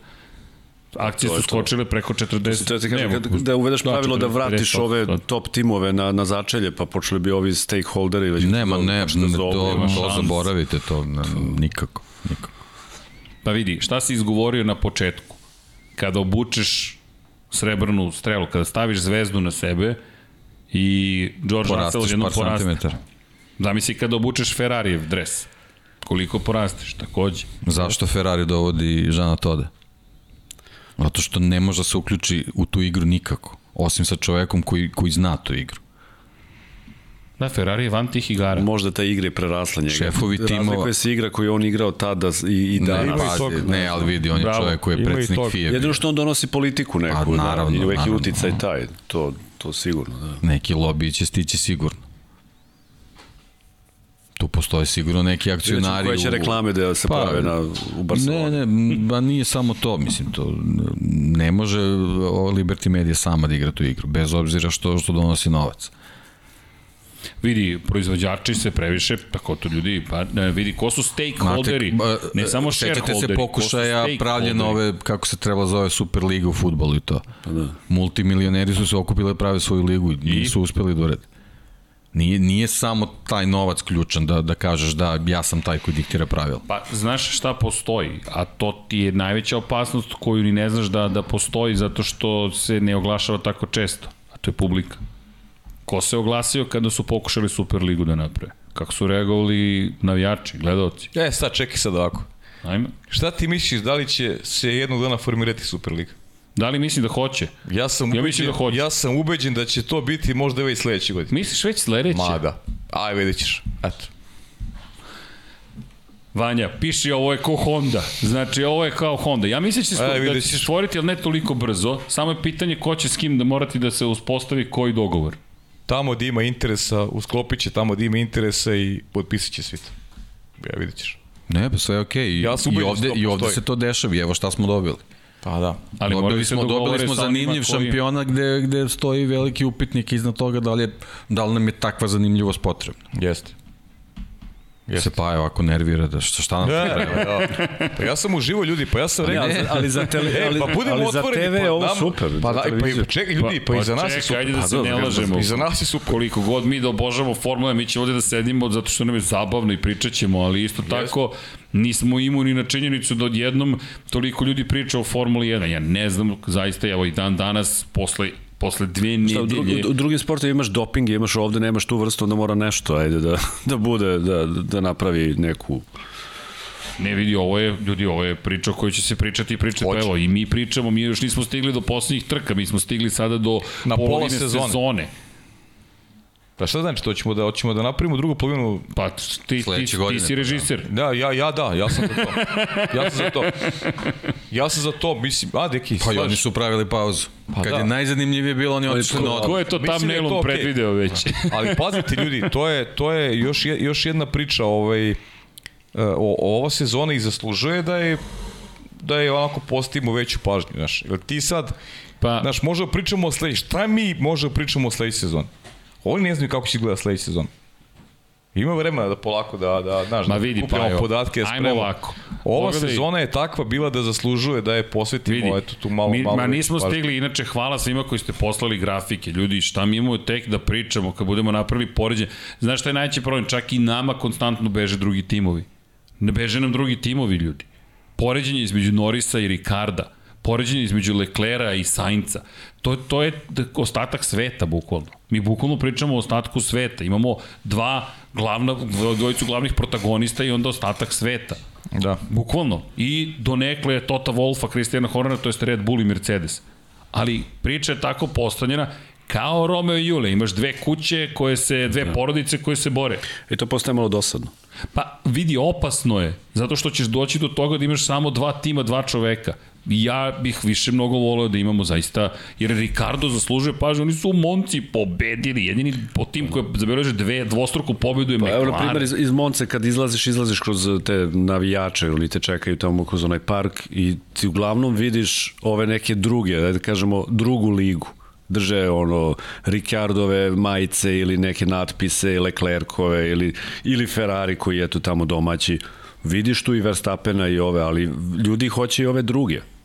Jer su im interesantni i ono što i šta Ricardo radi, šta priča i kako se ponaša i, i, i Norris isto koji vozi, ne znam da li vozi ove godine ove trke na, na simulatoru No, on, on je ovaj, stalno na tweet. Na Sony-u. A on je tu. On, on je, tu, on je tu, Verstappen je tu, Verstappen koji se vozi u iRacingu, I, Verstappen sad u Brazilu, sad je u Tazbini. Da, ali, ali da. pazi, ali aktivan. Evo, opet, ko, šta on, šta, ali šta, i to je jedan novi, jedna nova vrsta zvezda. Zamisli da ja sedim i igram igrice 80 i neke sa Menselom.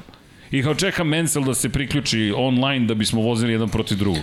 Nisi mogao to da radi zato što su oni ovaj, imali problem da u trenutku kad sednu u bolid nisu znali da li će na kraju da, izaći da, iz njega, tako da to je, to je druga priča. Ali vidi, ali generalno da. pristup koji ti imaš vozaču, ne, ne, ne, ne samo to, način na koji si mogo da komuniciraš s tim ljudima, ti sada imaš mnogo, znaš, ti, ti gledaš situaciju, neko od vozača vidi neki post na društvenim mrežama i je hvala strava ili lajkuje ili podeli i tako dalje i tako dalje. Da, ali ja sam više, više za to, za, za situacije gde sam sretao vozače na parkingu koji su parkirali automobil pored, pored mene i utovarivali svoj prtljak kao što sam ja utovarivao ili ne znam, uđeš u toalet i naletiš na na ovaj na vozače i tako dalje. Ovo, ovo sad što je što je Andri pričao, ova sintetika i ove zabrane fizičkog kontakta ali kao toga nema, ali zato da... kao super smo na društvenim mrežama. Ma da. Ni, ne, uopšte mi nije, Dobro, vidi, to je ne imponuje mi a, a, a, apsolutno. Znaš, ali tako da, stigla je neka nova generacija, znaš, koju je to... Pa da, komunikacija na daljinu uglavnom, to je, to je ono što je ključno. Znaš, on je... Lando Norris je dostupan na daljinu. Jeste. Okay. Ali, ali vidi, okay. ali to ali je pitanje nove, za Vanju, pa da, znaš, to je za njega pitanje. Ne, ne, sve je okej, okay. ne, ja uopšte ne, ne, ne zalazim, ja samo pričam o, u nekom trenutku šta je meni prijalo, jer sam to iskusio, a ovo sad, znaš, naš, video si, video si ove godine što smo radili Zoom intervju i sve. Da, znaš. ali pazi, to je, šta si rekao Vanja? Evo njemu prija. Da, a je, da li bi ti prijalo da, su, da se upoznaš s njim i da sednete i da igrate igricu zajedno, jedan pored drugog za stolom? Pa naravno, zato što to nisi ni iskusio, pa, ja, pa ja, ne ja, znaš šta je moguće. Evo ti ja recimo moj stav, recimo pod kapicom neću nikada da radim Zoom, Zoom intervju. Neću to da radim, hoću da radim samo uživo. Ali pratite vi ove pres konferencije koje oni rade?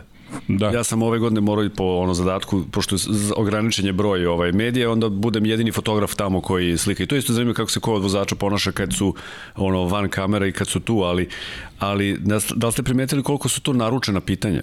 Koliko je to providno e, naručeno, na primjer. Ja sam, radio sam pres konferenciju posle Belgije, znači u Holandiji sam bio, niko od novinara nije postavio pitanje, jeste to bilo, ali to je bilo samo 7 dana pre toga, nije to mhm. bilo, to je ad acta, to više niko nije postavio pitanje, onako Pa ne, bilo je, bilo je u trenutku, ali mi Max, ne je, Max je iskočio u nekom trenutku kad su krenuli pitanja vezano za njihov dulaka, rekao dosta više svojim pitanjem. Znači. To je, vidi, to je, to je za eru prosta, recimo i sve nezamislivo, svi bi izašli Ma iz da, te sali, ne, ne bi se više nikad vratili. Tako je.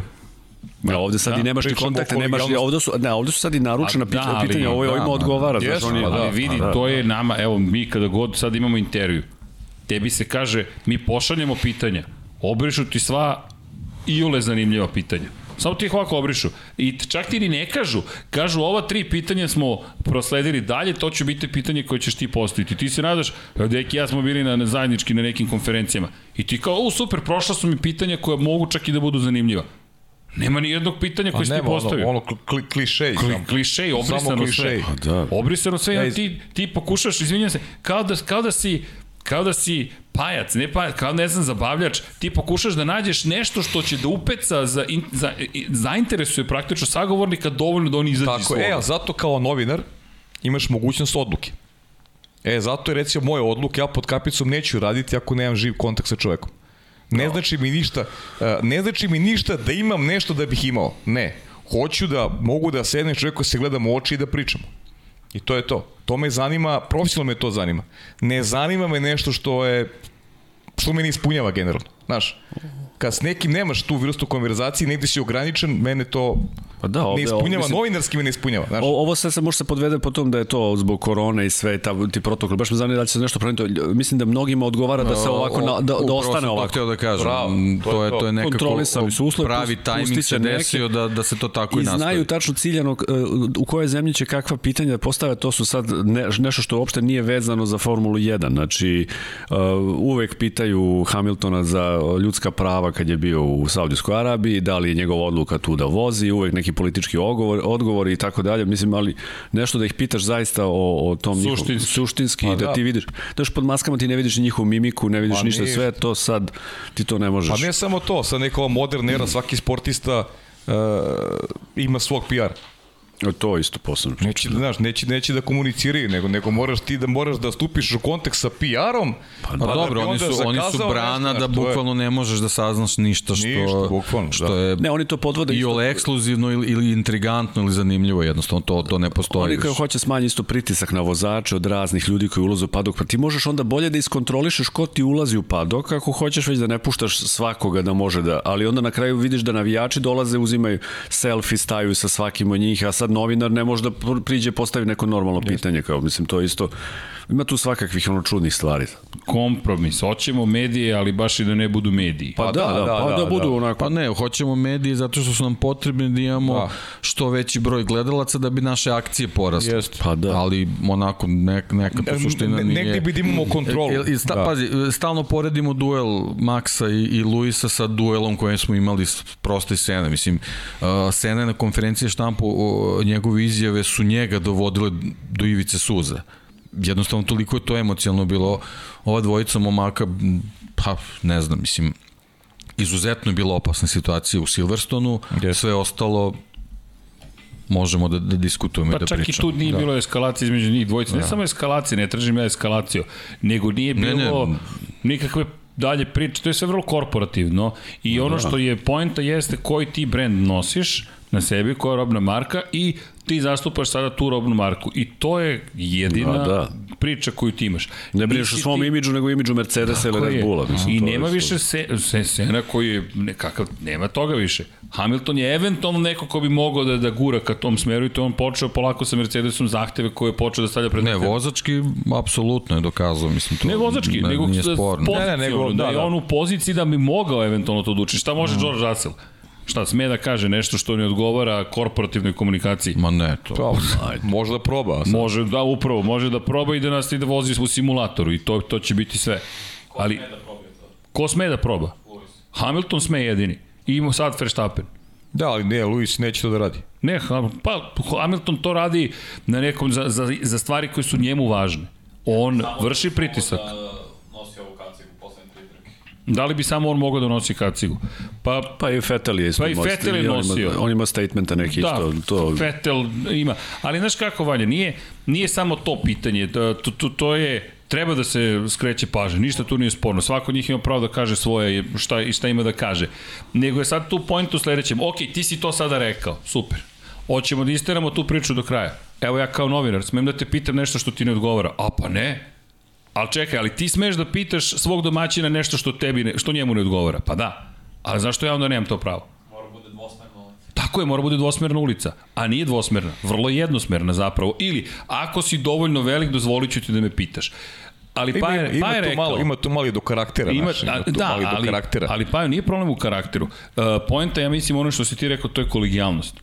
Znaš, to ti je kao i uvek Ako mi ne kažemo plaži, nećemo s tom da pričam. Me, meni, na, nama je svojebrano Andreja Janone ne znam, ušli smo u pogrešno domaćinstvo, ušli smo u Dukatijevo domaćinstvo, umesto u Marlboro domaćinstvo i stojimo tu, čekamo intervju sa Andrejom Janonem u Moto Grand Prix-u, čekamo, čekamo zove njegov PR i kaže gde ste, pa kao, evo nas u domaćinstvu, ja ne, treba, ne ja, nego ne, treba da budete u drugom domaćinstvu, koje je tu pored. Dakle, pazi, to je greška, ali to nije namera, nismo mi kasnili, mi smo bili u domaćinstvu Ducatija. Kao ne, treba da dođete u domaćinstvo Filip Morisa. To je ova vrata, ova vrata. Mi izlazimo sa opremom i, i idemo ka njemu, imamo 15-minutni intervju, 4 minuta u tom trenutku mi zvanično kasnimo, ali tako? Andreja on je samo odjurio i rekao, ne, s vama ne razgovaram. Bukvalno, to je bio njegov odgovor, dogovor redakcije i uredništva sport kluba kad smo se mi vratili. Ja sam rekao, moj predlog je da mi, ako ikad više, ako zakasni none, mi napuštamo taj intervju. Moraš da imaš iste kriterijume. Izvini, ne možeš ti tako da se ponašaš. Rossi se tako ne ponaša, Marquez se tako ne ponaša, tako se ne ponaša. To se dešava. Desilo se, ali nismo mi kasnili, mi smo bili na pogrešnom mestu. Zašto? Pa komunikacija je bila sa Ducatim, nije bila s Filip Morrisom. Kako smo mi mogli da znamo treba da uđemo u domaćinstvo Filip Morris? Nigde ne piše. Desilo se, ali ti moraš da imaš neku vrstu kolegijalnosti. Ne, on je hteo da bude velika zvezda. Sad ga nema nigde. Okej, okay, ali ako sutra mediji kažu važi, vi tako pričate s nama, da, zašli smo neku sve. temu koja da, je jeste, baš ali, kompleksna okay. i ali a, danas je to, naš, gledanje šire slike, to je baš onako teška disciplina, ono ljudi Dobro, ali sve ovo što, što je Srđan sad ispričao jednostavno je dovelo do ove situacije koje smo imali ove sezone u Formuli 1. Znaš, zamisli samo da... Niko da... sa strane nije dobio priliku da sa direktnim akterima razgovara o tome šta se sve dešava. Ni, Nego su oni neće bukvalno tako. Neće režirali čitavu pa, priču. Da. Tako da... I nema teških pitanja. Ti inače si persona non grata. Ali mi ćemo da ti doziramo u prenosu, da, da ti kuvamo tako nekim dijalozima pa, zanimljivo da izabranim. Posle da. cele preskonferencije koja traje 3,5 sata da imaš 20 vozača, jedini headline bude ono Hamilton je rekao da ljudska prava, nešto parafraziraću u Saudijskoj Arabiji nisu, ali nije moja odluka, sport me doveo ovde, ja ću da vozim, ali sam protiv bla bla bla. Pa sve okej. Okay. I svi su to izvukli, to je bio jedini naslov. Neka svi se, su isti. Pa da, i to svako ima pravo da se da da da da da, da iznese svoj mišljenje, svoj stav. Nema problema, ali ako ti ukineš drugima to isto pravo sa sam, sa tobom, pa u čemu je razlika onda? Mislim, u čemu je razlika? Ni to nema veze sa Hamiltonom, to ima veze sa korporativnom situacijom. Pa, da koja je preuzela zapravo ali što kaže pa smo mi u kompleksnu kompleksnu priču. Jednostavno ko, komercijalizacija ima prednost ima mani. To je ono što ti pričaš o Moto Grand Prix kada će kada će doći do kritične tačke kada je preterana komercijalizacija? Jer onda sve pada u vodu. Onda zaista postaje sintetik i ti prestaješ da gubiš ljude dobijaš zapravo proizvode i svi se izražavaju imam novi proizvod za vas. Nemojte molim vas dajte da budemo malo ljudi. Ne pro... pa ne stvarno sve se svelo na proizvod Znaš, ti ne kažeš objavili smo knjigu, nego naš novi proizvod. Nije ovo naš proizvod, ovo je strast prema, prema nečemu, prema Formuli 1, prema knjigama, da deki sedne da napiše, da se to objavi, to nije proizvod. Ako gledaš samo kao proizvod, u problemu smo, ali što kaže, pa odu smo mi, u Witching Hour, ušli smo, ili ponoć prošla, čekaj. Yes. Pa zato, zato, Baš smo, po, zato smo svi pošašavili. Idemo, ali, ovaj, šta ćemo onda? Znači, sledeće nedelje idemo u drugi deo sezone, a? Pa, rekao ja, bih letnja da. pauza sad to, da. sledi, da. nova godina, pa... Pauza druga, letnja pauza. Znači, sledeće godine ćemo da završimo uh, vidi. sezonu. pa, do godine u podcastu. Vidimo se do godine da. u podcastu. U stvari, vas dvojite ste i sutra tu. Mi smo sutra. Mi smo ovde, mi danas, smo bili u subotu. Mi smo danas tu, da. Dobro, ja sam, ja Vi ste budućnost. Jesi nas pratio? Uvek. Šta? James Webb, što smo lansirali svemirski telefon. Jesam, jesam, jesam. A, to, yes. pa je, pa je lobira yes, za nas da nas prenose na TV-u. Pa ja sam to rekao davno i to je zaista nešto što bi onako bilo poprilično spektakularno. Pa mi Meni, smo srećni kad Da se ja radimo. pitam odavno bi to već bilo na TV-u. Da. Ali, ali, ali nije. Elem, ima neko neko pitanje? Nema se neka pitanja? Nema pitanja? Pa nema pitanja, pitanja ćemo dostimo za sledeći utrk. Dakle, da li možemo sada da najavimo nastavak? Pa da, Sledećeg Ako nemate šta da radite 5. januara. Udrite like. Tako je. udrite like, Okupit udrite subscribe. Se, družit ćemo join. se. Četvrtoga? Četvrtoga, četvrtog. Četvrtog, četvrtog, četvrtog, četvrtog januara. Deki je već i peti u glavi, da, i četvrti, da. i peti. Okay. Elem, dakle, da, pozdrav inače, e, za sve koji su i dalje sa nama. Veliki pozdrav. Naravno. I danas kaže, evo, vidi se, u svakom slučaju... Ljudi, lepo se odmorite, da. lepo se provedite sada za praznike. Mi ćemo to sutra Što bi da rekao kažem. Srki, volite se, mladite se, pazite se i družimo se 4. januara. Mislim da je Andrej otkrio novu igračku, a to je da ćemo sledeće nedelje... Ćemo se voziti. E, baterije su izvađene na punjenju su. Ali namestit ćemo, nema ništa da brineš ako hoćeš za sledeću nedelju. Šta? propade mi. Pri, propade, da. Srki preporuka da pogledaš film Don't Look Up, Nele Don. Pogledao film bez brige, dakle, Da, dosta je otišlo, banalizovali su malo, ali nažalost ne bi me začudilo da se neke stvari desi. U svakom slučaju, evo imaš pozdrave, imaš pozdrave Pajo, odjavio Paje emisiju, ajmo ljudi, seci, gotovo, kraj. Motaj Što se Paje tiče, odjavi godinu, mi ćemo sutra. Ej, čekaj, da, ajmo, ja, ja, ja ajmo, da odjavimo, ajmo da odjavimo godinu za one koji vole uh, Formulu 1. Ljudi, uh, mi se družimo u Moto Grand Prix, možda još se nešto desi 99 yardi svakako, ali ako mogu da zlopotrebim situaciju, pa jo, prvo hvala. Za sve. Bukvalno. O, hvala i tebi. Što ne, ne, hvala. I za jubileje ove godine. I za da, sve, nešto. za sve. I baš je, baš je lepo bilo raditi ovo Za jubileje, za kišu. Za kišu, da, za Belgiju, Belgiju. Belgiju kako to ćemo sledeće posebno. A ne, ne, samo hoću ti kažem hvala. Pa Želim ti srećne praznike da uživaš. Takođe. Deki, hvala. Za bukvalno Hvala sve. Vama. Ne. Volim ja vas. Da, da, prva knjiga ikada izdata u izdanju Infinity Light, objavljena u izdanju Infinity Lighthouse-a, Biblioteka Lab 76, Schumacher crveno i crno. Ej, ja sam ponosan i hvala ti što si pristao da to bude tvoja knjiga od sveg srca. Zaista meni je ovo bila baš dirljiva godina iz te perspektive, znamo se milijardu godina, da mi neko rekao objavit ćete knjigu u izdavačkoj kući koju smo sami osmislili slične stvari, ne bih mu verovao, iskreno, ali trebalo bi. Andrej, hvala tebi za moje zadovoljstvo. Sve. Ne, za svaki trenutak, za svaku fotografiju, za svaku nalepnicu na stazi. Vanja, Hvala ti, tebi ću se još zahvaljivati. I Andrija, ako misliš da će se izvuče sledeći put kad si tu da, znaš. Ne, ne, ti si već najavljen, odmah da znaš, taj popis je urezan, znači četvrtog, na tvoju četvrtog žalost. si tu da, znaš. Na tvoju žalost, ali... Kome je vukao za jezik? Ali će biti baterije, ono. Hoće, biće, biće da, baterije, dobit ćeš i Lego, nemoj ništa da brineš, znači sve će biti spremno.